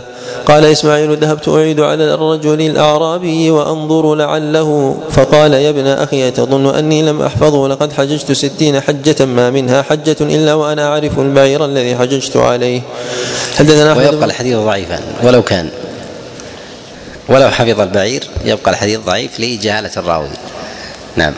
الله. حدثنا أحمد بن صالح. رحمه الله رحمه الله ورضي عنه. حدثنا أحمد بن صالح وابن رافع قال حدثنا عبد الله بن إبراهيم بن عمر بن كيسان قال حدثني أبي عن وهب بن مانوس قال سمعت سعيد بن جبير يقول سمعت أنس بن مالك يقول ما صليت وراء أحد بعد رسول الله صلى الله عليه وسلم أشبه صلاة برسول الله صلى الله عليه وسلم من هذا الفتى يعني عمر بن عبد العزيز. قال فحزرنا في ركوعه عشر تسبيحات وفي سجوده عشر تسبيحات. قال أبو داود قال أحمد بن صالح قلت له مانوس أو مابوس قال أما عبد الرزاق فيقول مابوس وأما حفظي فمانوس وهذا لفظ ابن رافع. قال أحمد عن سعيد بن جبير عن أنس بن مالك. باب أعضاء السجود. حدثنا مسدد وسليمان بن حرب. قال حدثنا حماد بن زيد عن عمرو بن دينار عن طاووس بن عباس عن النبي صلى الله عليه وسلم قال امرت قال حماد أمر نبيكم صلى الله عليه وسلم أن يسجد على سبعة ولا يكف شعرا ولا ثوبا. حدثنا محمد بن كثير قال أخبرنا شعبة عن دينار عن طاووس عن ابن عباس عن النبي صلى الله عليه وسلم قال أمرت وربما قال أمر نبيكم أن يسجد على سبعة آراب. حدثنا قتيبة بن سعيد قال حدثنا بكر يعني بن مضر عن ابن الهادي عن محمد بن إبراهيم عن عامر بن سعد عن العباس بن عبد المطلب أنه سمع رسول الله صلى الله عليه وسلم يقول إذا سجد العبد سجد معه سبعة آراب وجهه وكفاه وركبته وقدماه حدثنا أحمد بن محمد قال حدثنا إسماعيل يعني ابن يعني ابن إبراهيم يعني ابن إبراهيم عن أيوب عن نافع عن ابن عمر رفعه قال إن اليدين تسجدان كما يسجد الوجه فإذا وضع أحدكم وجهه فليضع يديه وإذا رفعه فليرفعهما. باب الرجل وإن السبعة أعظم السجود عليها واجب. وهما القدمان والركبتان والكفان والجبهة والجبهة تجزئ عن الأنف فإذا وضع جبهته ولم يضع أنفه أجزأ وإذا وضع أنفه ولم يضع جبهته لم يجزئ لم يجزئه في في سجوده. وهذا وهذا باتفاق الصحابة عليهم رضوان الله. نعم. أحسن الله عليكم باب الرجل يدرك الإمام ساجدا كيف يصنع. حدثنا محمد بن يحيى بن فارس أن سعيد بن الحكم حدثهم. قال أخبرنا نافع بن يزيد قال حدثني يحيى بن أبي سليمان عن زيد بن أبي العتاب وابن المقبور عن أبي هريرة قال قال رسول الله صلى الله عليه وسلم إذا جئتم إلى الصلاة ونحن سجود فاسجدوا ولا تعدوها شيئا ومن أدرك الركعة فقد أدرك الصلاة. باب السجود على الأنف والجبهه حدثنا ابن المثنى قال حدثنا صفوان بن عيسى قال حدثنا معمر عن يحيى بن أبي كثير عن أبي سلمة عن أبي سعيد الخدري أن رسول الله صلى الله عليه وسلم روي على جبهته وعلى أرنبته اثر طين من صلاة صلاها بالناس. حدثنا محمد بن يحيى قال حدثنا عبد الرزاق عن معمر نحوه. باب صفة السجود. حدثنا الربيع بن نافع أبو توبة قال حدثنا شريك عن أبي إسحاق قال وصف لنا البراء بن عازب فوضع يديه واعتمد على ركبتيه ورفع عجيزته وقال هكذا كان رسول الله صلى الله عليه وسلم يسجد. حدثنا مسلم بن إبراهيم قال حدثنا شعبة عن قتادة عن أنس أن النبي صلى الله عليه وسلم قال اعتدلوا في السجود ولا يفترش أحدكم ذراعه افتراش الكيف افتراش الكلب. حدثنا قتيبة قال حدثنا سفيان عن عبيد الله بن عبد الله عن عمه يزيد بن الاصم عن ميمونة أن النبي صلى الله عليه وسلم كان إذا سجد جاف بين يديه حتى لو أن بهمة أرادت أن تمر تحت يديه مرت. حدثنا عبد الله بن محمد النفيلي قال حدثنا زهير قال حدثنا أبو إسحاق عن التميمي الذي يحدث بالتفسير عن ابن عباس قال أتيت النبي صلى الله عليه وسلم من خلفه فرأيت بياض ابطيه وهو مجخ قد فرج يديه. حدثنا مسلم بن إبراهيم قال حدثنا عباد بن راشد قال حدثنا الحسن قال حدثنا أحمر بن جز صاحب رسول الله صلى الله عليه وسلم أن رسول الله صلى الله عليه وسلم كان إذا سجد جاف عضديه عن جنبيه حتى نأوي له. حدثنا عبد الملك بن شعيب بن الليث قال حدثنا ابن وهب قال حدثنا الليث عند الراجل عن ابن حجيرة عن أبي هريرة عن النبي صلى الله عليه وسلم قال إذا سجد أحدكم فلا يفترش يديه افتراش الكلب وليضم فخذيه. باب الرخصة في ذلك للضرورة. حدثنا قتيبة بن سعيد قال حدثنا الليث عن ابن عجلان عن سمي ابي صالح عن سمي عن أبي صالح عن أبي هريرة قال اشتكى أصحاب النبي صلى الله عليه وسلم إلى النبي صلى الله عليه وسلم مشقة السجود عليهم إذا انفرجوا فقال استعينوا بالركب. باب التخصر والإيقاع. حدثنا هناد بن سعيد وهذه المنهيات من الإيقاع وكذلك أيضا افتراش السبع هذه لا تبطل الصلاة ولكنها منهيات تنقص أجر الصلاة. ليتعمد الإنسان بغير بغير عذر فيأثم. نعم. أحسن الله إليكم. باب التخصر والإيقاع حدثنا هناد بن سريع وكيل عن سعيد بن زياد عن زياد بن صبيح الحنفي قال صليت إلى جنب ابن عمر فوضعت يدي على خاصرتي فلما صلى قال هذا الصلب في الصلاة وكان رسول الله صلى الله عليه وسلم ينهى عنه. باب البكاء في الصلاة. حدثنا عبد الرحمن بن محمد بن سلام قال حدثنا يزيد يعني ابن هارون قال أخبرنا حماد يعني ابن سلمة عن ثابت عن مطرف عن أبيه قال رأيت رسول الله صلى الله عليه وسلم يصلي وفي صدره أزيز كأزيز الرحى من البكاء. صلى الله عليه وسلم. باب كراهية الوسوسة وحديث النفس في الصلاة. حدثنا أحمد بن محمد بن حمد قال حدثنا عبد في هذا الإنسان في صلاته يكتم بكاءه كما النبي عليه الصلاة والسلام يكتمه فجعل العزيز في صدره أي أنه لا يخرج أنينا ولا حنينا ولا صوتا في في بكائه. أما ما يغلب الإنسان عليه من النشيج ونحو ذلك فهذا فهذا له له حده. وقد جاء عن عمر بن الخطاب عليه رضوان الله تعالى أنه كان له نشيج في الصلاة. ولكن يغلب يغلب عليه وإلا فالأصل أنه يكتم. وهذا ظاهر في قوله في صدره عزيز كعزيز الرحى من البكاء. نعم. أحسن الله إليكم. حدثنا أحمد بن محمد بن حنبل قال حدثنا عبد الملك بن عمرو قال حدثنا هشام يعني بن سعد عن زيد عن عطاء بن يسار عن زيد بن خالد الجهني أن النبي صلى الله عليه وسلم قال من توضأ فأحسن وضوءه من توضأ فأحسن وضوءه ثم صلى ركعتين لا يسهو فيهما غفر له ما تقدم من ذنبه. حدثنا عثمان بن أبي شيبة قال حدثنا زيد بن الحباب قال حدثنا معاوية بن صالح عن ربيعة بن يزيد عن أبي إدريس الخولاني عن جبير بن نفير الحضرمي عن قتيبة بن عمرو الجهني أن رسول الله صلى الله عليه وسلم قال ما من أحد يتوضأ فيحسن الوضوء ويصلي ركعتين يقبل بقلبه ووجهه عليهما إلا وجبت له الجنة. باب الفتح على الإمام في الصلاة. حدثنا محمد بن علاء وسليمان بن عبد الرحمن الدمشقي قال أخبرنا مروان بن معاوية عن يحيى الكاهلي عن المسور بن يزيد المالكي أن رسول الله صلى الله عليه وسلم قال يحيى وربما قال شهدت رسول الله صلى الله عليه وسلم يقرأ في الصلاة فترك شيئا لم يقرأه فقال له رجل يا رسول الله آية كذا وكذا فقال رسول الله صلى الله عليه وسلم هل أذكرتنيها؟ قال سليمان في حديثه قال كنت أراها نسخت. وقال سليمان قال حدثنا يحيى بن كثير الأسدي. حدثنا يزيد بن محمد الدمشقي قال حدثنا هشام بن إسماعيل قال حدثنا محمد بن شعيب قال أخبرنا عبد الله بن العلاء بن زبر عن سالم بن عبد الله عن عبد الله بن عمر أن النبي صلى الله عليه وسلم صلى صلاة فقرأ فيها فلبس عليه فلما صرف قال لأبي أصليت معنا قال نعم قال فما منعك باب النهي عن التلقين حدثنا عبد الوهاب بن نجدة قال حدثنا ابن نجدة قال حدثنا محمد بن يوسف الفريابي عن يونس بن أبي إسحاق عن أبي إسحاق عن الحارث عن علي رضي الله عنه قال قال رسول الله صلى الله عليه وسلم يا علي لا تفتح على الإمام في الصلاة. قال أبو داود أبو إسحاق لم يسمع من الحارث إلا أربعة أحاديث ليس هذا منها. ولا يصح في النهي في هذا شيء عن النبي عليه الصلاة والسلام. بعض العلماء يأخذ به وينهى عن فتح الإمام وهذا جاء عن الإمام مالك رحمه الله إنه كان ينهى عن الفتح على الإمام. ويرى بعض الأئمة أن الإمام إذا ارتج عليه أنه لا ينتظر من يفتح عليه بل, بل يركع حتى لا يخرج الصلاة عن سمتها. نعم. أحسن الله إليكم باب الالتفات في الصلاة. حدثنا أحمد بن صالح قال حدثنا ابن وهب قال أخبرني يونس عن ابن شهاب قال سمعت أبا الأحوص يحدثنا في مجلس سعيد بن المسيب قال قال أبو ذر قال رسول الله صلى الله عليه وسلم لا يزال الله عز وجل مقبلا على العبد وهو في صلاته ما لم يلتفت فإذا التفت انصرف عنه. حدثنا مسدد قال حدثنا أبو الأحوص عن الاشعث عن ابن سليم عن أبيه عن مسروق عن عائشة قال سألت رسول الله صلى الله عليه وسلم عن التفات الرجل في الصلاة فقال هو اختلاس يختلسه الشيطان. هو اختلاس يختلسه الشيطان من صلاة العبد. باب السجود على الأنف. حدثنا مؤمل بن الفضل قال حدثنا عيسى عن معمر عن يحيى بن أبي كثير عن أبي سلمة عن أبي سعيد الخدري أن رسول الله صلى الله عليه وسلم رؤي على جبهته وعلى أرنبته أثر طين من صلاة صلاها بالناس. قال أبو علي هذا الحديث لم يقرأه أبو داود في العرض. العرضة الرابعة.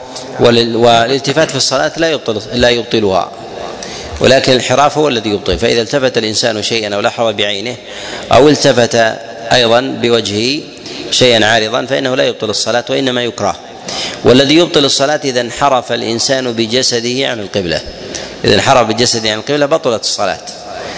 وهل الإنسان أن يلتفت وأن يلحظ لمصلحة صلاته وخشوعه؟ لا حرج عليه.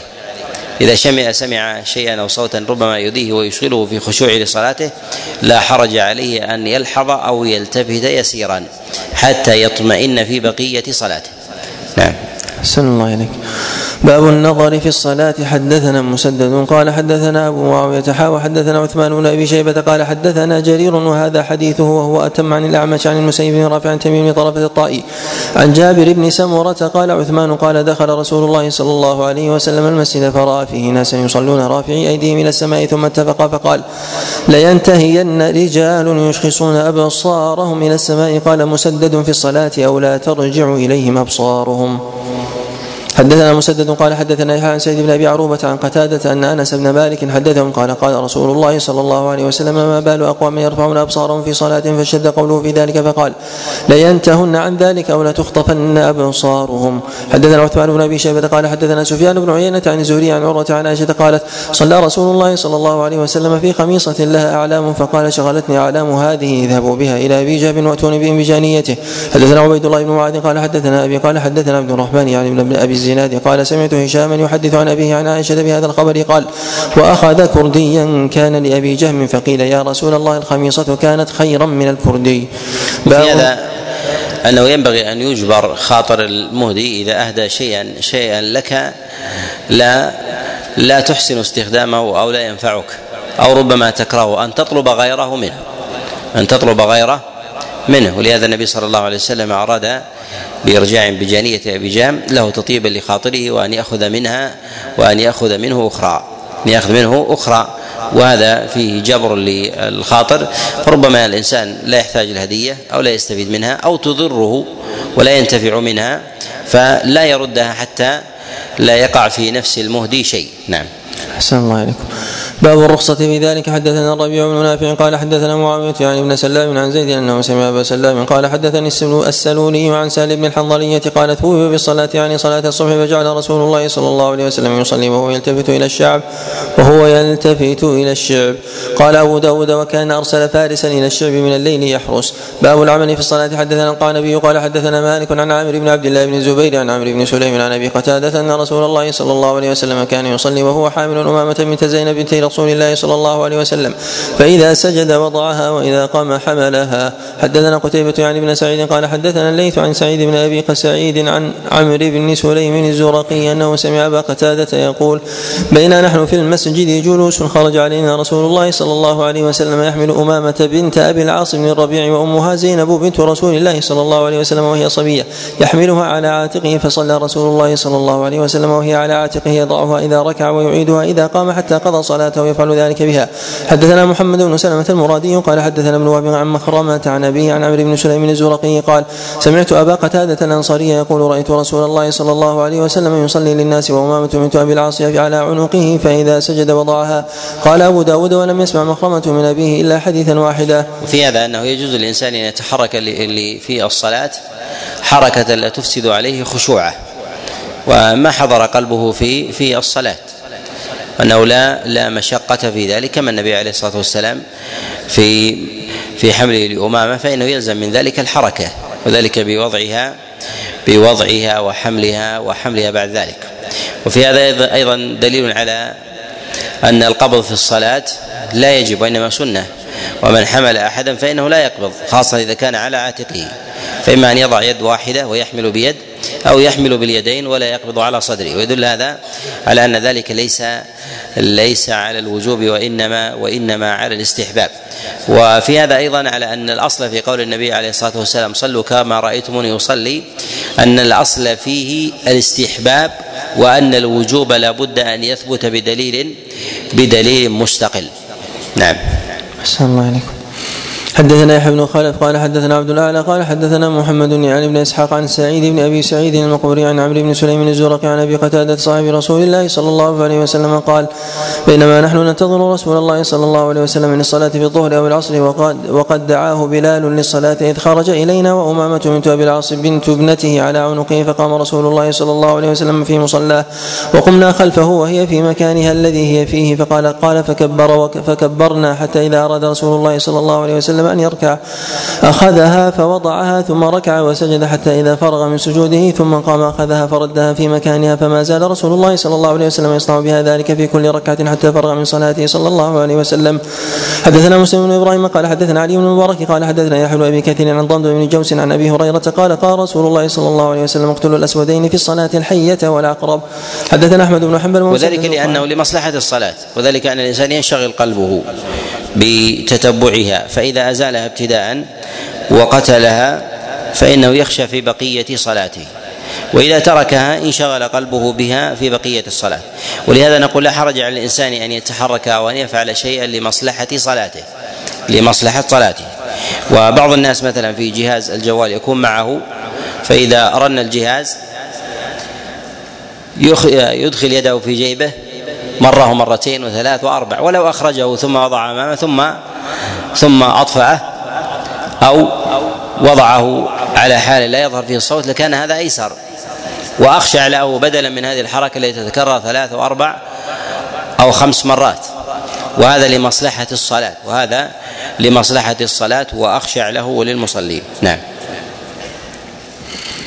حدثنا أحمد بن حنبل ومسدد وهذا لفظه. قال حدثنا بشر يعني بن المفضل. قال حدثنا برد عن الزهري عن عروة بن الزبير عن عائشة قالت كان رسول الله صلى الله عليه وسلم قال أحمد يصلي والباب عليه مغلق فجئت فاستفتحت. قال أحمد فمشى ففتح لي ثم رجع إلى مصلاه وذكر أن الباب كان في القبلة.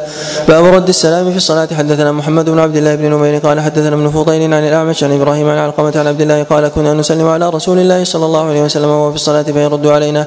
فلما رجعنا من عند النجاشي سلمنا عليه فلم يرد علينا وقال إن في الصلاة لشغلا حدثنا موسى بن إسماعيل قال حدثنا أبان قال حدثنا عاصم عن أبي وائل عن عبد الله قال كنا نسلم في الصلاة وأنا أمر بحاجتنا فقدمت على رسول الله صلى الله عليه وسلم وهو يصلي فسلمت عليه فلم يرد عليه السلام. فأخذني ما قدم وما حدث فلما قضى رسول الله صلى الله عليه وسلم الصلاة قال إن الله عز وجل يحدث من أمره ما يشاء وإن الله تعالى قد أحدث أن لا تكلموا في الصلاة فرد عليه السلام. حدثنا يزيد بن خالد بن موهب بن قتيبة بن سعيد أن الليث حدثهم عن بكير عن نابل صاحب العباء عن ابن عمر عن صهيب أنه قال مررت برسول الله صلى الله عليه وسلم وهو يصلي فسلمت عليه فرد إشارة وقال لا ولا أعلمه إلا قال إشارة بإصبعه وهذا لفظ حديث قتيبة حدثنا عبد الله بن محمد النفيلي قال حدثنا زهير قال حدثنا أبو زبير عن جابر قال أرسلني النبي أن أرسلني نبي الله صلى الله عليه وسلم إلى بني المصطلق فاتيته وهو يصلي على بعيره فكلمته فقال لي بيده هكذا ثم كلمته فقال لي بيده هكذا وأنا أسمعه يقرأ ويومئ برأسه قال فلما فرغ قال ما فعلت في الذي أرسلتك فإنه لم يمنعني أن أكلمك إلا إلا أني كنت أصلي. وفي هذا دليل أيضا على جواز الإشارة في الصلاة ولو فهمت عنه وفيه دليل أيضا على رد ونكارة الحديث الوارد في قوله من أشار في الصلاة إشارة تفهم عنه فقد بطلت صلاته ان هذا حديث منكر الإنسان إذا أشار في الصلاة فلا حرج عليه لمصلحه لمصلحة الصلاة. الله عليكم. حدثنا الحسين بن عيسى الخرساني الدامغاني قال حدثنا جعفر بن عون قال حدثنا هشام بن سعد قال حدثنا نافع قال سمعت عبد الله بن عمر يقول خرج رسول الله صلى الله عليه وسلم إلى قباء يصلي فيه قال فجاءته الأنصار فسلموا عليه وهو يصلي قال فقلت لبلال كيف رأيت رسول الله صلى الله عليه وسلم يرد عليهم حين كانوا يسلمون عليه وهو يصلي قال يقول هكذا وبسط جعفر بن عون كفه وجعل بطنه اسفله وظهره إلى فوق حدثنا أحمد بن حنبل قال حدثنا عبد الرحمن بن مهدي عن سفيان عن أبي مالك الأشجعي عن أبي حازم عن أبي هريرة عن النبي صلى الله عليه وسلم قال لا غرار في صلاة ولا تسليم. قال أحمد يعني فيما أرى الا تسلم ولا يسلم عليك ولا يغرر الرجل بصلاته فينصرف وهو فيها شاك. حدثنا الصواب في هذا أنه يسلم على المصلي يسلم على على المصلي. ورد عليه جاء في صحيح الإمام مسلم من حديث جابر من غير من غير لفظ ولكن بالاشاره بالإشارة. وهو أصح شيء جاء في هذا في هذا الباب. نعم. أحسن الله إليكم. حدثنا محمد بن العلاء قال حدثنا معاوية بن هشام عن سفيان عن أبي مالك عن أبي حازم عن أبي هريرة قال أراه رفعه قال لا غرار في تسليم ولا صلاة. قال أبو داود ورواه ابن فضيل على لفظ ابن مهدي ولم يرفعه. باب تشميت العاطس في الصلاة. حدثنا مسدد قال حدثنا يحيى. حا وحدثنا عثمان بن أبي شيبة قال حدثنا إسماعيل بن إبراهيم المعنى عن حجاج الصواف قال حدثني يحيى بن أبي كثير عن هلال بن أبي ميمونة عن عطاء بن يسار عن معاوية بن الحكم السلمي قال صليت مع رسول الله صلى الله عليه فعطس رجل من القوم فقلت يرحمك الله. فرماني القوم بأبصارهم فقلت واتكلهم اياه ما شأنكم تنظرون إلي؟ قال فجعلوا يضربون بأيديهم على افخاذهم فعرفت أنهم يصمتوني. قال عثمان فلما رأيتهم يسكتوني لكني سكت. فلما صلى رسول الله صلى الله عليه وسلم بأبي وأمي ما ضربني ولا كهرني ولا سبني ثم قال إن هذه الصلاة لا يحل فيها شيء من كلام الناس هذا. إنما هو التسبيح والتكبير وقراءة القرآن أو كما قال رسول الله صلى الله عليه وسلم. قلت يا رسول الله إن قوم حديث عهد بجاهلية وقد جاءنا الله بالإسلام ومنا رجال يأتون الكهان قال فلا تأتهم. قلت قال قلت ومنا رجال يتطيرون قال ذاك شيء نجدونه في صدورهم فلا يصدهم. قلت ومنا رجال يخطون فلا يصدهم أو فلا يصدهم. قلت ومنا رجال يخطون قال كان نبي من الأنبياء من الأنبياء يخط فمن وافق خطه فذاك. قال قلت جارية لي كنت كانت ترعى غنيمات قبل أحد والجوانية إذ اطلعت عليها اطلاعة فإذا الذئب قد ذهب بشاة منها وأنا من بني آدم أسف كما يأسفون لكني صككتها صكة فعظم ذلك علي رسول الله صلى الله عليه وسلم. فعظم ذاك علي رسول الله صلى الله عليه وسلم فقلت أفلا أعتقها؟ قال أتني بها فجئت بها فقال أين الله قالت في السماء قال من أنا؟ قالت أنت رسول الله. قال أعتقها فإنها مؤمنة. حدثنا محمد بن موسى النسائي قال حدثنا عبد الملك بن عمرو قال حدثنا فليح عن هلال بن علي عن عطاء بن يسار عن معاوية بن الحكم السلمي قال لما قدمت على رسول الله صلى الله عليه وسلم علمت أمورا من أمور الإسلام فكان فيما علمت أن قيل لي إذا عطست فاحمد الله فاحمد الله وإذا عطس العاطس فحمد الله فقل يرحمك الله. قال فبينما أنا قائم مع رسول الله صلى الله عليه وسلم في الصلاة إذا عطس رجل فحمد الله فقلت يرحمك الله رافعا بها صوتي فرماني الناس بأبصارهم حتى احتملني ذلك. فقلت ما لكم تنظرون إلي بأعين شزر؟ قال فسبحوا فلما قضى النبي صلى الله عليه وسلم قال من المتكلم قيل هذا الأعرابي؟ فدعاني رسول الله صلى الله عليه وسلم فقال لي إنما الصلاة لقراءة القرآن وذكر الله فإذا كنت فيها فليكن ذلك شأنك. فما رأيت معلما قط أرفق من رسول الله صلى الله عليه وسلم. باب التأمين وراء الإمام. حدثنا محمد بن كثير قال أخبرنا سفيان عن سلمة عن حجر أبي العنبس الحضرمي عن وائل بن حجر قال كان رسول الله صلى الله عليه وسلم إذا قرأ ولا الضالين قال آمين ورفع بها صوته. حدثنا مخلد بن خالد الشعيري قال حدثنا ابن نمير قال حدثنا علي بن صالح عن سلمة بن كهين عن حجر بن العنبس عن وائل حدثنا حدثنا مخلد بن خالد الشعيري قال حدثنا ابن نمير قال حدثنا علي بن صالح. كذا عندكم؟ في حاشية ولا شيء؟ ما عندي حاشية. في شيء؟ نعم. الأقرب أنه العلاء بن صالح. نعم. هذا من يقول هذا؟ الأقرب أنه العلاء بن صالح. قد يكون هذا عند أبي داود هكذا. لكن اسمه الصحيح العلاء بن صالح. نعم. أحسن الله حدثنا مخلد بن خالد الشاعري قال حدثنا ابن نمير قال حدثنا العلاء بن صالح عن سلمة بن كهيل عن حجر بن العنبس عن وائل بن حجر أنه صلى خلف رسول الله صلى الله عليه وسلم فجهر بآمين وسلم عن يمينه وعن شماله حتى, وعن شماله حتى رأيت بياض خده. حدثنا نصر بن علي قال أخبرنا صفوان بن عيسى عن بشر بن رافع عن أبي عبد الله بن عم أبي هريرة عن أبي هريرة قال كان رسول الله صلى الله عليه وسلم إذا تلا غير المغضوب عليهم ولا الضالين قال آمين حتى يسمع من يليه من الصف الأول. حدثنا القعنبي عن مالك عن سمي مولى أبي صالح عن ابي مولى أبي بكر عن أبي صالح السمان عن أبي هريرة أن رسول الله أن النبي صلى الله عليه وسلم قال إذا قال الإمام غير المغضوب عليهم ولا الضالين فقولوا آمين فإنه من وافق قوله قول الملائكة غفر له ما تقدم من ذنبه. حدثنا القعنبي عن مالك عن ابن شهاب عن سعيد بن المسيب وأبي سلمة بن عبد الرحمن أنهما أخبراه عن أبي هريرة أن رسول الله صلى الله عليه وسلم قال إذا أمن الإمام فأمنوا فإنه من وافق تأمينه تأمين الملائكة. غفر له ما تقدم من ذنبه. قال ابن شهاب كان رسول الله صلى الله عليه وسلم يقول آمين.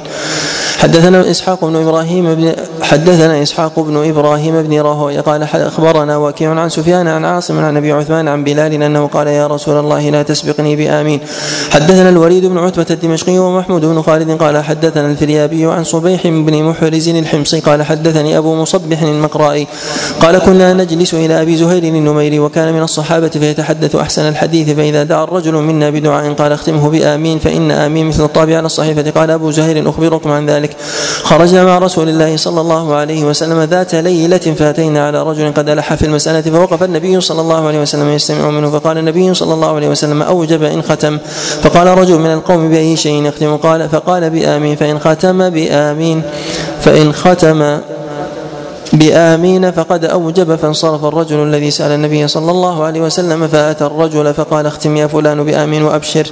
وهذا لفظ محمود قال أبو داود المقرائي قبيل من حمير. وآمين يعني استجب. وذلك أن الذي يؤمن على دعاء غيره كحال الذي تلفظ بالدعاء بنفسه بتمامه. ولهذا لما دعا موسى وهارون كان يؤمن قال الله عز وجل قد أجيبت دعوتكما. فأجاب الله عز وجل دعاء موسى وهارون مع أن موسى هو الذي يدعو وهارون هو الذي يؤمن. والتأمين يأتي على سائر الدعاء الذي سمعه الإنسان فأمن عليه وترجى له الإجابة. نعم. أحسن الله عليكم. باب التصفيق في الصلاة. حدثنا قتيبة بن سعيد قال حدثنا سفيان عن الزهري عن أبي سلمة عن أبي هريرة قال قال رسول الله صلى الله عليه وسلم التسبيح للرجال والتصفيق للنساء. حدثنا القعنبي عن مالك عن أبي حازم بن دينار عن سالم بن سعد أن رسول الله صلى الله عليه وسلم ذهب إلى بني عمرو بن عوف ليصلح بينهم. وحالت الصلاة فجاء المؤذن إلى أبي بكر وقال أتصلي بالناس فأقيم. قال نعم. فصلى أبو بكر فجاء رسول الله صلى الله عليه وسلم والناس في الصلاة. فتخلص حتى وقف في الصف فصفق الناس. وكان أبو بكر لا يلتفت في الصلاة. فلما أكثر الناس التصفيق التفت فرأى رسول الله صلى الله عليه وسلم فأشار إليه رسول الله صلى الله عليه وسلم أن امكث مكانك. فرفع أبو بكر يديه فحمد الله على ما أمره به رسول الله صلى الله عليه وسلم من ذلك ثم استأخر أبو بكر حتى استوى في الصف. وتقدم رسول الله صلى الله عليه وسلم فصلى فلما انصرف قال يا أبا بكر ما منعك أن تثبت إذا أمرتك؟ قال أبو بكر ما كان لابن أبي قحافة أن يصلي بين يدي رسول الله صلى الله عليه وسلم. فقال رسول الله صلى الله عليه وسلم ما لي رأيتكم أكثرتم أكثرتم من التصفيح. من نابه شيء في صلاته فليسبح فإنه إذا سبح التفت إليه وإنما التصفيح للنساء. قال أبو داود وهذا في الفريضة. حدثنا عمرو بن عون قال أخبرنا حماد بن زيد عن أبي حازم عن سهل بن سعد قال كان قتال بين بني عمرو بن عوف فبلغ ذلك النبي صلى الله عليه وسلم فاتاهم ليصلح بينهم بعد الظهر فقال لبلال إن حضرت إن حضرت صلاة العصر ولم آتك فمر أبا بكر فليصلي بالناس فلما حضرت العصر فلما حضرت العصر أذن بلال ثم أقام ثم أمر أبا بكر فتقدم فقال في اخر فقال في آخره إذا نابكم شيء في الصلاة فليسبح الرجال وليصفح النساء. حدثنا محمود محمود بن خالد قال حدثنا الوليد عن عيسى بن أيوب قال قوله تصفيح للنساء تضرب باصبعين من يمينها على كفها اليسرى. باب الإشارة في الصلاة. حدثنا أحمد بن محمد بن شبوة ومحمد بن رافع قال حدثنا عبد الرزاق قال أخبرنا معمر عن الزهري عن أنس بن مالك أن النبي صلى الله عليه وسلم كان يشير في الصلاة. حدثنا عبد الله بن سعيد قال حدثني يونس بن بكير عن محمد بن إسحاق عن يعقوب بن عتبة بن الأخنس عن أبي غطفان عن أبي هريرة قال قال رسول الله صلى الله عليه وسلم التسبيح للرجال يعني في الصلاة والتصفيق للنساء من أشار في صلاته إشارة تفهم عنه فلي فليعد لها يعني الصلاة. والتصفيق لم يكن عادة للرجال لا في الجاهلية ولا في الإسلام عند العرب وإنما أخذوه من وإنما أخذوه من مجتمعات أخرى في الأزمنة المتأخرة. فأصبح تقليدا ويصفق عند الإعجاب والإثارة والإستحسان وغير ذلك. نعم. قال أبو داود هذا الحديث وهم. باب مسح الحصى في الصلاة. حدثنا مسدد قال حدثنا سفيان عن الزهري عن أبي الأحوص شيخ من أهل المدينة أنه سمع أبا ذر يرويه عن النبي صلى الله عليه وسلم قال إذا قام أحدكم من الصلاة فإن الرحمة تواجهه فلا يمسح الحصى. حدثنا مسلم بن إبراهيم قال حدثنا هشام عن يحيى عن أبي سلمة عن معيقيب أن النبي صلى الله عليه وسلم قال لا تمسح وأنت تصلي فإن كنت لا بد فاعلا فواحدة تسمية الحصى. باب الرجل يصلي مختصرا. حدثنا يعقوب بن كعب قال حدثنا محمد بن سلمة عن هشام عن محمد عن أبي هريرة قال نهى رسول الله صلى الله عليه وسلم عن الاختصار في الصلاة. قال أبو داود يعني يضع يده على خاصرته. باب الرجل يعتمد على باب الرجل يعتمد في الصلاة على عصاه. حدثنا عبد السلام بن عبد الرحمن الوابصي قال حدثنا أبي عن شيبان عن حسين بن عبد الرحمن هلال بن يساف قال قدمت الرقة فقال لي بعض أصحابي هل لك في رجل من أصحاب النبي صلى الله عليه وسلم؟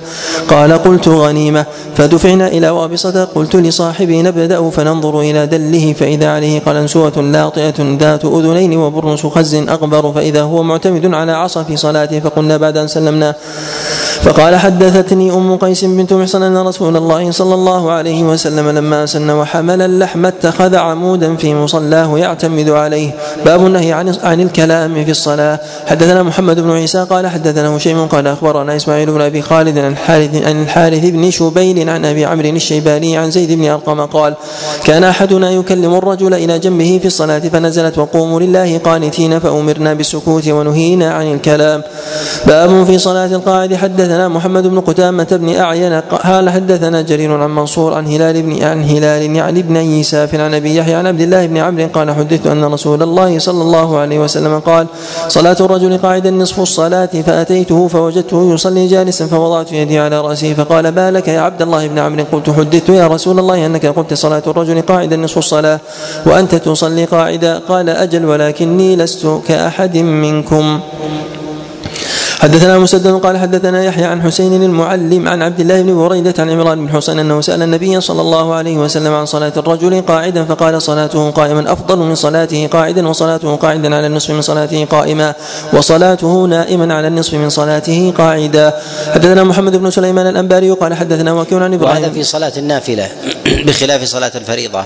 فإن فإن صلاة الفريضة القيام فيها ركن أما النافلة فإنه لا يجب وإنما هو سنة. ولو صلى الإنسان فإن أجره وهو قاعد للنصف من صلاة القائم. ولو كان الإنسان معذورا لمرض فإن صلاته قائما وقاعدا سواء من جهة الأجر.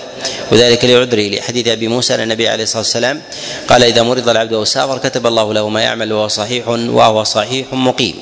فالفريضة لا يجوز فيها إلا القيام. ولكن إذا عذر فيها وصلى قاعدا فإن الأجر فإن الأجر في ذلك أتم. وإذا صلى قاعدا من غير عذر فصلاته باطلة. أحسن الله عليكم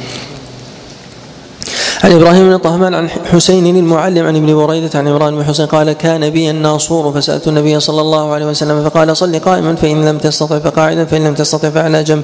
حدثنا أحمد بن عبد الله بن يونس قال حدثنا زهير قال حدثنا هشام بن عروة عن عروة عن عائشة قالت ما رأيت رسول الله صلى الله عليه وسلم يقرأ في شيء من صلاة الليل جالسا قط حتى دخل في السن.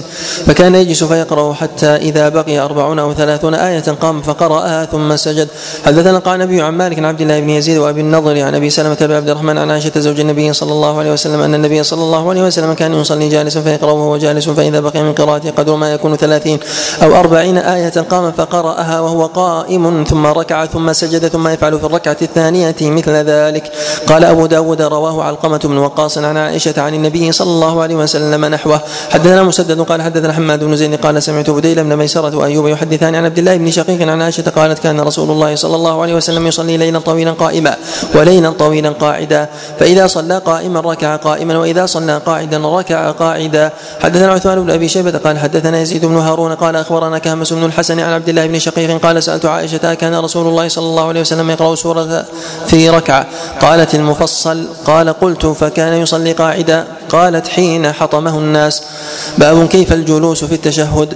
حدثنا مسدد قال حدثنا بشر بن المفضل عن عاصم بن كليب عن أبيه عن وائل بن حجر قال قلت لأنظرن إلى صلاة رسول الله صلى الله عليه وسلم كيف يصلي. فقام رسول الله صلى الله عليه وسلم فاستقبل القبلة فكبر فرفع يديه حتى حاذتا بأذنيه ثم اخذ شماله بيمينه. فلما أراد أن يركع رفعهما مثل ذلك قال ثم جلس فافترش رجله اليسرى ووضع يده اليسرى على فخذه اليسرى وحد مرفقه الأيمن على فخذه اليمنى وقبض ثنتين وحلق حلقة ورأيته يقول هكذا وحلق بشر الإبهام والوسطى وأشار بالسبابة. حدث حدثنا عبد الله بن مسلمة عن مالك عن عبد الرحمن بن قاسم عن عبد الله بن عبد الله عن عبد الله بن عمر قال سنة الصلاة أن تنصب رجلك اليمنى وتثني رجلك اليسرى حدثنا ابن معاذ قال حدثنا عبد الوهاب قال سمعت يحيى قال سمعت القاسم يقول قال سمعت القاسم يقول أخبرني عبد الله بن عبد الله أنه سمع عبد الله بن عمر يقول من سنة الصلاة أن تضجع رجلك اليسرى وتنصب اليمنى. حدثنا عثمان بن أبي شيبة قال حدثنا جرير عن يحيى بإسناده مثله. قال أبو داود قال حماد بن زيد عن يحيى أيضا من السنة كما قال جرير. حدثنا القعنبي عن مالك عن بن سعيد أن القاسم بن عبد محمد أن القاسم بن محمد أراهم الجلوس في التشهد فذكر الحديث. حدثنا هناد بن سري عن وكيع عن سفيان عن الزبير بن عدي عن إبراهيم قال كان النبي صلى الله عليه وسلم إذا جلس في الصلاة افترش رجله اليسرى حتى اسود ظهر قدمه. باب من ذكر التورك في الرابعة. حدثنا أحمد بن حنبل قال حدثنا أبو عاصم الضحاك بن مخلد قال أخبرنا عبد الحميد يعني ابن جعفر وحدثنا مسدد قال حدثنا يحيى قال حدثنا عبد الحميد يعني ابن جعفر قال حدثني محمد بن عمرو عن أبي حميد الساعدي قال سمعته في عشرة من أصحاب رسول الله صلى الله عليه وسلم. وقال أحمد قال أخبرني محمد بن عمرو بن عطاء قال سمعت أبا حميد الساعدي في عشرة من أصحاب رسول الله صلى الله عليه وسلم منه أبو قتادة. قال أبو حميد أنا أعلمكم بصلاة رسول الله صلى الله عليه وسلم؟ قالوا فاعرض فذكر الحديث. قال ويفتخ أصابع رجليه إذا سجد ثم يقول الله أكبر ويرفع ويثني رجله اليسرى فيقعد عليها ويصنع في الأخرى مثل ذلك فذكر الحديث. حتى قال حتى إذا كانت السجدة التي فيها التسليم أخر رجله اليسرى وقعد متوركا على شقه الأيسر. زاد أحمد قالوا صدقت هكذا كان يصلي ولم يذكر في حديثهما الجلوس في الثنتين كيف جلس. حدثنا عيسى بن إبراهيم المصري قال حدثنا ابن وهب عن الليث عن يزيد بن محمد القرشي ويزيد بن أبي حبيب عن محمد بن عمرو بن حلحلة عن محمد بن عمرو بن عطاء أنه كان جالسا مع نفر من أصحاب رسول الله صلى الله عليه وسلم. بهذا الحديث ولم يذكر أبا قتادة قال فإذا جلس في الركعتين جلس على رجله اليسرى فإذا جلس في الركعة الأخيرة قدم رجله اليسرى وجلس على مقعدته. حدثنا قتيبة قال حدثنا ابن لهيعة عن يزيد بن أبي حبيب عن محمد بن عمرو بن حلحلة عن محمد بن عمرو العامري قال كنت في مجلس بهذا الحديث قال فيه فإذا قعد في الركعتين قعد على بطنه قدمه اليسرى ونصب اليمنى فإذا كانت الرابعة أفضى بوركه اليسرى إلى الأرض وأخرج قدميه من ناحية واحدة. حدثنا علي بن الحسين بن إبراهيم قال حدثنا أبو بدر قال حدثنا زهير أبو خيثمة قال حدثنا الحسن بن الحر قال حدثنا عيسى بن عبد الله بن مالك عن عباس أو عياش ابن سهل الساعدي أنه كان في مجلس فيه أبوه فذكر فيه قال فسجد فانتصب على كفيه وركبتيه وصدور قدميه وهو جالس فتورك ونصب قدمه الأخرى ثم كبر فسجد. ثم كبر فقام ولم يتورك ثم عاد فركع الركعه الركعة الأخرى. فكبر كذلك ثم جلس بعد الركعتين حتى إذا هو أراد أن ينهض للقيام قام بتكبير ثم ركع الركعتين الأخريين. فلما سلم سلم عن يمينه وعن شماله. قال أبو داود لم يذكر في حديثه ما ذكر عبد الحميد في التورك والرفع إذا قام من ثنتين. حدثنا أحمد بن حنبل قال حدثنا عبد الملك بن عمرو قال أخبرني فليح قال أخبرني عباس بن سهل قال اجتمع أبو حميد وأبو أسيد وسهل بن سعد ومحمد بن مسلمة فذكر هذا الحديث. لم يذكر الرفع إذا قام من ثنتين ولا الجلوس حتى قال حتى فرغ ثم جلس فافترش رجله اليسرى وأقبل بصدر اليمنى على قبلته. باب التشهد. حدثنا مسدد قال حدثنا يحيى عن سليمان الأعمش قال حدثني شقيق بن سلمة عن عبد الله بن مسعود قال كنا إذا جلسنا مع رسول الله صلى الله عليه وسلم في الصلاة قلنا السلام على الله قبل قبل عباده. السلام على فلان وفلان. فقال رسول الله صلى الله عليه وسلم لا تقولوا السلام على الله فإن الله هو السلام ولكن إذا جلس أحدكم فليقل التحيات لله والصلوات والطيبات السلام عليك أيها النبي ورحمة الله وبركاته السلام علينا وعلى عباد الله الصالحين فإنكم إذا قلتم ذلك أصاب كل عبد صالح في السماء والأرض أو بين السماء والأرض. أشهد أن لا إله إلا الله وأشهد أن محمدا عبده ورسوله ثم ليتخير أحدكم من الدعاء أعجبه إليه فيدعو به. حدثنا تميم بن المنتصر قال أخبرنا إسحاق يعني ابن يوسف عن شريك عن أبي إسحاق عن أبي الأحوص عن عبد الله قال كنا لا ندري ما نقول إذا جلسنا في الصلاة وكان رسول الله صلى الله عليه وسلم قد علم فذكر نحوه. قال شريك وحدثنا جامع يعني ابن شداد عن أبي وائل عن عبد الله بمثله قال وكان قال شريك وحدثنا جامع. يعني ابن شداد. راشد. نعم. جامع. ابن راشد. حدثنا عندكم كذا؟ شداد. قال شريك وحدثنا جامع. جامع هذا شيخ شريك اسمه جامع بن أبي راشد وليس اسمه جامع بالشداد فيتأكد من المطبوع. جامع بن أبي راشد هذا الاصوب قال شريك وحدثنا جامع يعني ابن أبي راشد عن أبي وائل عن عبد الله بمثله قال وكان يعلمنا كلمات ولم يكن يعلمناهن كما يعلمنا التشهد. اللهم ألف بين قلوبنا وأصلح ذات بيننا واهدنا سبل السلام ونجينا من الظلمات إلى النور. وجنبنا الفواحش ما ظهر منها وما بطن. وبارك لنا في أسماعنا وأبصارنا وقلوبنا وأزواجنا وذرياتنا وتب علينا إنك أنت التواب الرحيم. واجعلنا شاكرين لنعمتك مثنين بها قابليها وأتمها علينا.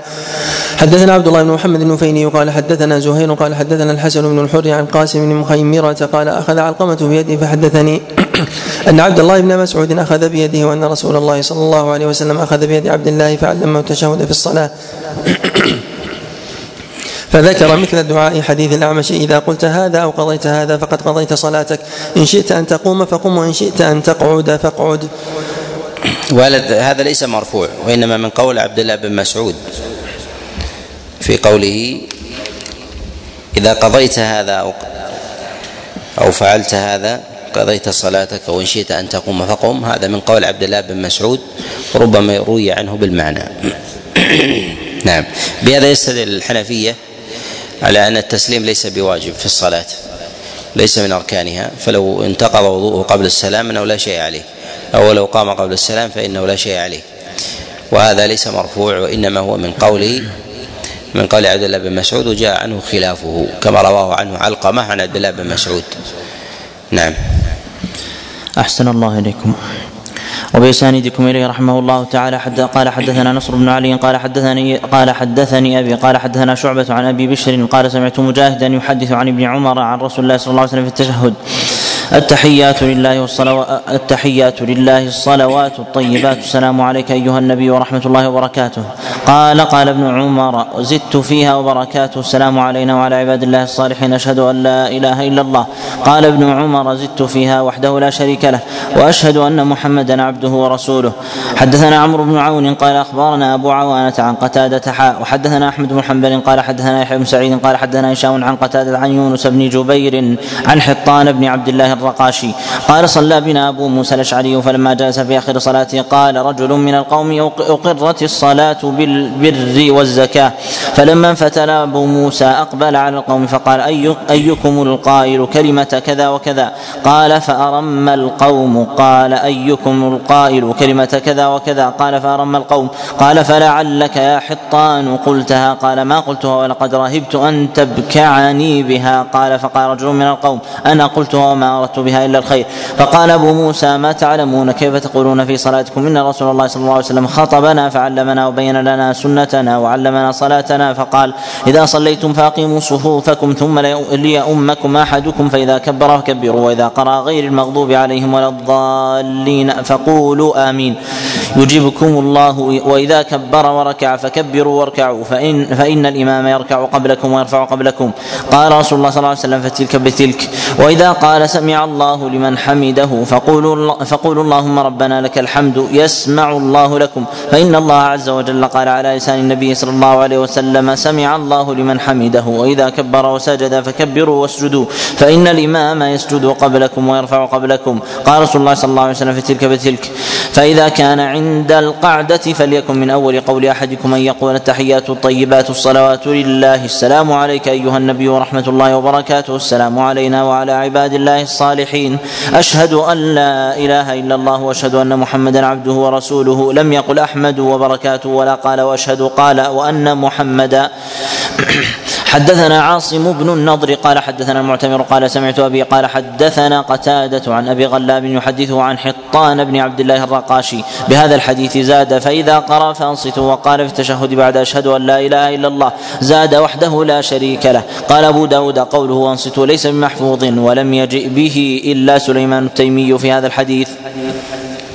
حدثنا قتيبة بن سعيد قال حدثنا الليث عن أبي الزبير عن سعيد بن جبير وطاووس عن ابن عباس أنه قال كان رسول الله صلى الله عليه وسلم يعلمنا التشهد كما يعلمنا القرآن وكان يقول التحيات المباركات الصلوات الطيبات لله السلام عليك أيها النبي ورحمة الله وبركاته السلام علينا وعلى عباد الله الصالحين وأشهد أن لا إله إلا الله وأشهد أن محمدا رسول الله صلى الله عليه وسلم حدثنا محمد بن داود بن سفيان قال حدثنا يحيى بن حسان قال حدثنا سليمان بن موسى أبو داود قال حدثنا جعفر بن سعد بن سمرة بن جندب قال حدثني خبيب بن سليمان عن أبيه سليمان بن سمرة عن سمرة بن جندب. أما أنه أنه قال أما بعد أمرنا رسول الله صلى الله عليه وسلم إذا كان في وسط الصلاة أو حين انقضائها فابدأوا قبل التسليم فقولوا التحيات الطيبات والصلوات والملك لله ثم سلموا عن اليمين ثم سلموا على قارئكم وعلى أنفسكم. قال أبو داود سليمان بن موسى موسى كوفي الأصل كان بدمشق ودلت هذه الصحيفة أن الحسن سمع من سمرة. باب الصلاة على النبي صلى الله عليه وسلم بعد التشهد. حدثنا حفص بن عمر قال حدثنا شعبة عن الحكم عن ابن أبي ليلى عن كعب بن عجرة قال قلنا وقالوا يا رسول الله أمرتنا نصلي عليك أو أن وأن نسلم عليك فأما السلام فقد عرفناه فكيف نصلي عليك؟ قال قول اللهم صل على محمد وعلى آل محمد كما صليت على إبراهيم وبارك على محمد وآل محمد كما باركت على إبراهيم إنك حميد مجيد. حدثنا مسدد قال حدثنا يزيد بن زرع قال حدثنا شعبة في هذا الحديث قال صل على محمد وعلى آل محمد كما صليت على آل إبراهيم. حدثنا محمد بن العلاء قال حدثنا ابن بشر عن مسعر عن الحكم بإسناده بهذا. قال اللهم صل على محمد وعلى آل محمد كما صليت على إبراهيم إنك حميد مجيد. اللهم بارك على محمد وعلى آل محمد كما باركت على آل إبراهيم أنك حميد مجيد. قال أبو داود رواه الزبير بن عدي عن ابن أبي ليلى كما رواه مسعر إلا أنه قال كما صليت على آل إبراهيم إنك حميد مجيد وبارك على محمد وساق مثله. حدثنا القعنبي عن مالك حاء حدثنا ابن السرح قال أخبرنا قال أخبرنا ابن وهب قال أخبرني مالك عن عبد الله بن أبي بكر بن محمد بن عمرو بن حزم عن أبيه عن عمرو بن سليم الزرقي أنه قال أخبرني أبو أبو حميد الساعدي الساعدي أنهم قالوا يا رسول الله كيف نصلي عليك؟ قال قولوا اللهم صل على محمد وأزواجه وذريته كما صليت على إبراهيم وبارك على محمد وأزواجه وذريته كما باركت على آل إبراهيم إنك حميد مجيد. حدثنا القعنبي عن مالك عن نعيم بن عبد الله المجمر أن محمد بن عبد الله بن زيد وعبد الله بن زيد هو هو الذي أري النداء بالصلاة. أخبره عن أبي مسعود الأنصاري أنه قال أتانا رسول الله صلى الله عليه وسلم في مجلس سعد بن عبادة فقال له بشير بن سعد أمرنا الله أن نصلي عليك يا رسول الله. فكيف نصلي عليك؟ فسكت رسول الله صلى الله عليه وسلم حتى تمنينا أنه لم يسأله. ثم قال رسول الله صلى الله عليه وسلم قولوا. فذكر معنى حديث كعب بن عجرة زاد في آخره في العالمين إنك حميد مجيد. حدثنا أحمد بن يونس قال حدثنا زهير قال حدثنا محمد بن إسحاق قال حدثنا محمد بن إبراهيم بن الحارث عن محمد بن عبد الله بن زيد عن عقبة بن عمرو بهذا الخبر قال قولوا اللهم صل على محمد النبي الأمي وعلى آل محمد. حدثنا موسى بن إسماعيل قال حدثنا حبان بن بن يسار الكلابي. قال حدثني أبو مطرف عبيد الله بن طلحة بن عبيد الله بن كريز بن كريز قال حدثني محمد بن علي الهاشمي عن المجمر عن أبي هريرة عن النبي صلى الله عليه وسلم قال من سره أن يكتال بالمكيال الأوفى إذا صلى علينا أهل البيت فليقل اللهم صل على محمد النبي وأزواجه أمهات المؤمنين وذريته وأهل بيته كما صليت على آل إبراهيم إنك حميد مجيد. باب ما يقول بعد التشهد. حدثنا أحمد بن حنبل قال حدثنا حدثنا الوليد بن مسلم قال حدثنا الأوزاعي قال حدثني حسان بن عطية قال حدثني محمد بن أبي عائشة أنه سمع أبا هريرة يقول قال رسول الله صلى الله عليه وسلم إذا فرغ أحدكم من التشهد الآخر فليتعوذ بالله من أربع. من عذاب جهنم ومن عذاب القبر ومن فتنه المحيا والممات ومن شر المسيح الدجال.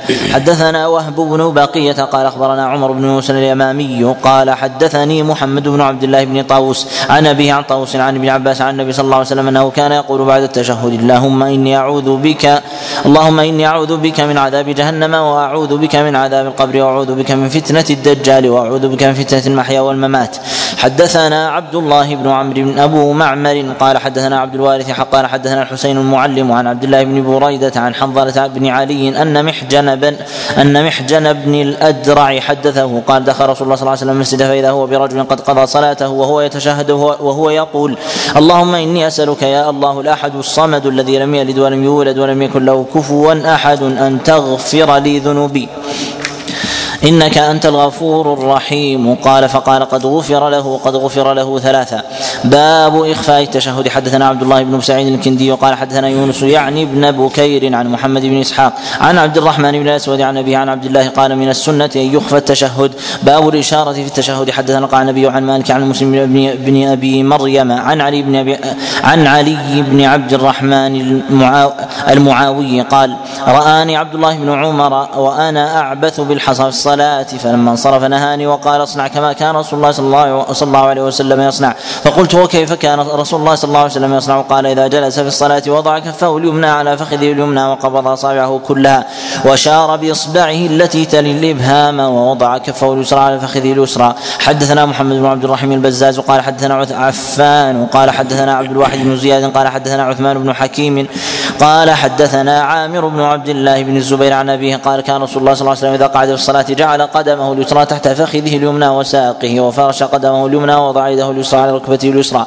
ووضع يده اليمنى على فخذه اليمنى وأشار باصبعه وأرانا عبد الواحد وأشار بالسبابة. حدثنا إبراهيم بن الحسن المصيصي وقال حدثنا حجاج عن ابن عن ابن جريج عن زياد عن محمد بن عجلان عن عامر بن عبد الله عن عبد الله بن الزبير أنه ذكر أن النبي صلى الله عليه وسلم كان يشير بإصبعه إذا دعا ولا يحركها. وثابت عن النبي عليه الصلاة والسلام الإشارة بالصلاة. وأما التحريك فلا يثبت عن النبي عليه الصلاة والسلام لا نفيا ولا إثباتا. لا يثبت عن النبي عليه الصلاة والسلام نفيه ولا إثباته والثابت الإشارة. وأما الإشارة وموضعها نقول ثبتت الإشارة ولم يثبت الموضع وإنما يشير في التشهد كله. يشير في التشهد كله. وهل يحركها عند موضع دون موضع؟ هذا في اجتهاد العلماء. منهم من ويقول عند الشهادتين ومنهم من يقول في آخر الصلاة عند الدعاء. والأرجح في هذا أنه يشير في تشهده كله لأنه يتضمن دعاء. يتضمن دعاء. التحيات هي دعاء وصلاة على النبي عليه الصلاة والسلام ثم يعقبها الدعاء قبل السلام. نعم. قال ابن جريج وزاد عمرو بن دينار قال أخبرني عامر عن أبيه أنه رأى النبي صلى الله عليه وسلم يدعو كذلك ويتحامل النبي صلى الله عليه وسلم بيده اليسرى على فخذه اليسرى. حدثنا محمد بن بشار قال حدثنا يحيى قال حدثنا ابن عجلان عن عن عامر بن عبد الله بن الزبير عن أبيه بهذا الحديث قال لا يجاوز بصره إشارته وحديث حجاج اتم والارجح في هذا أن البصر يضعه الانسان حيث يخشع. أما النظر إلى الإشارة في حال التشهد فهذه زيادة فيها نظر أيضا في أن بصره لا يجاوز لا يجاوز إشارته. فهذا هذه الزياده غير محفوظة. والله أعلم. نعم.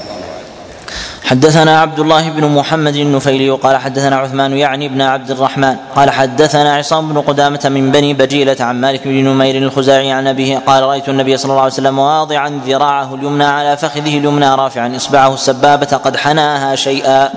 ولا يثبت أيضا حنوها حديث أبي داود هذا هذا الحديث معلول. نعم. باب كراهية الاعتماد على اليد في الصلاة. حدثنا أحمد بن حنبل وأحمد بن محمد بن شب شبوية ومحمد بن رافع ومحمد بن عبد الملك الغزال. قالوا حدثنا عبد الرزاق عن معمر عن إسماعيل بن أمية عن نافع عن ابن عمر قال نهى رسول الله صلى الله عليه وسلم. قال أحمد بن حنبل أن يجلس الرجل في الصلاة وهو معتمد على يده. وقال ابن شبوية نهى يعتمد الرجل على يده في الصلاة. وقال ابن رافع نهى يصلي الرجل وهو معتمد على يده وذكره. وقال ابن عبد الملك نهى يعتمد الرجل على يديه إذا نهض في الصلاة. حدثنا بشر بن هلال قال حدثنا عبد الوارث عن إسماعيل بن أمية قال سألت نافعا عن الرجل يصلي وهو مشبك يديه قال قال ابن عمر تلك صلاة المغضوب عليهم. حدثنا هارون هارون بن زيد بن أبي الزرقاء قال حدثنا أبي حاء وحدثنا محمد بن سلمة قال حدثنا ابن وهب وهذا لفظه جميعا عن هشام بن سعد عن نافع عن ابن عمر أنه رأى رجلا يتكئ على يده اليسرى وهو قاعد في الصلاة وقال هارون بن زيد ساقط على شقه الأيسر ثم اتفقا فقال له لا تجلس هكذا فان هكذا يجلس الذين يعذبون. باب باب في تخفيف القعود. حدثنا حفص بن عمر.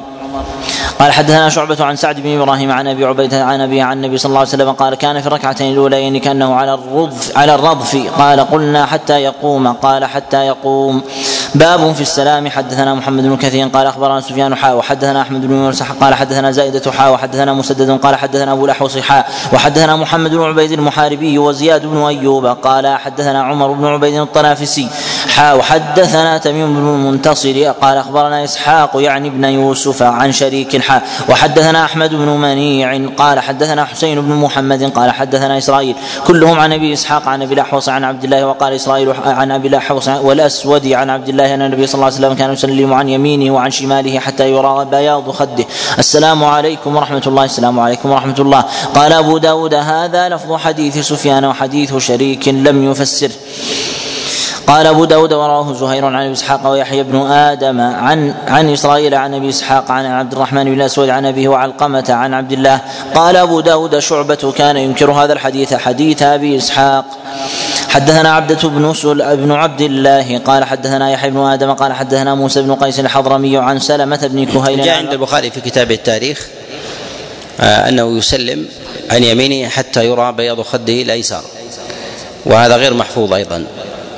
وإنما وإنما يلتفت إلى إلى جهتيه بما يستوعب يستوعب الناس نظرا. نعم. عن علقمة بن وائل عن أبيه قال صليت مع النبي صلى الله عليه وسلم فكان يسلم يسلم عن يمينه السلام عليكم ورحمة الله وبركاته وعن شماله السلام عليكم ورحمة الله. حدثنا عثمان بن أبي شيبة قال حدثنا يحيى بن زكريا ووكيع عن مسعر عن عبيد الله بن القبطية عن جابر بن سمرة قال كنا إذا صلينا خلف رسول الله صلى الله عليه وسلم أحدنا أشار بيده من من عن يمينه ومن عن يساره فلما صلى قال ما بال أحدكم يرمي بيده كأنها أذناب خيل شمس إنما يكفي يكفي أحدكم أو لا يكفي أحدكم أن يقول هكذا وشار بإصبعه يسلم على أخيه من عن يمينه وعن من عن شماله. حدثنا محمد بن سليمان الأنباري قال حدثنا أبو نعيم عن مسعر بإسناده ومعناه قال أما يكفي أحدكم أو أحدهم أن يضع يده على فخذه ثم يسلم على أخيه من, من عن يمينه ومن عن شماله. حدثنا عبد الله بن محمد النفيلي قال حدثنا زهير قال حدثنا أعمش عن مسيب بن رافع عن تميم الطائي عن جابر بن سمرة قال دخل علينا رسول الله صلى الله عليه وسلم والناس رافع أيديهم. قال زهير أراه قال في الصلاة. قال ما لي أراكم رافعي أيديكم كأنها أذناب خيل شمس أسكنوا في الصلاة. باب الرد على الإمام. حدثنا محمد بن عثمان أبو الجماهير. قال حدثنا سعيد بن بشير عن قتادة عن الحسن عن سمرة. قال أمرنا النبي صلى الله عليه وسلم أن نرد على الإمام وأن نتحاب وأن يسلم بعضنا على بعض. حدثنا أحمد بن عبدة قال أخبرنا سفيان عن عمرو عن أبي معبد عن ابن عباس قال كان يعل كان يعلم انقضاء صلاة رسول الله صلى الله عليه وسلم بالتكبير. والسلام والسلام فرض والالتفات سنة. فلو سلم الإنسان من غير التفات أجزاه. والسنة في ذلك أن يلتفت عن يمينه وشماله. والتسليمة الأولى فرض والثانية سنة باتفاق السلف من الصحابة. ولم يثبت النبي عليه الصلاة والسلام أنه سلم تسليمة واحدة. وإنما جاء هذا عن بعض عن بعض الصحابة. وما جاء أيضا في قول عبد الله بن عباس كان يعلم انقضاء صلاة رسول الله صلى الله عليه وسلم بالتكبير. المراد بذلك هو التسبيح والتهليل ولكنه ذكر التكبير كناية عن الذكر. ولهذا جاء في رواية من حديث أبي معبد عن عبد الله بن عباس قال كنا نعرف انقضاء صلاة رسول الله صلى الله عليه وسلم بذكر الله. ما يدل على أنه أراد بذلك وذكر الله عز وجل فذكر التكبير لأنه معروف في أذكار الصلاة. سبحان الله والحمد لله والله أكبر. أما ما يفعله البعض بعض الفقهاء خاصه من أهل الرأي من المتقدمين وكذا المتأخرين من أنهم إذا سلم قال الله أكبر. فهذا لا أعلم دليلا عليه في الشريعة إلا ظاهر هذا الدليل ولا يعضده لمن نظر في رواياته. ولا من عمل النبي عليه الصلاة والسلام ولا من عمل كذلك الصحابة. إنه لا يثبت على أحد منهم أنه كان يكبر بعد السلام. نعم. باب التكبير بعد الصلاة. حدثنا يحيى بن موسى البلخي قال حدثنا عبد الرزاق قال أخبرني ابن جريج قال أخبرنا عمرو بن دينار أن أبا أن أبا معبد مولى ابن مولى ابن عباس أخبره أن ابن عباس أخبره أن رفع الصوت للذكر حين ينصرف الناس من المكتوبة. كان ذلك على عهد رسول الله صلى الله عليه وسلم. وأن ابن عباس قال كنت أعلم إذا انصرفوا بذلك وأسمعه. باب حذف التسليم. حدثنا أحمد بن حنبل أحمد بن حنبل قال حدثني محمد بن يوسف الفريابي. قال حدثنا الأوزاعي عن قرة بن عبد الرحمن عن الزهري عن أبي سلمة عن أبي هريرة قال قال رسول الله صلى الله عليه وسلم حذف السلام سنة. وهذا الحديث منكر وقد تفرد به قرة عن الزهري. باب إذا أحدث في صلاته حدثنا عثمان بن أبي شيبه قال حدثنا جرير بن عبد الحميد عن عاصم الأحول عن عيسى بن حطان عن مسلم بن سلام عن علي بن طلق قال قال رسول الله صلى الله عليه وسلم إذا فسى أحدكم في الصلاة فلينصرف فليتوضأ وليعد صلاته. باب في الرجل يتطوع في مكانه الذي صلى فيه المكتوبة. حدثنا مسدد قال حدثنا حماد بن عبد الوارث عن ليث عن الحجاج بن عبيد عن إبراهيم بن إسماعيل عن أبي هريرة قال قال رسول الله صلى الله عليه وسلم يعجز أحدكم قال عن عبد الوارث أن يتقدم أو يتأخر أو عن يمينه وعن شماله زاد في حديث حماد حماد في الصلاة. يعني في السبحة حدثنا عبد الوهاب بن بن نجدة قال حدثنا أشعث بن شعبة عن المنهار بن خليفة عن الأزرق بن قيس قال صلى بنا إمام لنا يكنى أبا رمثة.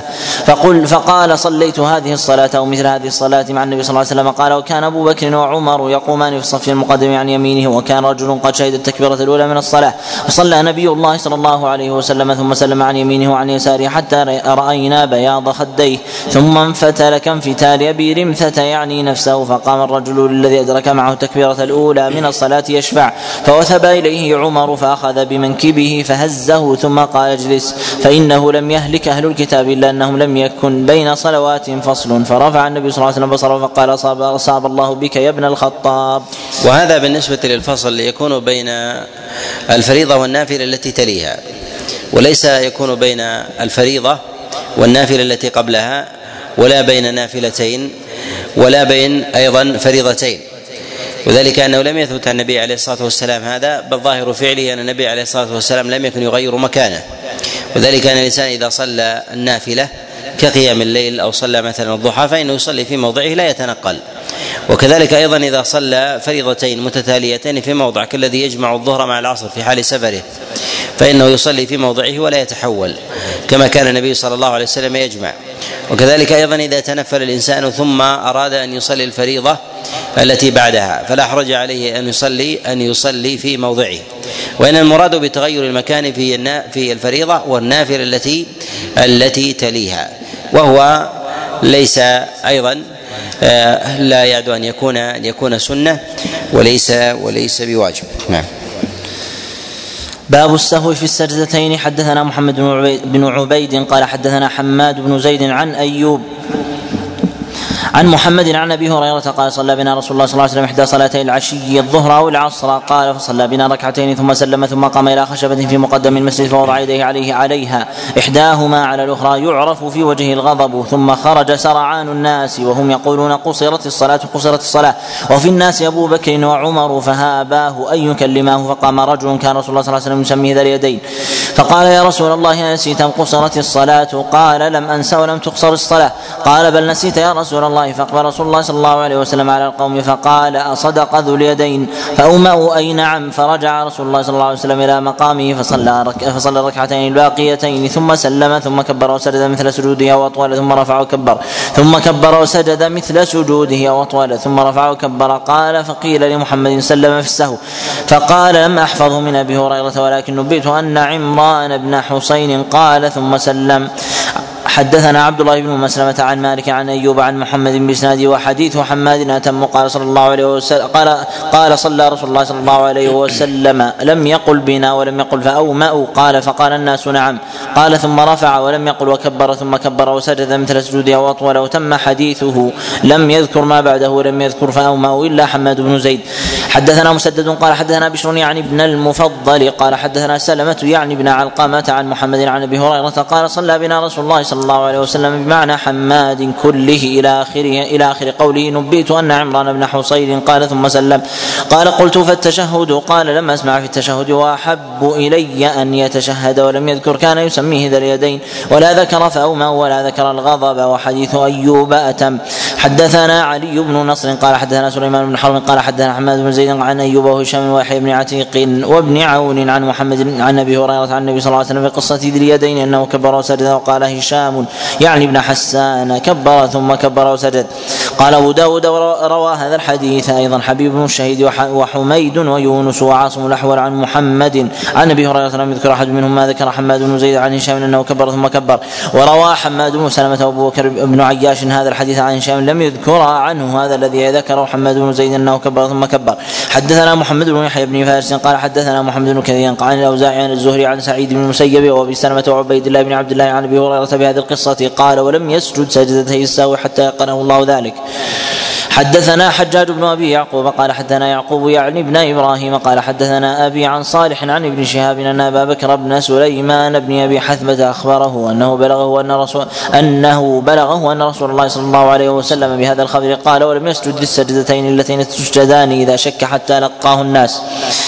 قال ابن شهاب وأخبرني بهذا الخبر بهذا الخبر سعيد بن المسيب عن أبي هريرة قال وأخبرني أبو سلمة بن عبد الرحمن ابو بكر بن الحارث بن هشام بن عبيد الله بن عبد الله. قال أبو داود رواه يحيى بن أبي كثير وعمران بن أبي أنس عن أبي سلمة بن عبد الرحمن عن أبي هريرة بهذه القصة لم يذكر أنه سجد سجدتين. قال أبو داود ورواه الزبيدي عن الزهري عن أبي بكر بن سليمان بن أبي حثمة عن النبي صلى الله عليه وسلم قال فيه ولم يسجد سجدتي السهو. حدثنا ابن معاذ قال حدثنا أبي قال حدثنا شعبة عن سعد قال عن سعد سمع ما سلمة بن عبد الرحمن عن أبي هريرة أن النبي صلى الله عليه وسلم صلى الظهر فسلم في ركعتين فقيل فقيل له نقض نقصت الصلاة فصلى ركعتين ثم سجد سجدتين. حدثنا إسماعيل بن أسد قال أخبرنا شبابة وقال حدثنا ابن أبي ذئب عن سعيد بن أبي سعيد المقبوري عن أبي هريرة أن النبي صلى الله عليه وسلم انصرف من ركعتين من صلاة المكتوبة فقال له رجل قصرت الصلاة يا رسول الله ابن نسيت. قال كل ذلك لم افعل وقال الناس فقال الناس قد فعلت ذاك يا رسول الله فركع ركعتين أخرين ثم انصرف ولم يسجد سجدتي السهو. قال أبو داود رواه داود, داود بن الحصين عن أبي سفيان مولى أبي أحمد عن أبي هريرة عن النبي صلى الله عليه وسلم بهذه القصة قال ثم سجد سجدتين وهو جالس بعد التسليم. حدثنا هارون بن عبد الله قال حدثنا هاشم بن القاسم قال حدثنا عكرمة بن عمار عن ضمضم بن جوس الهفاني حد قال حدثني أبو هريرة بهذا الخبر. قال ثم سجد سجدتي السهو بعدما سلم. حدثنا أحمد بن محمد بن ثابت. قال حدثنا أبو سامة حاء وحدثنا محمد بن العلاء بن العلاء قال أخبرنا أبو سامة قال أخبرني عبيد الله عن نافع عن ابن عمر قال صلى صلى رسول الله صلى الله عليه وسلم فسلم, فسلم في الركعتين. فذكر نحو حديث ابن سيرين عن أبي هريرة قال ثم سلم ثم سجد سجدتي السهو حدثنا مسدد قال حدثنا يزيد بن زرع حاء وحدثنا مسدد قال حدثنا مسلمة بن محمد قال حد قال حدثنا خالد الحذاء حدثنا أبو قلابة عن أبي المهلب عن عمران بن حسين قال سلم رسول الله صلى الله عليه وسلم في ثلاث ركعات من العصر ثم دخل. قال عن مسلم قال عن مسلمة الحجر فقام إليه رجل يقال له الخرباق كان طويل اليدين. فقال قصرت الصلاة يا رسول الله. فخرج مغضبا يجر رداءه فقال فقال صدق. قالوا نعم فصلى تلك الركعة ثم سلم ثم سجد سجدتيها ثم سلم. والإنسان إذا سهى في صلاته وكان في صلاته زيادة فإن السلام يكون فإن سجدتي السهو تكون بعد السلام. واذا كان فيها نقصان فإن السجود فإن السجود يكون قبل قبل السلام. وهذه المسألة خلافية عند الفقهاء. نتوقف في نحو نصف ساعة ثم نكمل بإذن الله تعالى. وبالله التوفيق وصلى الله وسلم وبارك على نبينا محمد.